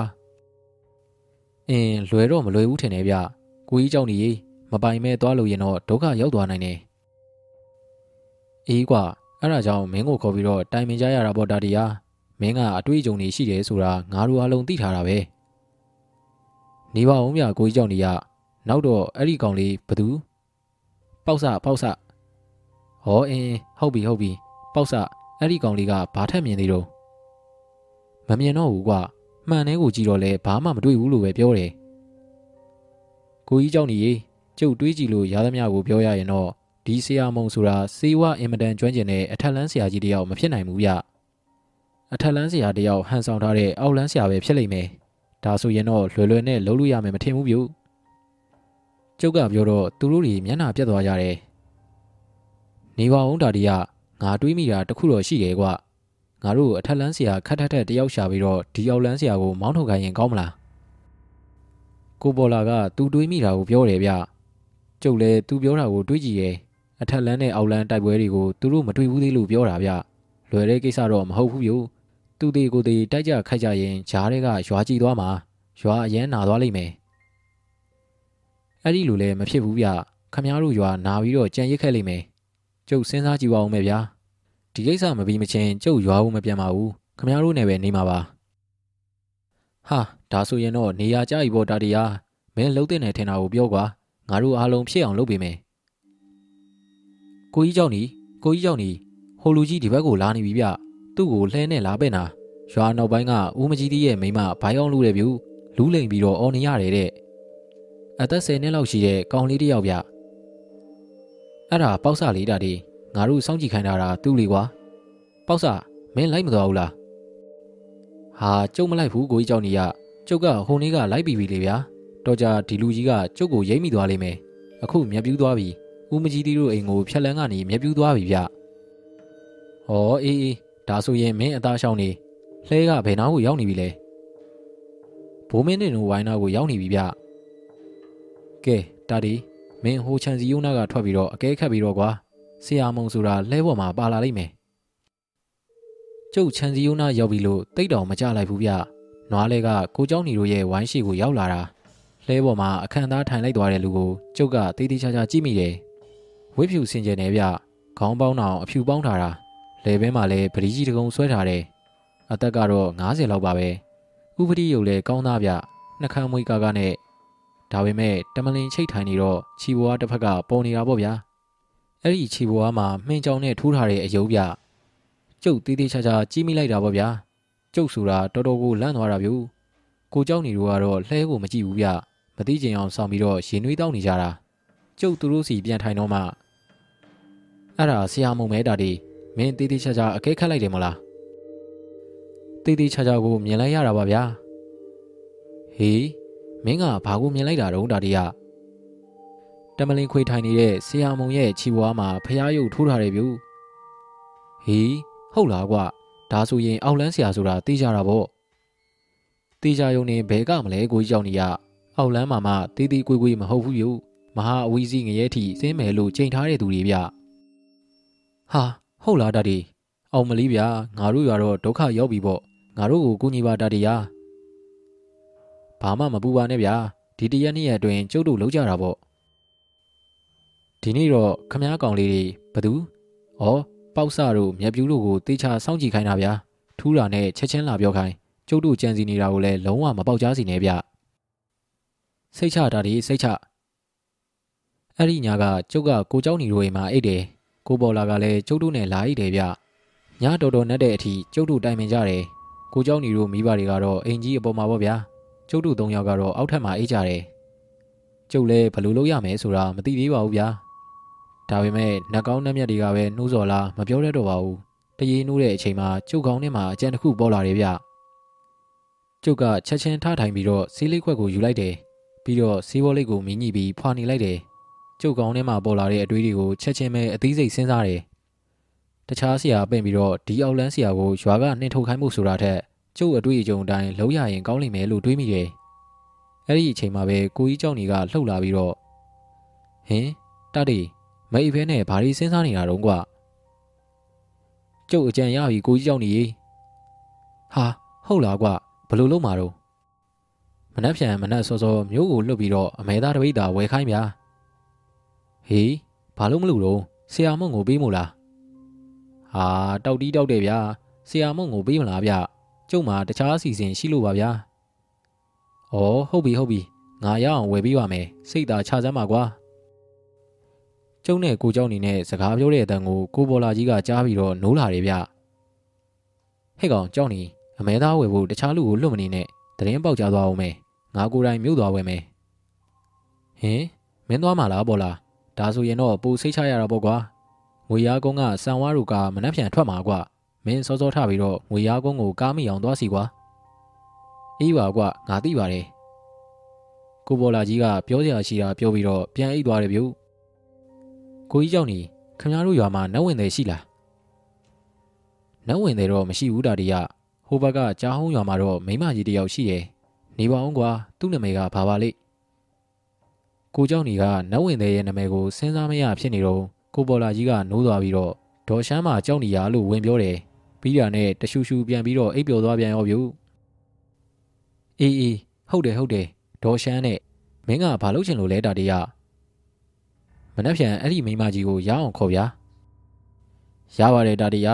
ငါနဲ့တော်တော်လေးမြန်မှန်းတက်မိပါတယ်ငါသွားခေါ်မယ်ကြားဟုံးကဒီနားလေးတင်ကတ်နေတဲ့ဥစ္စာအသွားအပြန်မှတနာကြီးပေါ့ကွာဟုတ်ပြီဗျာမနှက်ဖြန်ကိုကြီးကြောက်နေသွားတော့ကျုပ်ပါလိုက်ခဲ့မယ်အပြန်မှာခမားတို့ရွာသိန်းချိုင်းကိုပြစမ်းဗျာကျုပ်ကြည့်ချင်လို့ဩရတယ်လေထူးထူးခြားခြားလိုက်ပြဖို့မလိုပါဘူးကွာကြားဟုံးကိုသွားရင်တန်ခနောက်သိန်းချိုင်းကိုဖြတ်သွားရမှာပဲမင်းစိတ်တိုင်းကြကြီးလို့ရပါတယ် ကျုပ်တို့နေရောက်လဲတောင်းအောင်လောက်စကားပြောပြီးတော့ပြန်အေးကြတော့ဗောဗျာမနဲ့နေတော်တော်မြင်မှကိုကြီးเจ้าနေရဲ့အမေဒေါ်မေဖော်ကြီးလာနှူးမှပဲနိုးတာဗျူ ကျုပ်တို့နူတော့ကိုပေါ်လာကြီးကိုမတွေ့တော့ဘူးဟဲ့ကြောက်နီပေါ်လာကတော့အစိုးကြီးထပြီးငွေရားကုန်းကိုသွားတယ်ငွေရားကုန်းကားနဲ့မြို့ကိုလိုက်မလို့ဆိုပဲနင်းခိုင်းထားတာသွားလို့ရမှာလို့ပြောသွားတယ်ဟုတ်တယ်မေကြီးပေါ်လာကိုကျုပ်လွတ်လိုက်တာသူထသွားတာတော့ကျုပ်တို့မသိလိုက်ဘူးဗျအေးဟုတ်တယ် သူကလည်းနင်တို့မနိုးအောင်အသာတိတ်တိတ်သွားတာနင်တို့နှစ်ယောက်ညားကတော်တော်နဲ့မေးကြဘူးလို့ပြောတယ်ထားလိုက်အကြီးနေမြင့်မှသာနှိုးလိုက်လို့ပြောသွားလို့ငါကအခုလာနှိုးတာဩကဲတာတရီရွာမြောက်ဖက်ကရင်းချောင်းထဲကိုရေးသွားချိုးစို့ကွာငါရည်စီလဲလဲတိုက်ရအောင်ပါကွာရည်စီလဲနဲ့တခါတည်းသွားလိုက်ကြရအောင်သွားလီဗျာတန်ခနောက်မြောက်ဖက်မှာရင်းချောင်းရှိတယ်ဗျစင်ကောင်းတို့တာယာကုန်းတို့ကိုဖြတ်ပြီးတော့စီးလာတဲ့ချောင်းပေါ်ဗျာ နွေရာသီတောင်ရေမခမ်းတဲ့ရင်ဗျကျုပ်တို့နှစ်ယောက်ရည်စီတိုက်ပြီးတော့ရေတခါတည်းချိုးခဲ့ကြတာပေါ့ဗျာရွာပြန်ရောက်တော့ထမင်းစားချိန်တောင်ရောက်ပြီဗျကိုเจ้าနေမေပြင်ကျွေးတဲ့ထမင်းပွဲကိုကျုပ်တို့နှစ်ယောက်စားတော့ပြီးတာနဲ့ကဲတာတီကြီးငါတို့တွေကြားဟုံးကိုသွားကြစို့ဟိဒေါ်ရှမ်းကြီးကိုသွားခေါ်ရအောင်ဩအမေပေါ်လာပြန်ရောက်ရင်အမဲသားချက်ခိုင်းတာဗျာဘသူမှနှိုက်ပြူမစားစီနဲ့လို့လဲမှားထားအောင်မေကျုပ်တို့အတုံးရှိလို့ချက်ထားတာဗျ အေးပါငါသိပါတယ်ကြောက်နေရဲ့မပူပါနဲ့သွားမှသာသွားငါကိုယ်တိုင်ချက်ပေးမယ်ပြီးတော့ဟင်းအိုးလဲငါသိမ့်ထားလိုက်မယ်ကျုံနဲ့ကိုเจ้าနေနဲ့ကြားဟုံးရွာကိုထွက်လာခဲ့တယ်ဟုတ်သားပဲဗျတန်ခနောက်တင်းချိုင်းကိုဖြတ်သွားရတာတန်ခနောက်တင်းချိုင်းကတစ်ပင်ကြီးတွေနဲ့ညိုမိုင်းနေတာဗျမကြီးပင်ထနောင်းပင်ကုတ်ကူပင်တွေနဲ့ညို့နေတာဗျအုတ်ကူတွေလည်းရှိတယ်ဇေယျကလေးတစ်ဆောင်ကလည်းတော်တော်ကောင်းသားပဲကျုပ်တို့ကြားဟုံးကိုရောက်တော့နတ်ဝင်တဲ့ဒေါ်ရှမ်းကိုအခန်းသစ်မဲ့တွေ့ရတယ် ကဲပြောဒေါ်ရှမ်းဘာလုပ်ပြရမလဲဒီလိုဒေါ်ရှမ်းရတန်ခနောက်မှာအောက်လန်းစရာတယောက်ရောက်နေတယ်ပြီးတော့မကောင်းဆိုးဝါးနဲ့ပေါင်းပြီးရွာထဲမှာလူရီနေမကောင်းအောင်လုပ်တယ်ပြီးတော့အဲ့ဒီဆရာကကုတ်ပြီးတယ်ပြီးရင်ရွာသူမြောက်ရမယ်ကွင်းတင်ရမယ်ကွင်းကင်နာလို့ပြောပြီးတော့အမဲသားချက်ချက်ပြီးအဲ့ဒီမကောင်းဆိုးဝါးကိုကြွေးတာဗျဟောတော့ငါတို့ကြားထားတာကအထက်လန်းဆရာကြီးဆိုစေးကူတာအာကြီးဆွမ်းတာပဲလို့ပြောလို့ငါတို့ရွာကတော့အဲ့ဒီဆရာကြီးကိုတွားပင်ဖို့ပြောနေကြတာအကြောင်းကြီးရဲ့ အောင်မလေးဒေါ်ရှမ်းရီခမရတို့ရွာကိုပင်လို့ကတော့တရွာလုံးကြည်သွားမယ်သာမှတ်ပြီးတော့ဗျူ။အော်ဒီလိုလား။ဒါဆိုရင်ငါကဘာလုပ်ပြရမလဲပြော။ကဲတာတီဒေါ်ရှမ်းကိုမဲမဲပြောပြလိုက်ကွာ။ကျုပ်တို့ဒီရောက်လန်းဆရာကိုနှင်ထုတ်မယ်ဒေါ်ရှမ်းရဲ့။ဒါပေမဲ့အထက်လန်းဆရာတွေဘာတွေပြင်ရင်လဲဆရာနှစ်ယောက်တိုက်တာနဲ့ရွာနာလိုက်မယ်။အေးအဲ့ဒါတော့ဟုတ်တယ်ဟဲ့။ဒီတော့ကျုပ်တို့နီကျုပ်တို့ဟန်နဲ့ပဲဒီကိစ္စကိုရှင်းရမလို့ဗျ။ အေးဟုတ်ပြီဘလို့ရှင်းမှာတော့မဖဲဝါကြီးကိုအကူကြီးတောင်းရမှာပဲဗျာ။ဩဒီလိုလားမင်းကမဖဲဝါကိုနိုင်လို့လားသူ့ကိုခေါ်ခိုင်းနေဆိုတာသူ့ကိုနိုင်မှဖြစ်တာနော်။အဲ့ဒီလိုမဟုတ်ရင်နင်တို့တန်ခနောက်ရွာပို့ဆိုးသွားလိမ့်မယ်။မဖဲဝါကိုနိုင်မှုမလိုပါဘူးဗျ။မဖဲဝါနဲ့အဆင်ပြေဖို့ပဲလိုတာပါဒေါ်ရှမ်းရ။အဲ့ဒါကျုပ်တော်ဝင်ထားပါဗျ။အေးအေးဒါဆိုရင်လည်းပြီးတာပဲ။ငါကဘာလုပ်ပြရမှာတော့ ဒေါ်ရှမ်းကမဖဲဝါဝင်ပေးဖို့ပါ။ဟောဒါတော့ရပါတယ်ငါလုပ်ပေးမှာပေါ့ဒါနဲ့မဖဲဝါကိုလာအောင်ရောခေါ်နိုင်မှာမလားရပါတယ်ဗျာအဲ့ဒါကကျုပ်လုပ်နိုင်ပါတယ်ဩမင်းကဆေးရလားမဟုတ်ဘူးတော်ရှမ်းရဲ့ဒါကျုံနဲ့တိတ်ခင်နဲ့ထဏောင်းကုန်းကတာတီပါကိုเจ้าညီကဝင်ပြောတော့ဒေါ်ရှမ်းကမျက်လုံးကြီးပြူပြီးကျုပ်ကိုတန်တော်ကြည့်နေတာဗျူတာတီဆိုတာမင်းကို မင်းနာမည်တော့ငါကြားဘူးနေတာကြားပါပြီလူကိုသာအခုမှတွေ့ဘူးတာမောင်တာတွေကဆရာသမားတွေတော်တော်များများနဲ့ကြုံဘူးစုံဘူးထားတာပဲဖြစ်မှာပါကဲတန်ခနောက်ကိုဘယ်တော့သွားမှာတော့ဒေါ်ရှမ်းဒီမှာဘာကိစ္စရှိသေးတော့ဒေါ်ရှမ်းကိစ္စရှိတာလောက်ပါကျုပ်တို့ကဘာကိစ္စမှမရှိတော့ဘူးဒေါ်ရှမ်းကိုလာခေါ်ယုံတတ်တတ်ပဲအဲ့ဒါဆိုရင်တော့ခဏစောင့်ကြအောင်ဟိဒေါ်ရှမ်းရွာနောက်ပိုင်းကိုခဏသွားเสียရှိသေးတယ်မကြပါဘူးပြန်လာခဲ့မယ် ညနေ၄နာရီလောက်မှဒေါ်ရှမ်းကိုခေါ်ပြီးတော့တန်ခနောက်ကိုပြန်ခဲ့ကြတယ်တန်ခနောက်ကိုရောက်တော့ညနေ9နာရီလောက်ရှိပြီပေါ့ဗျာကိုเจ้าညီတို့အိမ်မှာကိုပေါ်လာကြီးကစောင့်နေတာဗျဘလို့လဲကွာပေါ်လာအဆင်ပြေရဲ့လားကိုကြီးเจ้าညီကကိုပေါ်လာကိုမေးတာဗျူပြည်တာဘောเจ้าညီကဟင်းအောင်ကျက်လို့အကြီးဖော့ကဟင်းဦးသိမ့်ထားတယ်တယောက်ယောက်နှိုက်စာမီမှာစိုးလို့တဲ့ကဲကိုเจ้าညီညနေမိုးချုပ်တာနဲ့ကျုပ်တို့တင်းချိုင်းကိုသွားကြမယ်ဟော နေအောင်မြငှက်ပြောဘက်နှစ်ရွက်လောက်လဲခုတ်တာဗျာငှက်ပြောဘက်လားရတယ်ရတယ်ငါအခုသွားခုတ်လိုက်မယ်ဘာကြီးပြောလို့ဝိုင်းထဲမှာငှက်ပြောပင်ရှိတယ်လေပြောပြောဆိုဆိုနဲ့ကိုပေါ်လာကစေးဘောလေးလေးနှကန်းချိတ်ပြီးတော့ထွက်သွားတယ်ဗျခဏကြာတော့ငပြောဘက်နှစ်ရွက်ပါလာတယ်ကိုကြီးကြောင့်နေအကြီးဖောကထမင်းဟောပူချက်ထားရလားမသိဘူးဟေးချက်ထားပါတော့တိုးကြီးပဲမောင်တာဒီရေကျုပ်ပြောတာကိုအိမ်မော်ကအကြီးဖော်ကြားသွားပြီးတော့လှမ်းអော်တယ်ဗျ ည၈နာရီလောက်ရှိတော့တရွာလုံးတိတ်သွားပြီကျုပ်ကထမင်းတို့ကိုတေးသေးချာချာထုတ်တယ်ဒီကိစ္စတွေကတာတိအဖို့တော့ယိုးနေပါပြီဗျာကိုကြီးကြောင့်နေရဲ့ကိုပေါ်လာရဲ့ဒေါ်ရှမ်းရဲ့ကျုပ်ရဲ့တန်ခနောက်တင်းချိုင်းကုန်းကိုထွက်ခဲ့ကြတယ်ဗျမှောင်ရိပ်ခိုပြီးတော့ထွက်လာလိုက်တာဘသူမှတော့တွေ့ပုံမရဘူးပြုတင်းချိုင်းထဲကိုရောက်တော့ကျုပ်ကနေရာကောင်းကောင်းကအုတ်ကူကြီးတစ်လုံးကိုလိုက်ရှာတယ်ဟောတွေ့ပြီပြုဥပါကြီးအသက်69နှစ်တဲ့ဟုတ်ပြီပြု ပါလာတဲ့ထမင်းတို့ကိုဂူအမိုးပေါ်မှာဖြီးချတယ်။ဟာမူကြီးလိုက်တဲ့ဟင်းဗျာ။ကိုကြီးကြောင့်နေအမေကဟင်းချက်လွတ်ကောင်းတာ ਉ ။မဖဲဝါတော့မသိဘူး။ကျုပ်တော့ဘိုက်ထဲတော်တော်စားသွားတယ်ဗျ။ကဲဒေါ်ရှန်အစင်းသင်းလုပ်ဗျာ။ကျုပ်မဖဲဝါကိုခေါ်တော့မယ်။ကျုပ်ကကျုပ်တို့ရွာကဖုန်ကြီးမေတော်ကြီးဖုတ်ထုတ်တုံးကဆရာကျော်လောက်တာကိုမှတ်ထားတာ ਉ ဗျ။ကျုပ်လည်းပြောလိုက်ရောဒေါ်ရှန်ကသပင်းလေးကိုဖြီးပြီးတော့ဖားရကြီးချလိုက်တယ်။ပြီးတော့ဂူရှိကမြတ်တော်လေးထဲမှာအသာကလေးကျုံကျုံထိုင်ချတယ်။ ပြီးတာနဲ့လက်အုပ်ချီထားတယ်ဗျကျုပ်ကလည်းကောင်းကင်ကိုဟန်ပါပါနဲ့မော့ကြည့်လိုက်ပြီးတော့ဟိုတုန်းကဆရာကျော်ပြောသလိုပြောရတာပေါ့ဗျာတင်းချိုင်းတရားမဖဲဝါလို့အမိသတင်းကြော်ကြားပါတဲ့တင်းချိုင်းဆောင်ကြီးဗျာကျုပ်တာတွေကဟောဒီတန်ခနောက်တင်းချိုင်းကနေအကြောင်းပြုပြီးပြင့်ဖိတ်ပါတယ်မြန်မကြာလှမ်းကကြွခဲ့ပါမဖဲဝါကျုပ်တာတွေကအထက်ပုဂ္ဂိုလ်များဖြစ်ကြတဲ့ဝိဇ္ဇာရှစ်တောင်းဆရာအပေါင်းနဲ့ပထမန်ဆရာသူမြတ်တို့ကိုဥထိတ်မှထားလို့အမိန်ပြန်တန်းထုတ်လိုက်တယ် အရှိနေထွက်အနောက်နေဝင်တောင်တငကုံမြောက်တူဝန်အတွင်းမဖဲဝါကိုဟန်တာခြင်းနှောက်ယှက်ခြင်းမကြားအောင်ကာကွယ်ထားခြင်းမပြုစေရအကယ်၍ပြုခဲ့သည်ရှိသောအထက်ဆရာအပေါင်းတို့ရဲ့တိတ်တိမဟိတ်တီတို့ကြောင့်ဟန်တာထားသောပညာဇာတ်များအလုံးပြတ်တောက်သွားစေအထက်ဆရာကြီးများရဲ့အမိန့်ကဲမဖဲဝါဗျာကျုပ်တို့တန်ခနောက်ရွာသားတွေကမဖဲဝါကိုစားပွဲတောက်ပွဲတွေနဲ့ပင်းဖိတ်ပါတယ်ညံမကြာကြွပါဗျာဟာဒေါ်ရှမ်းကိုဝင်ပူးပြီပြုကိုเจ้าနေနဲ့ကိုပေါ်လာကအနောက်ကိုယ်တော်စုပ်သွားတယ် အခုရောက်ရှိလာတာဘသူပါလဲဗျာငါဟိငါငါမဖဲဝါတင်းချိုင်းတရားမဖဲဝါဟိဩဒါဆိုရင်ဟိုမှာအစင်းသိမ့်ပြင်ထားတဲ့စားပွဲကိုမိမင်းကြီးသုံးဆောင်မှမဖဲဝါကျုပ်ကထမင်းနေပြင်ထားတဲ့အုတ်ကူကြီးကိုထိုးပြလိုက်တယ်ဟာဒေါ်ရှမ်းကြီးကထမင်းကြီးကိုဖြန့်ပြီးတော့ရင်ကောင်းပေါ်မှာပြင်စည်းတယ်ဗျပြီးတော့လက်ကြီးတွေကိုကိုက်ကောက်ပြီးခုန်တက်သွားတာဗျလီထဲမှာမြောက်တက်သွားပြီးတော့ဂူဘော်ကိုအသားကလေးရောက်သွားတာ တိတ်သေးကြတာပေါ့ဗျာဒါကမဖဲဝါအစ်စ်ပဲဗျဂူဘော်မှာစောင်းကြောင်ကြီးထိုင်ပြီးတော့ကျုပ်ကိုမျက်လုံးပြူးကြီးနဲ့စိုက်ကြည့်ရဲ့ပြီးတော့ကိုเจ้าနီနဲ့ကိုဘော်လာကိုကြည့်တယ်ဗျကိုเจ้าနီတို့နှစ်ယောက်ကတော့နောက်ကိုခြေတလန်းထပ်ဆုပ်သွားတယ်စားပြီဗျမဖဲဝါကအာရပါရကိုစားတော့တာဟင်းတုံးကြီးကိုကောက်ကိုက်လိုက်ပြီးတော့ထမင်းကြီးတွေကိုလက်နဲ့ကျုံးပြီးတော့စားလိုက်နဲ့တိတ်မကြဘူးဗျထမင်းတပုံကြီးကကုန်ကန်နီးလာတယ်မဖဲဝါကျုပ်မဖဲဝါကိုအကူညီလိုလို့ဖိတ်ခေါ်ရတာပါ ကျုပ်ကိုကူညီပါမဖဲဝါကစားရင်နဲ့ခေါင်းငိမ့်နေဗျဒီတော့ကျုပ်ကဆက်ပြောတာပေါ့ဗျာဒီတန်ခနောက်ရွာမှာဆရာမုံဆိုတဲ့အောက်လန်းဆရာတယောက်ရောက်နေတယ်မဖဲဝါတရေမတယောက်နဲ့ပေါင်းပြီးတော့လူတွေကိုတရေမနေမကောင်းအောင်လုပ်လိုက်အဲ့ဒီအောက်လန်းဆရာကစီးကူးလိုက်အမဲသားဟင်းချက်ပြီးတော့တရေမကိုကျွေးလိုက်နဲ့တရွာလုံးနလန်းမထူနိုင်အောင်ဖြစ်ကုန်ကြပြီဗျအဲ့ဒါကြောင့်အဲ့ဒီအောက်လန်းဆရာနဲ့တရေမကိုနှိမ်နှင်းပေးဖို့အခုလိုဖိတ်ခေါ်ရတာပါဗျာ မဖဲဝါကရွာဘက်ကိုခေါင်းကြီးမော့ပြီးတော့တစ်ချက်လှမ်းကြည့်တယ်ဗျပြီးတော့မှခေါင်းညင်ပြီးပြောတယ်အောက်လန်းကောင်ရဲ့မိမအောက်လန်းမသေးတာတရေဖြစ်ပြီးတော့သူ့လင်နဲ့ပေါင်းလုံနေတာဒီကောင်မိမနာမည်ကမက်ရှင်အရန်အစွမ်းထက်တယ်ဒီကောင်မကရိုးရိုးတရေမဟုတ်ဘူးအောက်လန်းတရေမမှန်ထဲမှာအမြဲပုံနိုင်တယ်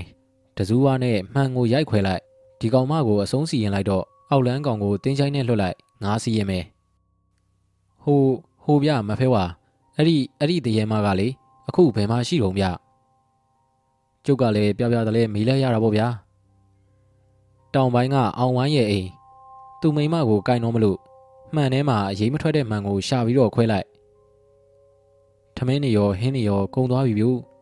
ကျုပ်အစင်းသင်းချထားတဲ့ရေဖလားကြီးကိုမောက်တော်ပြီးတော့လက်တောင်စီးလိုက်ရရဲ့ဗျအောက်လန်းကိုငါးစီလွတ်လိုက် အတန်အကျယ်ကြီးနဲ့អော်ပြီးတော့ဒေါ်ရှမ်းကြီးရဲ့လက်တွေကွေးကောက်တွန့်လင်ပြီးဂူဘော်ကိုလဲကျသွားရောဗျဟာဒေါ်ရှမ်းဒေါ်ရှမ်းကျုပ်ကအပြေးလွှားသွားပြီးတော့ဒေါ်ရှမ်းကိုပွေရတာပေါ့ဗျာကိုเจ้าနေနဲ့ကိုပေါ်လာလဲရောက်လာတယ်ဗျဒေါ်ရှမ်းကိုချီမတွေပါချိုးပေးကြတယ် ဒေါ်ရှမ်းကဝါကနေတစ်ချက်တန်းလိုက်ပြီးတော့ခေါင်းထောင်လာတယ်ဘလို့လဲမဖဲဝါလာသွားလားလာလာမလာလာတော့မေးမနေနဲ့ဗျူအခုဒေါ်ရှမ်းဘယ်ပေါ်ရောက်နေလဲဆိုတာသာကြည့်ပြီးတော့ ကိုเจ้าနေကပြောတော့ဒေါ်ရှမ်းကငုံကြည့်ရဲ့ဗျဒီတော့မှသူအုတ်ကူပေါ်ရောက်နေတာသိသွားပြီဟုတ်တော့ငါဘလို့လို့ဒီကူကြီးပေါ်ကိုရောက်နေတာတော့เจ้าနေရဲ့မဖဲဝါကခမားကိုလည်းဝင်ပူးပြီးတော့ဒီဘော်ကိုလွှာကနေခုံတက်တာလေဗျာဒေါ်ရှမ်းကတော့အန်ဟောတကြီးဖြစ်နေတာဗျူ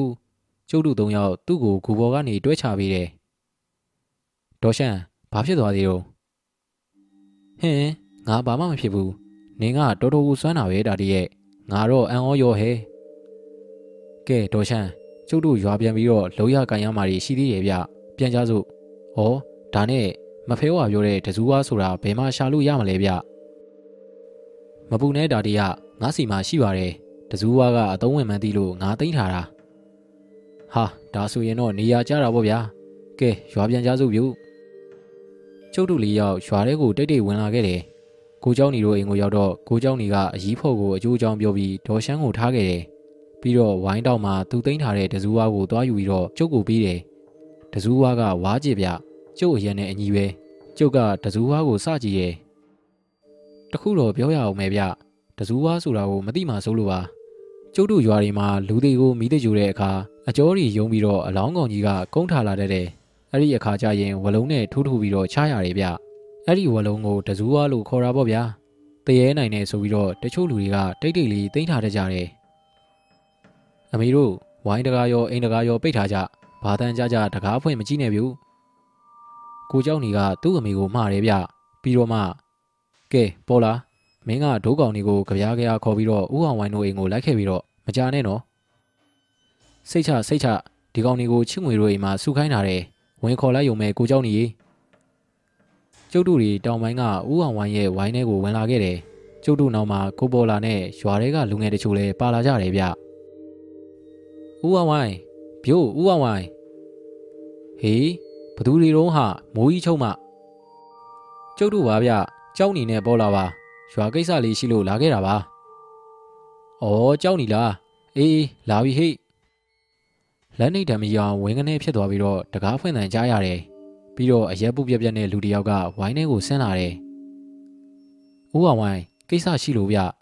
။ကိုကြီးကြောက်နေကပြောပြောဆိုဆိုနဲ့ဝိုင်းထဲကိုဝင်သွားတယ်။ ပြီးတော့ဦးအောင်ဝိုင်းကိုတိုးတိုးတူတူနဲ့ပြောနေရဲ့။တောင်းလောက်ကြတော့ဦးအောင်ဝိုင်းနဲ့ကိုကြီးကြောက်နေကဝိုင်းပေါက်ဝရောက်လာပြီးတော့ကျုပ်တို့ကိုလားခေါ်တယ်။ကျုပ်ကတစူးဝါကန်ပြီးတော့ရှေးဆုံးကဝင်ခဲ့တယ်။လူငယ်နှစ်ယောက်ကကျုပ်တို့နဲ့အိမ်ပေါ်တက်တယ်။ကြံတဲ့လူတွေနဲ့ကိုပေါ်လာကတော့ဝိုင်းထဲကစောင့်နေတယ်။လူငယ်တွေရဲ့လက်ထဲမှာဒုတ်ကူစီနေဗျ။တွေ့လို့ကတော့တွေ့မဲ့လူတွေကြီးပဲဗျ။ဦးအောင်ဝိုင်းတို့အိမ်မှာမှန်ဘယ်နှချက်ရှိတော့ဗျ။ကျုပ်ကမေးလိုက်တော့ဦးအောင်ဝိုင်းကစဉ်းစားပြီးတော့ပြန်ဖြေတယ်။ ကိုလုံးပေါ်မှာနှစ်ချက်ရှိတယ်။တစ်ချက်ကအိမ်အလေတိုင်းမှာတစ်ချက်ကအခန်းထဲမှာကွာ။သေးသေးလေးတွေတော့ဘယ်နှချက်ရှိတော့မသိဘူးကွာ။ဟာသေးသေးလေးတွေတော့ဝယ်မယ်မထင်ဘူးဗျ။အဲ့ဒီအကြီးကြီးတွေသာပြဗျာ။ဟုတ်မဲကြောင်ကြီးကငါမိမညနေကဘိုက်ထဲကအောင်းတယ်လို့ဖြစ်နေတယ်လို့ပြောတယ်။ကဲကဲငါအိမ်ပေါ်တက်ပြီးတော့အိမ်ပေါ်ကလူတွေအောက်ကိုဆင်းခိုင်းလိုက်အောင်မယ်။ဒါမှမင်းတို့လွတ်လွတ်လပ်လပ်လှုပ်လို့ရမှာပေါ့။ပြောပြောဆိုဆိုနဲ့ဦးအောင်ဝိုင်းကအိမ်ပေါ်ကိုတက်သွားတယ်။ ခဏနေတော့သူမိမနဲ့ကလေးတွေနိုးပြီးအောက်ကိုခေါ်လာတယ်ဗျ။ကျုပ်တို့လည်းအိမ်ပေါ်ကိုတက်ခဲ့ရောဗျ။ပထမဆုံးအိမ်ရလေတိုင်းမှာကတ်ထားတဲ့ကိုလုံးပေါ်မန်ကြီးရှိမှကျုပ်ကရက်ပြီးတော့ကြည့်ရယ်။တစူးဝါးကြီးကင်ပြီးတော့ကြောင်းမြောင်အောင်ကြိတ်ထားတဲ့ကျုပ်ရဲ့ပုံကမှန်ထဲမှာပေါ်နေရဲ့။ကျုပ်ကကိုကြီးเจ้าညီကိုကြည့်ပြီးတော့ခေါင်းခါပြတယ်။အားလုံးကကျုပ်အခြေအနေကိုကြည့်နေကြတာဗျ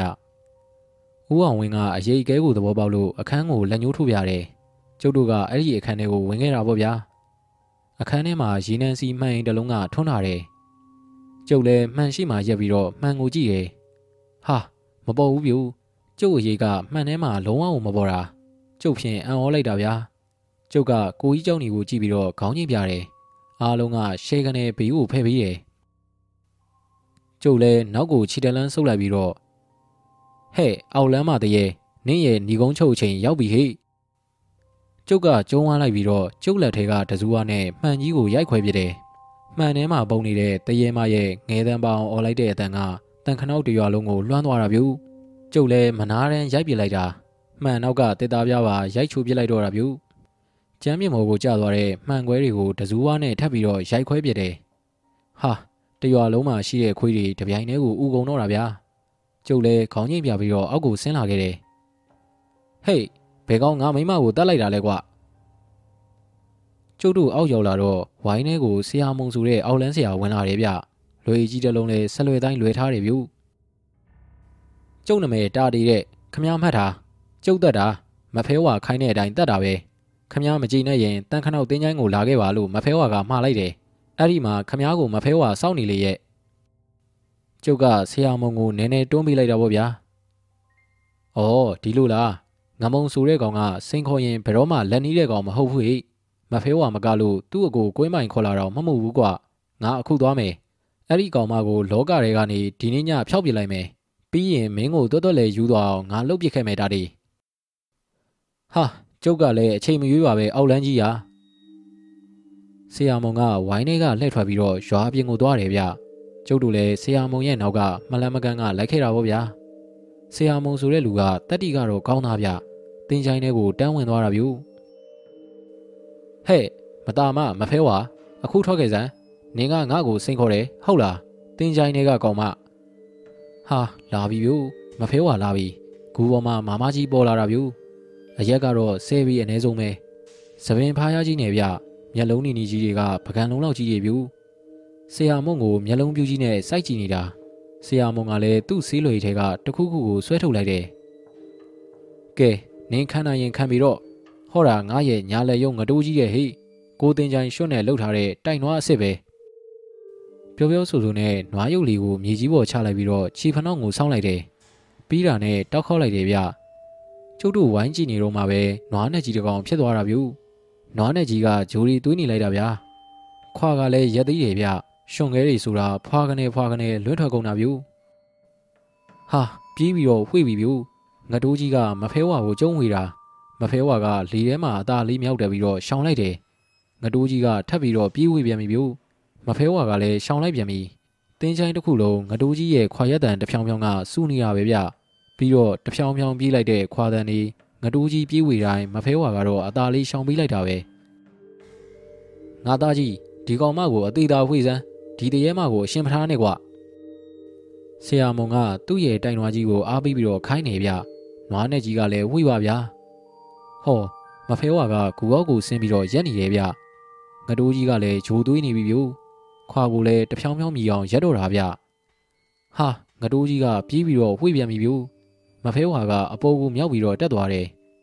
အုတ်ကူကြီးကိုဝင်ကျုံးတာဗျဖြောင်းကနေပဲပြီးတော့သူ့ကောင်းကြီးနဲ့ဂူကိုစောင်းမိတာဒုံကနေမြည်သွားတယ်ပြီးတာနဲ့အုတ်ကူကြီးကလည်းခွန်းကနေပြိုကျသွားတယ်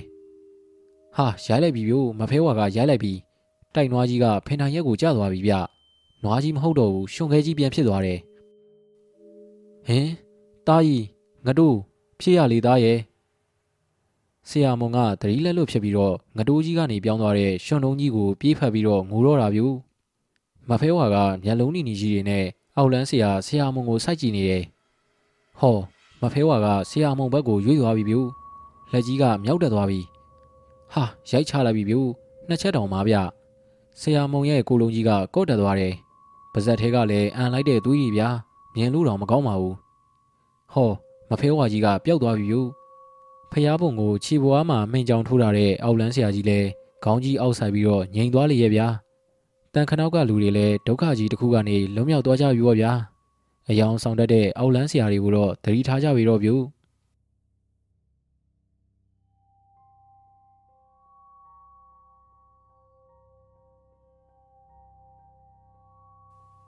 အခုတလောဗန်ပွေးကုန်းသားတွေနဲ့ငွေရင်းကုန်းရွာသားတွေတော်တော်ကိုဒုက္ခရောက်နေကြတယ်ဗျ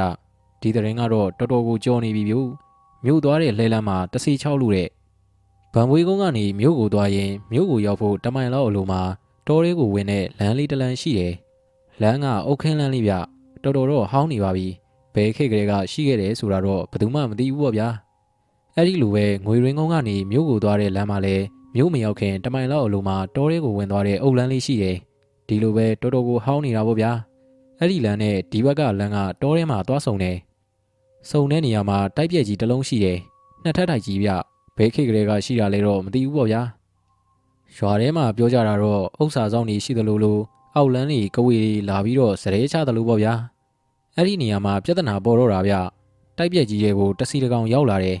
အဲ့ဒီတစီကတစ်ခါတစ်ခါကြရင်ဗန်ပွေးကုန်းလမ်းဘက်ထွက်လာပြီးတော့မြို့ကိုသွားတဲ့လူတွေလှဲတွေကိုခြောက်တယ်ဗျ တခါတခါကြတော့လေငွေရင်းကုန်းလမ်းဘက်ထွက်ပြီးတော့ငွေရင်းကုန်းသားတွေကိုခြောက်တာပဲဗျတဖြည်းဖြည်းနဲ့ဗန်ပွေးကုန်းသားတွေရောငွေရင်းကုန်းသားတွေပါမြို့ကိုသွားရမှာတော်တော်ကြောက်နေကြတယ်လမ်းကလည်းဒီတလမ်းပဲရှိတာဗျဒီတစီ6ပုံ6နီးတွေကလည်းတော်တော်လေးကိုစမ်းသားပြူဗန်ဝေးကုန်းကဦးကျွတ်နီမြို့ကိုလှဲနေသွားတာအဲ့ဒီအုပ်လန်းလေးကိုရောက်တော့မနက်၄နာရီလောက်ရှိပြီတယ်ဗျဦးကျွတ်နီတို့လင်မယားက9ရက်စီသွားကြတာလေသူ့မိမတော်ပူလဲပါတာပေါ့ဗျာ အုပ်လန်းလေးတွေကနေလူတယောက်ထွက်လာတယ်တဲ့ဗျပြီးတော့လှဲလန်းကြောင်အတိုင်းသူတို့လှဲရှိကရှောက်သွားတယ်လှဲနေတော့တိတ်မနီးဘူးဆိုပဲဒါပေမဲ့ဒီလူလှဲလန်းကြောင်ပေါ်ရောက်ကြတဲ့ကနွားတွေကတိတ်ပြီးတော့မူမမှန်တော့ဘူးတဲ့နှာရီတဖူးဖူးမှုတ်ပြီးတော့တစ်ချက်တစ်ချက်ရက်နေကြတယ်ကိုကျွတ်နီတော်နွားတွေဘာဖြစ်တာတော့မသိဘူးဟဲ့မပူရဲ့ရှေ့မသွားပဲရက်ရက်နေရဲ့ဟာဘာများဖြစ်လို့ပါလေမွေးဒီပါရီများတွေးနေလို့လားတော့ ဟောမပူနဲ့ကျုပ်ကဆယ်နှစ်သားကလေးကနွားလဲမောင်းလာတာပါဒါမွေးတွေးတဲ့ပုံစံမဟုတ်ဘူးဟဲ့ဒါဆိုရင်ဘာတွေ့တာတော့ဟိုအုပ်လန်းတွေကလူတယောက်ထွက်လာပြီးလှဲလန်းချောင်းအတိုင်းရှောက်သွားပြီးကလေးကဒီလိုဖြစ်လာတာဟင်ဒါဆိုလူလူမဟုတ်ရလားတော့လူလူတော့ထင်တာပဲရှေ့ခက်လန်းလန်းကသွားနေတာဆိုတော့ဖြူဖြူကြီးပဲမြင်ရတာဟာဒီလူကလည်းတော့လှဲလန်းချောင်းကပဲရှောက်ရတယ်လို့ ဟိုဘီနားမှာလူသွားလန်းရှိတာမသိဘူးလားတော့ဩသူရှောက်ချင်လို့ရှောက်တာနေမှာပေါ့ဟဲ့ဒါနဲ့ပဲဦးကျွတ်နီကနွားတွေကိုနှဲ့နှဲ့နဲ့တထိုးထိုးလှုပ်ပြီးတော့မောင်းနေရတော့တာလေဗျူတော်တော်လေးကြာတော့ဒေါ်ဘူးကလှဲလန်းဘေးကိုဟိုကြီးတီကြီးလှုပ်ပြီးကိုကျွတ်နီတော်ဘဲကိုမောင်းနေရတော့ဒီနေရာတွေကိုကြုတ်တစ်ခါမှမရောက်ဘူးပါဘူးဒေါ်ဘူးကအဲ့လိုပြောလိုက်တဲ့အချိန်ပဲရှေ့ခလန်းလန်းကသွားနေတဲ့ဖြူဖြူကြီးကပျောက်သွားရောတဲ့ဗျူ ဒီတော့မှဦးကျွတ်နီကဘေဘီကိုတေးသေးချာချာကြီးလိုက်ပြီးမှဟာတောက်ကျိုးနဲ့ရောမပူရေဒါနက်ကြီးကဘာပဲဟာဘလို့ဖြစ်တာတော့မြို့ကိုမရောက်ဖ ೇನೆ နက်ကြီးကဘာရောက်လာပါလားနက်ကြီးကဘာဘက်ကိုလှဲလန်းမှမရှိတာဟုတ်တယ်ဗျသူတို့ဗန်ဝေးကုန်းကနေသွားရင်မြို့ကိုသွားတဲ့လှဲလန်းကတလန်းပဲရှိတာလေဗျာလှဲပေါ်မှာအိပ်ပျော်ပြီးပသွားရင်တော့မြို့ကိုရောက်တာပဲလမ်းကဒီတလန်းပဲရှိတာဆိုတော့နွားတွေကသူတို့ဟာသူတို့ဆွဲသွားကြတာဗျူ နောက်ပြီးတော့နက်ကြီးကဘာဆိုတဲ့တောင်ကပယံရှိတဲ့နေရာတွေကနည်းနည်းလှမ်းပါသေးတယ်တော့ကိုကျွတ်နီ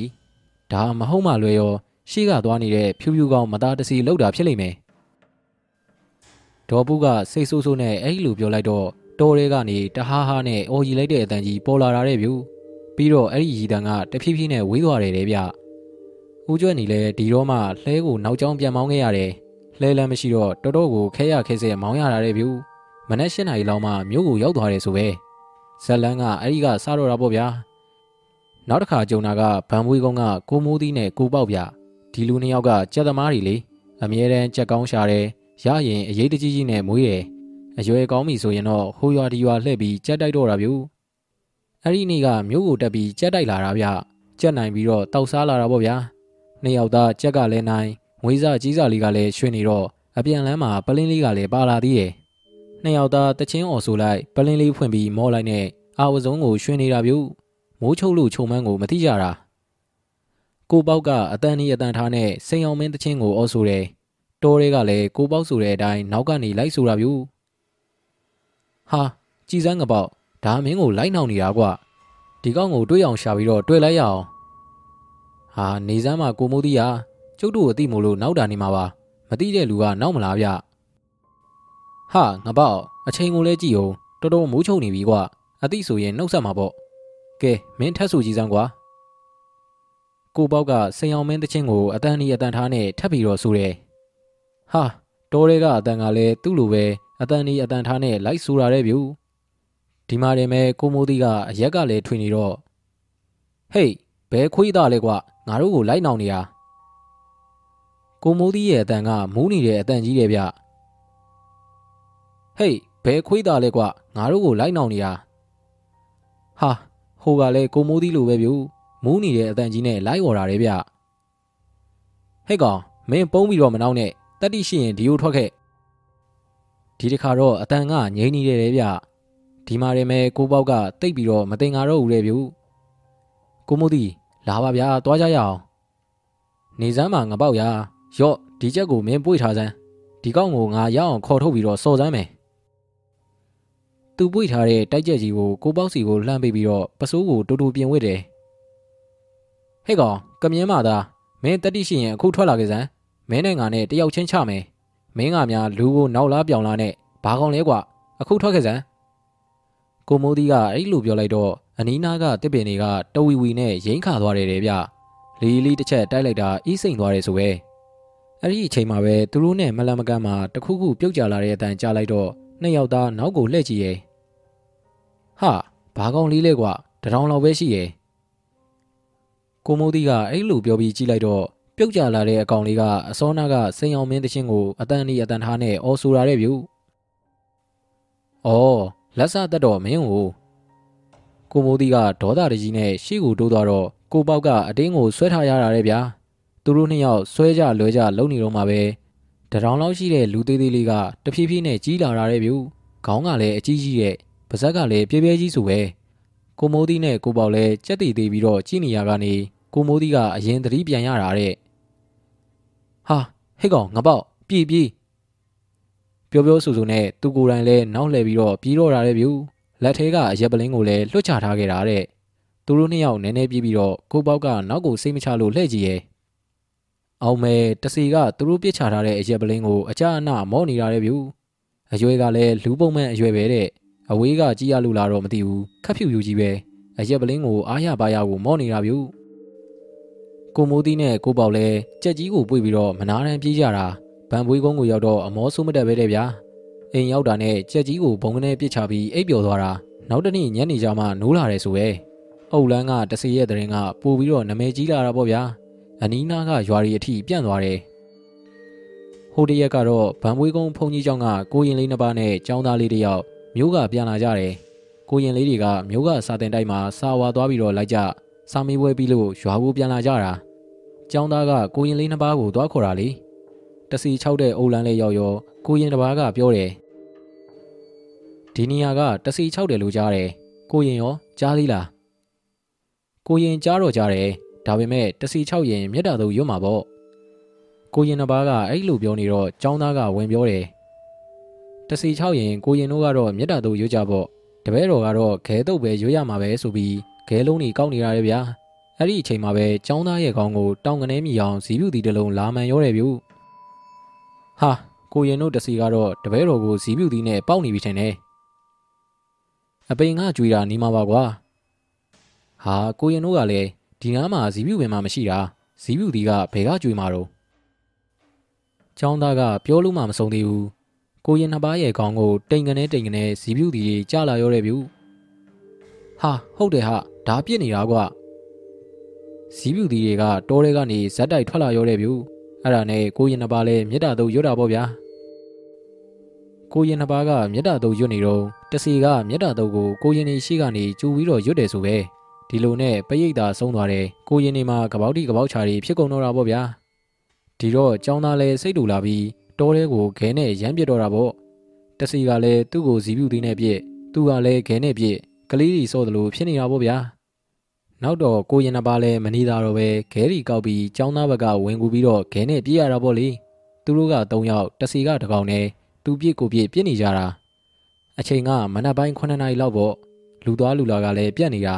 နောက်ဆုံးတော့ကိုရင်နှစ်ပါးရောចောင်းသားရောခြေကုံလက်ပန်းကျလာပြီးခဲတောင်ကုန်းမကောက်နိုင်တော့ဘူးတဲ့ ဒီမှာတွေမဲ့မြို့ကပြန်လာတဲ့ဘာကြီးတာဝါတို့လှဲနေတွေ့ပြီးကိုရင်နေနဲ့ចောင်းသားကိုရွာကိုပြန်ခေါ်ခဲ့ရတာလမ်းမှာကိုရင်နေရောចောင်းသားရောပင်ပန်းပြီးတော့အိပ်ပျော်သွားကြတာတဲ့ဗျူဖုန်ကြီးចောင်းကိုရောက်တာတော့မနိုးလို့မနှဲကိုနှိုးယူရတယ်ဆိုပဲဟိုတနေ့ကတော့ကိုတာညံတို့လင်မယားမျိုးကနေလဲနဲ့ပြန်လာကြတာတဲ့အုတ်လန်းသားကိုရောက်တော့ညနေနေဝင်းကြီးတရောဖြစ်နေပြီဆိုပဲဗျသူတို့လင်မယားကလည်းကြောက်တော့ကြောက်တာပဲဒါပေမဲ့လင်မယားနှစ်ယောက်တိုင်ပင်ပြီးတော့တန်ပုတ်တီရွတ်ကြတာတဲ့ဗျူ အဲ့ဒီနာမှာကတစ်ပင်ဝါပင်ကလည်းထူထပ်တော့လင်မယားနှစ်ယောက်ပို့ပြီးတော့ကြောက်တာပေါ့ဗျာ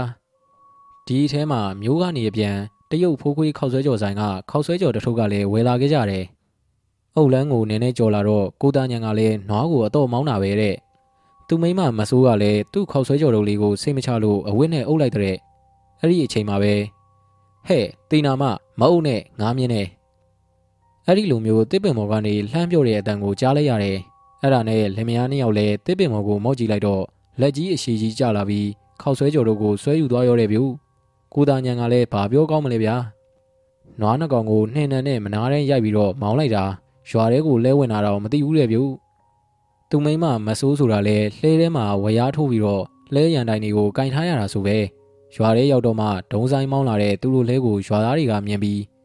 ဟဲ့ကောင်တာညံဘာဖြစ်လာတာတော့ဆိုပြီးအော်လိုက်တော့မှလဲကိုရက်လိုက်တယ်ဆိုပဲ ဒါပေမဲ့ရွာကလူတွေကဝိုင်းမိတာတော့ဘာမှမပြောနိုင်ပဲကြောင်ကြောင်ကြီးဖြစ်နေလို့ဆရာတော်ကြွလာပြီးရီမန်းနေပါတွေတိုက်ယူရတယ်တဲ့ဗျတတိကောင်းကောင်းဝင်လာတော့မှဒီအဖြစ်အပျက်တွေကိုပြန်ပြောနိုင်တာရဲ့ဗျဒါတွေကဗံမွေးကုန်းကလူတွေကိုခြောက်တာဗျဒီတစီကတောအုပ်လေးရဲ့ဟိုဘက်ကနေမြို့ကိုသွားတဲ့ငွေရင်းကုန်းလမ်းမှာလည်းခြောက်တာပဲဗျတရက်ကငွေရင်းကုန်းကဘိုးခင်မောင်ဆိုတဲ့အဖိုးကြီးမနက်ဝေလီဝေလင်းမှာမြို့ကိုလှဲနဲ့နှမ်းအိတ်တွေသွားပို့တာအချောက်ခံရလို့လေဗျ။ အုပ်လန်းကလေးကိုကြော်လိုက်ပြီးတော့တိတ်မကြခင်မှာပဲတဲ့။လမ်းဘေးမှာအထုပ်တစ်ထုပ်တွေ့ရဆိုပဲ။အထုပ်ကပစိုးနဲ့ထုတ်ထားတာတော်တော်ကိုကြီးတာဆိုပဲ။ဘိုးခင်မောင်ကဘာလို့ကြီးလဲဆိုပြီးတော့လှဲကိုရက်ပြီးဆင်းကြည့်တယ်။အထုပ်ကိုဖြီးကြည့်လိုက်တော့အထဲမှာတိရွက်တွေထည့်ထားတာလေဗျ။အဲ့ဒီလိုဘိုးခင်မောင်ကြီးအထုပ်ကိုဆင်းကြည့်နေတော့မှပဲတစီကနွားလေးကိုတက်ပြီးတော့မောင်းသွားရောတဲ့ဗျ။ဟဲ့ဟဲ့ရက်စမ်းရက်စမ်း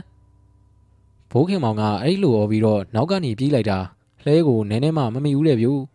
တစီကနွားလေးကိုမောင်းသွားလိုက်တာဖုံကိုတထောင်ထောင်ထနေတာပဲတဲ့ဗျဘိုးခင်မောင်ကြီးလည်းနောက်ဆုံးမပြေးနိုင်တော့ပဲဖြည်းဖြည်းပဲရှောက်ရတော့တယ်မြို့အဝင်ဝါရောက်တော့မှသူ့လဲကိုတွေ့ရတယ်တဲ့တစီကသူ့ရဲ့လဲကိုဇောင်းချမ်းမင်းကြီးအောင်မှကြကြနာနာရက်ထားခဲ့တယ်တဲ့ဒီတော့မှဘိုးခင်မောင်လည်းလှဲဝေါ်တက်ပြီးတော့မြို့ထဲကိုမောင်းဝင်လာခဲ့ရတယ်ဆိုပဲဒီအကြောင်းကိုရွာမှာပြန်ပြောတော့ရွာကလူတွေကတော့ဝိုင်းပြီးတော့ရီရတယ်ဆိုပဲဗျ နောက်တစ်ခါ၆တာကတော့နဂရောဒေါ်ပူမတဲ့ဗျူဒေါ်ပူမကလည်းငွေရင်းကုန်းကနမဲကြီးနဂရောလေးဗျာနမဲကြော်လာလို့ငွေရင်းကုန်းမှာတော့မနေတော့ပဲမြို့ကိုပြောင်းသွားတာမြို့မှာလည်းအလုပ်ဖြစ်လို့တော်တော်လေးအဆင်ပြေတယ်ဆိုပဲဒေါ်ပူမကသူ့ရွာကိုကိစ္စလေးရှိလို့ခဏပြန်လာတာတဲ့ဗျူလှဲတစည်းငှားပြီးတော့ပြန်လာတာတဲ့ဗျလှဲပေါ်မှာလှဲသမားရဲ့သူ့ရဲ့ပဲပါလာတာအုတ်လန်းသားရောက်တော့တောထဲကနေနတ်တချင်းဆိုတဲ့အတန်ထွက်လာရောတဲ့ဗျူအတန်ကလည်းအောင်လိုက်တာတဲ့ဗျာ နကနားမှာကနေတဲ့အတန်မျိုးနဲ့ကိုစူတာတဲ့ဗျာလှဲသမားကလည်းအချီနီကိုရိမ့်မိသွားတော့လှဲကိုအမြန်မောင်းပြေးရဗျူအဲ့ဒါနဲ့လှဲနောက်ကခလန်းလန်းမှာဖြူဖြူကြီးတကောင်ကတောထဲကပြေးထွက်လာပြီးတော့လှဲလန်းချောင်းမှာကနေတာတဲ့ဗျကွေးနေရပဲတဲ့ဗျူဒေါ်ဘူးမကြီးဆိုတာကြောက်လွန်းလွန်းအသားတစ်ဆက်ဆက်တုံနေတာတဲ့ဗျူလှဲကနည်းနည်းဝေးလာတော့တစီကအကားရက်ပြီးဟဲ့ဘူးမနင်းနဲ့ငါနဲ့အကပြိုင်မလားဆိုပြီးလှမ်းမိသေးတယ်ဗျ ဒေါ်ဘူးမရဲ့လှဲလဲအတကုံလွှတ်မောင်းတော့ငွေရင်းကုန်းကိုဘလို့ရောက်သွားမှန်းတော့မသိတော့ဘူးတဲ့ဗျတဖြည်းဖြည်းနဲ့ဒီတစီကအချိန်မရွေးတော့ဘူးဗျမနက်လဲ6ညလဲ6နေကင်းဘက်လဲ6နဲ့တဖြည်းဖြည်း6ဓာတွေကစိတ်တရစိတ်လာတယ်ကျုပ်တို့ရွာမှာလဲတနေ့တနေ့ဒီတစီရဲ့သတင်းကိုပဲပြောနေကြတော့တာဗျဘသူတွေကတစီ6ခံရလို့ဆိုတဲ့သတင်းကလည်းနေတိုင်းဖြစ်နေပြီကျုပ်ကလည်းဒီအကြောင်းပဲတွေးနေတော့တာဗျဘာလို့ရမှလဲကျုပ်မသိဘူးလေဗျာ ဒီနေ့တော့နေကလဲပူလာနဲ့ကျုပ်လဲဘယ်ကိုမှမသွားတော့ပဲကျုပ်ရဲ့ပင်တိုင်းနေရာဖြစ်တဲ့မကြီးပင်အောက်ကတစ်သားကိုပြစ်ပေါ်မှာဝဘိုးချမ်းလေးကောင်းရင်းနဲ့အိပ်ပျော်သွားတာဗျဆရာကိုတာတီတို့ကတော့ဇိန်ကြလိုက်တာဗျာပက်လက်ကလေးကိုဆင်းနေတာပဲဟိတ်ကျုံနာထဲမှာအဲ့ဒီအတန်ကိုကြားတစ်ချက်မကြားတစ်ချက်နဲ့အိမ်မက်လူဖြစ်နေတာဗျဟေးတတီတတီထပါအောင်ကွာအဲ့ဒီအတန်ကိုကြားလိုက်မှပဲကျုံနိုးသွားတာဗျ ချက်ချင်းပဲမျက်စိဖွင့်ကြည့်တော့ကိုဆယ်နဲ့ကိုတယ်ဗျကျုပ်လည်းအိယာကနေကြပြားကြထားလိုက်တယ်ဟာကိုဆယ်နဲ့ကိုတယ်ပါလားဗျလာလာထိုင်ကြဗျာဘဲနဲ့နေဘူးကြီးတဲ့ရောက်လာကြပါလားကိုဆယ်နဲ့ကိုတယ်ကညီကိုဗျဗံမွေးကုန်းသားတွေအိမ်အောင်ကြတော့ကိုဆယ်ကဗံမွေးကုန်းမှာပဲကြတယ်ကိုတယ်ကတော့ငွေရင်းကုန်းကမိမနဲ့အိမ်အောင်ကြပြီးငွေရင်းကုန်းကိုပြောင်းနေတယ် ကျုပ်ကအိမ်မော်တက်ပြီးတော့လက်ဖက်ခွက်ရဲ့ရင်နွေးကိုအကျန်းပကံငကားစေးဘောလေးနှစ်လိပ်ရဲ့ပါယူရတာပေါ့ဗျာကဲကိုဆယ်တို့ကိုတဲ့တို့အကျန်းတော့လက်ဖက်စားစေးဘောလေးလည်းဖွာကြဗျာအမောပြီမှာပဲစကားပြောကြတာပေါ့ကျုပ်ကအဲဝစ်ပြူလိုက်တော့ညီကိုနှစ်ယောက်ငကားစီဘောလိတ်တလိပ်စီမင်းညီပြီးတော့ဖွာရတယ်ဗျပြီးတော့ကျုပ်အစင်သိငှက်ပြီးထားတဲ့ရင်နွေးချမ်းကိုညီကိုနှစ်ယောက်ဖူးကနေဖူးကနေမှုတ်ပြီးတော့တောက်ကြတော့တာပဲဗျာတာတရီ ငါတို့ရွာတွေတရင်ကိုတော့မင်းလဲကြားပြီးတော့ပေါ့ကိုဆယ်ကစကားဆတယ်ဗျကျုပ်ကလည်းခေါင်းငိမ့်လိုက်ပြီးတော့ကြားပါတယ်ဗျာနေတိုင်းလိုလိုဒီတရင်ပဲကြားနေရတာလေ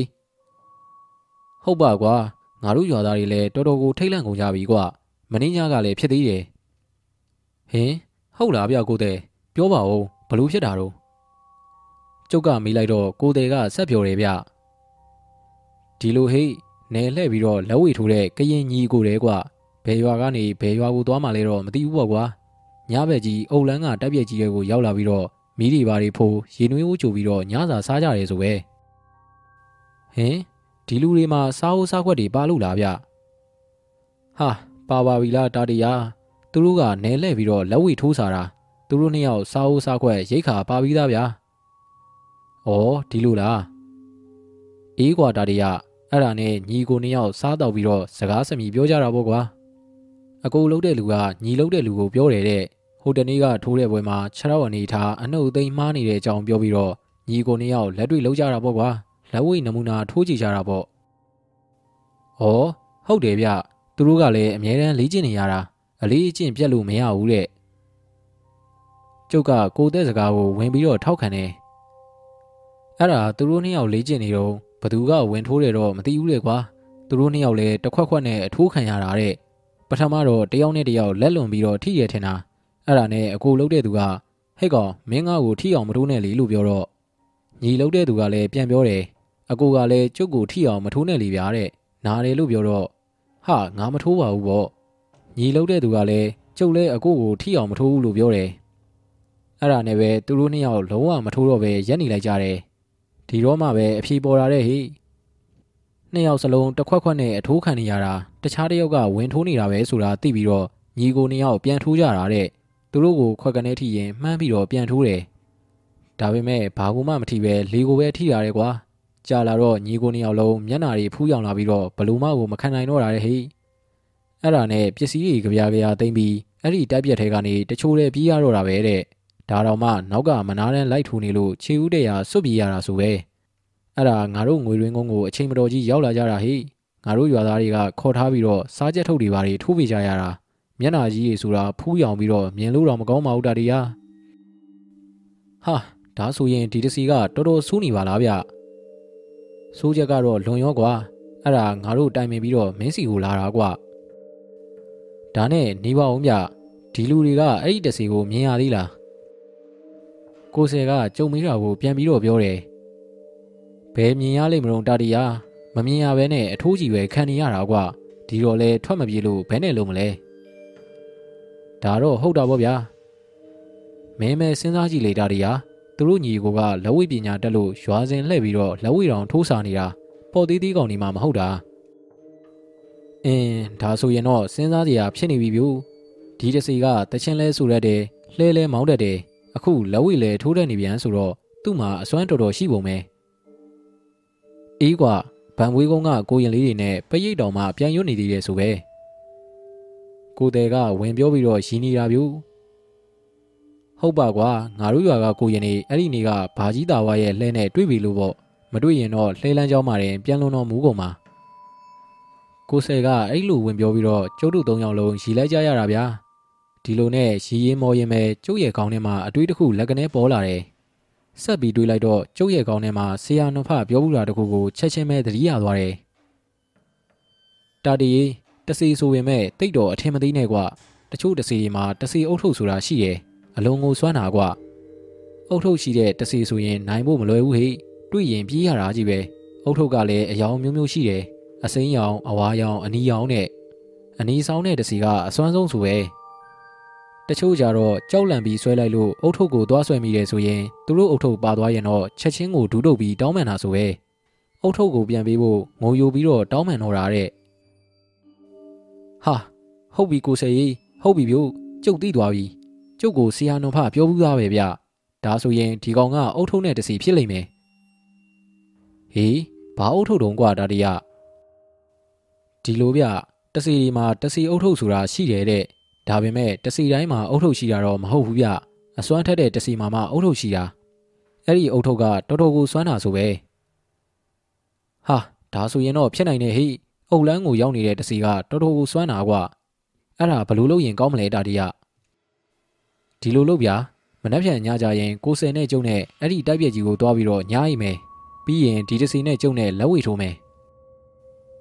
ဟဟာတာတာတာဒီကလည်းငါငါမလိုက်ရဲဘူးကွာ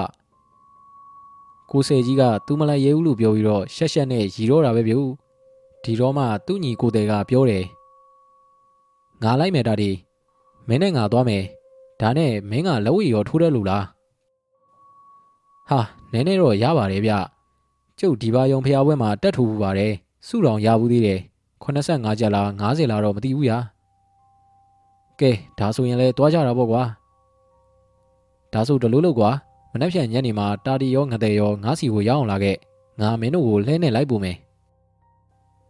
ကောင်းသားပဲဗျဒါဆိုရင်မနှက်ဖြန်ဆက်ဆက်လာခဲ့မယ်ကိုဆယ်စောင့်နေကိုတယ်ကတော့ဒီနေ့ညရွာပြန်ပေါ့ဗျာမနှက်ဖြန်มาလာခဲ့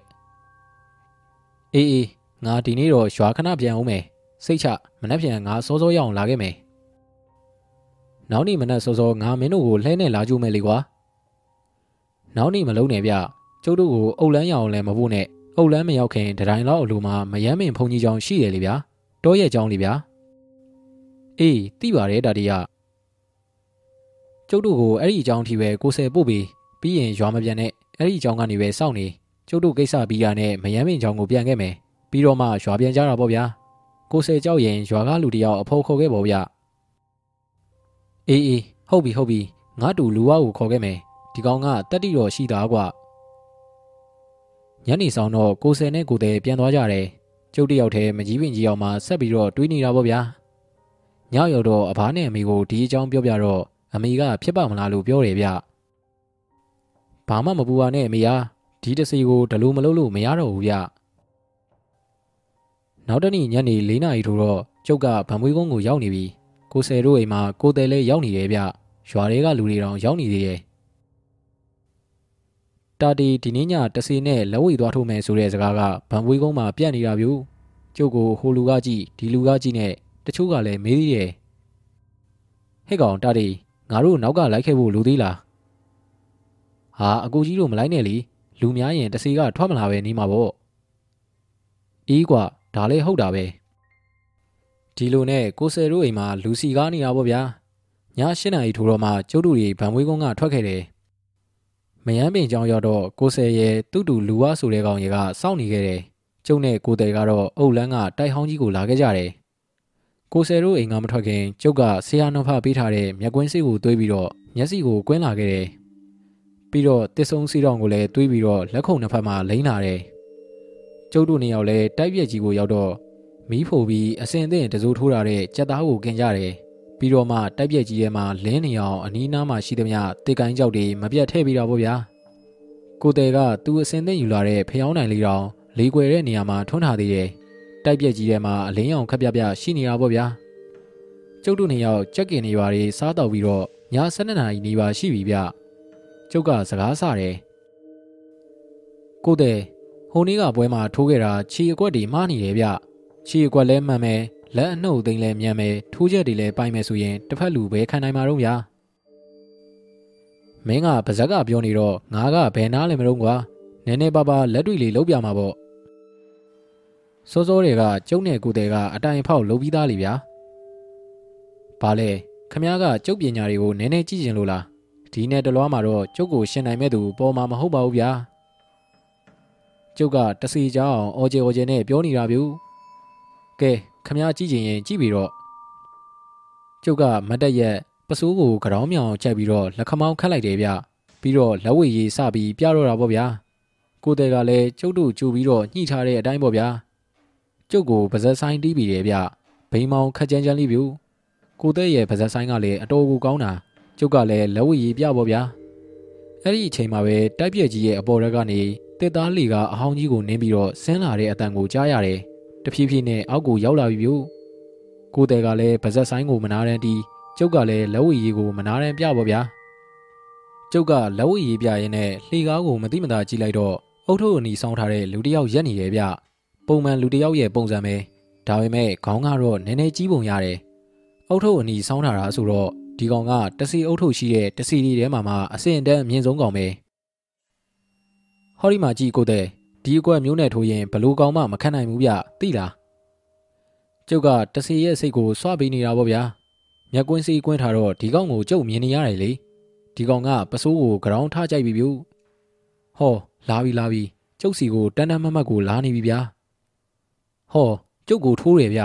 ကျုပ်ကမရှောင်မဲနဲ့တစ်ချက်အထိုးခံတယ်ကိုတဲ့ခမရကျုပ်ကိုထိုးတာလား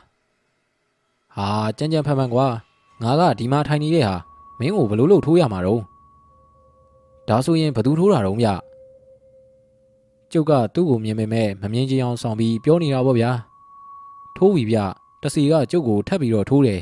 ကျုပ်ကမရှောင်မဲနဲ့အထိုးခံလိုက်ပြန်တယ်ဒီကောင်ကကျုပ်ကိုသူ့ထိုးတိုင်းရပြီထင်ပြီးတော့အနားကိုပြေးကပ်လာတာဗျအရက်ကတော့ကျုပ်နဲ့မတိမ်မရိမ့်မှာလူကတော့လူဖလန်လေးဗျာတစီကိုကျုပ်ကမမြင်ချင်အောင်ဆောင်ပြီးတော့သူ့အထိုးကိုစောင့်နေတယ် သူကလည်းကျုပ်မျက်နှာကိုဖြောင်းလက်သီးနဲ့ထိုးတာဗျရှောင်းပြီဗျာကျုပ်ကရှောင်းလိုက်ပြီပြီးတာနဲ့တစီရဲ့ပချိတ်ကိုမိမိရရတစ်ချက်ထိုးထည့်လိုက်တယ်ဟာထိရဗျာလေကိုထိုးရတယ်လို့ဖွဲအိကြီးကိုထိုးရတယ်လို့မဟုတ်ဘူးဗျလူလူချင်းထိုးတာလို့ကိုထိသွားတာဗျဒီကောင်ကအနောက်ကိုရွေ့သွားတယ်ပြီးတော့မှကျုပ်ကိုအံ့ဩပြီးတော့ကြည့်နေတယ်ကျုပ်သူ့ကိုမြင်လာထိအောင်ထိုးနိုင်လားလို့ပေါ့ဗျာကျုပ်ကလည်းမမြင်ဟန်ဆောင်ပြီးတော့တခြားဘက်ကိုလှည့်နေတယ် ဒီမှာနေမဲ့ဒီကောင်ကဇဝေးဇဝါဖြစ်သွားပြီးကျုပ်စီကိုပြေးဝင်လာတာဗျထိုးပြီဗျာကျုပ်ကိုထိုးတာဇက်တိုက်ထိုးတာဗျကျုပ်သာမရှောင်နိုင်ရင်တော့မှောက်သွားမှသိကြတယ်ဗျပြင်းလိုက်တဲ့လက်သီးတွေကလည်းဝီကနေဝီကနေကိုနေရပဲဗျာကျုပ်ကသူ့ရဲ့ထိုးချက်တွေကိုလွတ်အောင်ရှောင်လိုက်ပြီးတော့သူ့ရဲ့အလက်မှာသူ့ရင်ဝါတဲတဲ့ကိုထောက်လက်သည်ခပ်ပြင်းပြင်းလေးထောက်ပေးလိုက်တယ်တစီကတုံငနေဖြစ်သွားတယ်ကျုပ်ကအဲ့ဒီနေရာကိုပဲထပ်ထိုးတယ်လေးချက်လောက်ထပ်ထိုးပြီးတော့တစီကဒူးထောက်ကျသွားပြီး ရှေ့ကိုဟတ်ထိုးလဲကျသွားတာဗျတစီလဲသတိမေးတဲ့တာကိုဆိုပြီးကျုပ်ကတွေးလိုက်မိတယ်ပြီးတော့သူ့ကောင်းမှာစောင်းထားတဲ့အုတ်ထုပ်နီကိုကျုပ်ချွတ်ယူလိုက်တယ်ဒီအုတ်ထုပ်ကိုကိုတဲကမမြင်ရဘူးဗျကျုပ်ပဲမြင်ရတာတစီလဲနေတာကိုလည်းကိုတဲကမမြင်ရဘူးပေါ့ဗျာကျုပ်ထင်ပါတယ်တစီသတိမိသွားတာကတစ်ဆုံးစီးတော်ကြီးရဲ့အစွမ်းကြောင့်ပဲဖြစ်လိမ့်မယ်ဗျကျုံနဲ့ကိုတဲ့နဲ့တိုက်ပြက်ကြီးတွေကနေခတ်တုတ်တုတ်ထွက်လာကြတယ်မယမ်းမင်ကျောင်းကိုရောက်တော့ညနေနာရီထိုးပြီဗျ ကျုပ်တို့လည်းစောင့်နေတဲ့လဲဘော်ကိုတက်ပြီးတော့ဗံမွေးကုန်းကိုပြန်ခဲ့တယ်ဗံမွေးကုန်းကိုရောက်တော့မနက်လင်းငန့်နေပြီဖုန်ကြီးကျောင်းကအုံမောင်းအောင်ခောက်နေပြီကျုပ်လည်းပင်ပန်းပြီးတော့အိပ်ပျော်သွားတာပေါ့ဗျာတာတီတာတီထပါအောင်ကွာကျုပ်အိပ်ပျော်နေတာကိုရီကြီးတုတ်ပြနဲ့လာနိုးတာကိုတယ်နဲ့ကိုဆယ်ပြကျုပ်လည်းကြပြားကြရာလူးလဲပြီးတော့ထတယ်။ဘာဖြစ်လို့လုံးဗျ။ဟာရွာတဲကဒေါ်စိန်မကြီးကိုတရေဝင်ပူးနေလို့ဟေ့။ ဟင်အဲ့ဒါဘာဖြစ်လို့လုံးဗျ။အဲ့ဒီပူးနေတဲ့တရေကတာတီကိုခေါ်ပေးဆိုပြီးပြောနေတာမင်းဒီရွာမှာရောက်နေတာကိုဒေါ်စိန်မကသိတာမှမဟုတ်တာ။ဟာဟုတ်လားဒါဆိုရင်တော့ကျုပ်လိုက်ခဲ့မယ်ဗျာ။ကျုပ်ကပြောပြောဆိုဆိုနဲ့ကိုဆယ်တို့ညီကိုနဲ့လိုက်ခဲ့တယ်ဗျကိုဆယ်တို့အိမ်နဲ့လေးလုံးကျော်မှာဒေါ်စိန်မဆိုတဲ့မိမကြီးကိုတရေပူးနေတာဟဲ့တာတီကိုခေါ်ပြီးလို့ငါပြောနေတာမကြားကြဘူးလားဟုတ်ဟုတ်ကဲ့သွားသွားခေါ်နေပါပြီ ဒါနဲ့အခုဝင်ပူးနေတာဘသူကလဲငါဘသူဖြစ်ဖြစ်နင်တို့နဲ့မဆိုင်ဘူးကျုပ်ဝိုင်းနဲ့အဝင်မှာကြားလိုက်ရတာဗျအိမ်မော်ကိုလည်းကျုပ်တက်သွားရောဟဲ့တာတီနင်းတစီအုပ်ထုပ်ကိုချွတ်ယူခဲ့တဲ့ဆိုဒီကောင်ကငါးစီကိုငိုပြီးတော့လာပြောနေတယ်။အော်လက်ဆသက်တော့မဖဲဝါဘူး။ကျုပ်ကညားကပြန်ရောက်ပြီးတန်းဤသွားတာဗျ။မျက်ကွင်းစည်းတော်မဖြတ်ရသေးဘူး။ဒီတော့မဖဲဝါကိုကျုပ်မြင်နေရတယ်။ မဖဲဝါအဲ့ဒီတစီကောင်ကအရန်ကိုခြောက်တဲ့တစီဗျ။ဗံပွေးကုန်းကလူတွေရောငွေရင်းကုန်းကလူတွေပါမြို့ကိုမသွားရအောင်ဖြစ်နေပြီ။အေးငါလုံးဝမသိလိုက်တာဒီကောင်ကိုငါတောင်းဝင်ယူတဲ့ဟိတ်ဒီနယ်ကိုဘရောမှပြန်မလာစေရဘူးငါနဲနေပေးမယ်သူ့ရဲ့တစီအုပ်ထုပ်ကိုတော့နင်ကပြန်ပေးလိုက်တာဒီဒီအုပ်ထုပ်ကနင်တို့လူတွေနဲ့ဘာမှမဆိုင်ဘူးဒီအုပ်ထုပ်မရှိရင်ဒီကောင်၃ရက်ကြာရင်သေးလိမ့်မယ်အဲ့ဒါကြောင့်ပြန်ပေးလိုက်တာဒီ ကျုပ်ကကျုပ်ခါးကြားမှာထူထားတဲ့တစီအုပ်ထုပ်အနီလေးကိုခါးကြားကနေဆွဲထုတ်တယ်ပြီးတော့မြင်မှုတဲ့ရှိအောင်အုပ်ထုပ်ကိုတေချာကြည့်ရယ်ဂရီဝါစားနဲ့ချုပ်ထားတဲ့အုပ်ထုပ်ပြကျုပ်ကောင်းနဲ့တော့တော်မှာမဟုတ်ဘူးယူကြီးနေသေးတယ်ကျုပ်ကအုတ်ထုပ်အနီလေးကိုမဖဲဝါစီကိုလှမ်းပေးတယ်။မဖဲဝါကအုတ်ထုပ်လည်းသူ့လက်ထဲရောက်ရောဖြတ်ကနေပျောက်သွားရောပြူ။ဒေါ်စိန်မကြီးလည်းချက်ချင်းပြန်တရိရလာတယ်။ဒီတော့မှပဲကျုပ်ကိုဝိုင်းမိကြတာပေါ့ဗျာ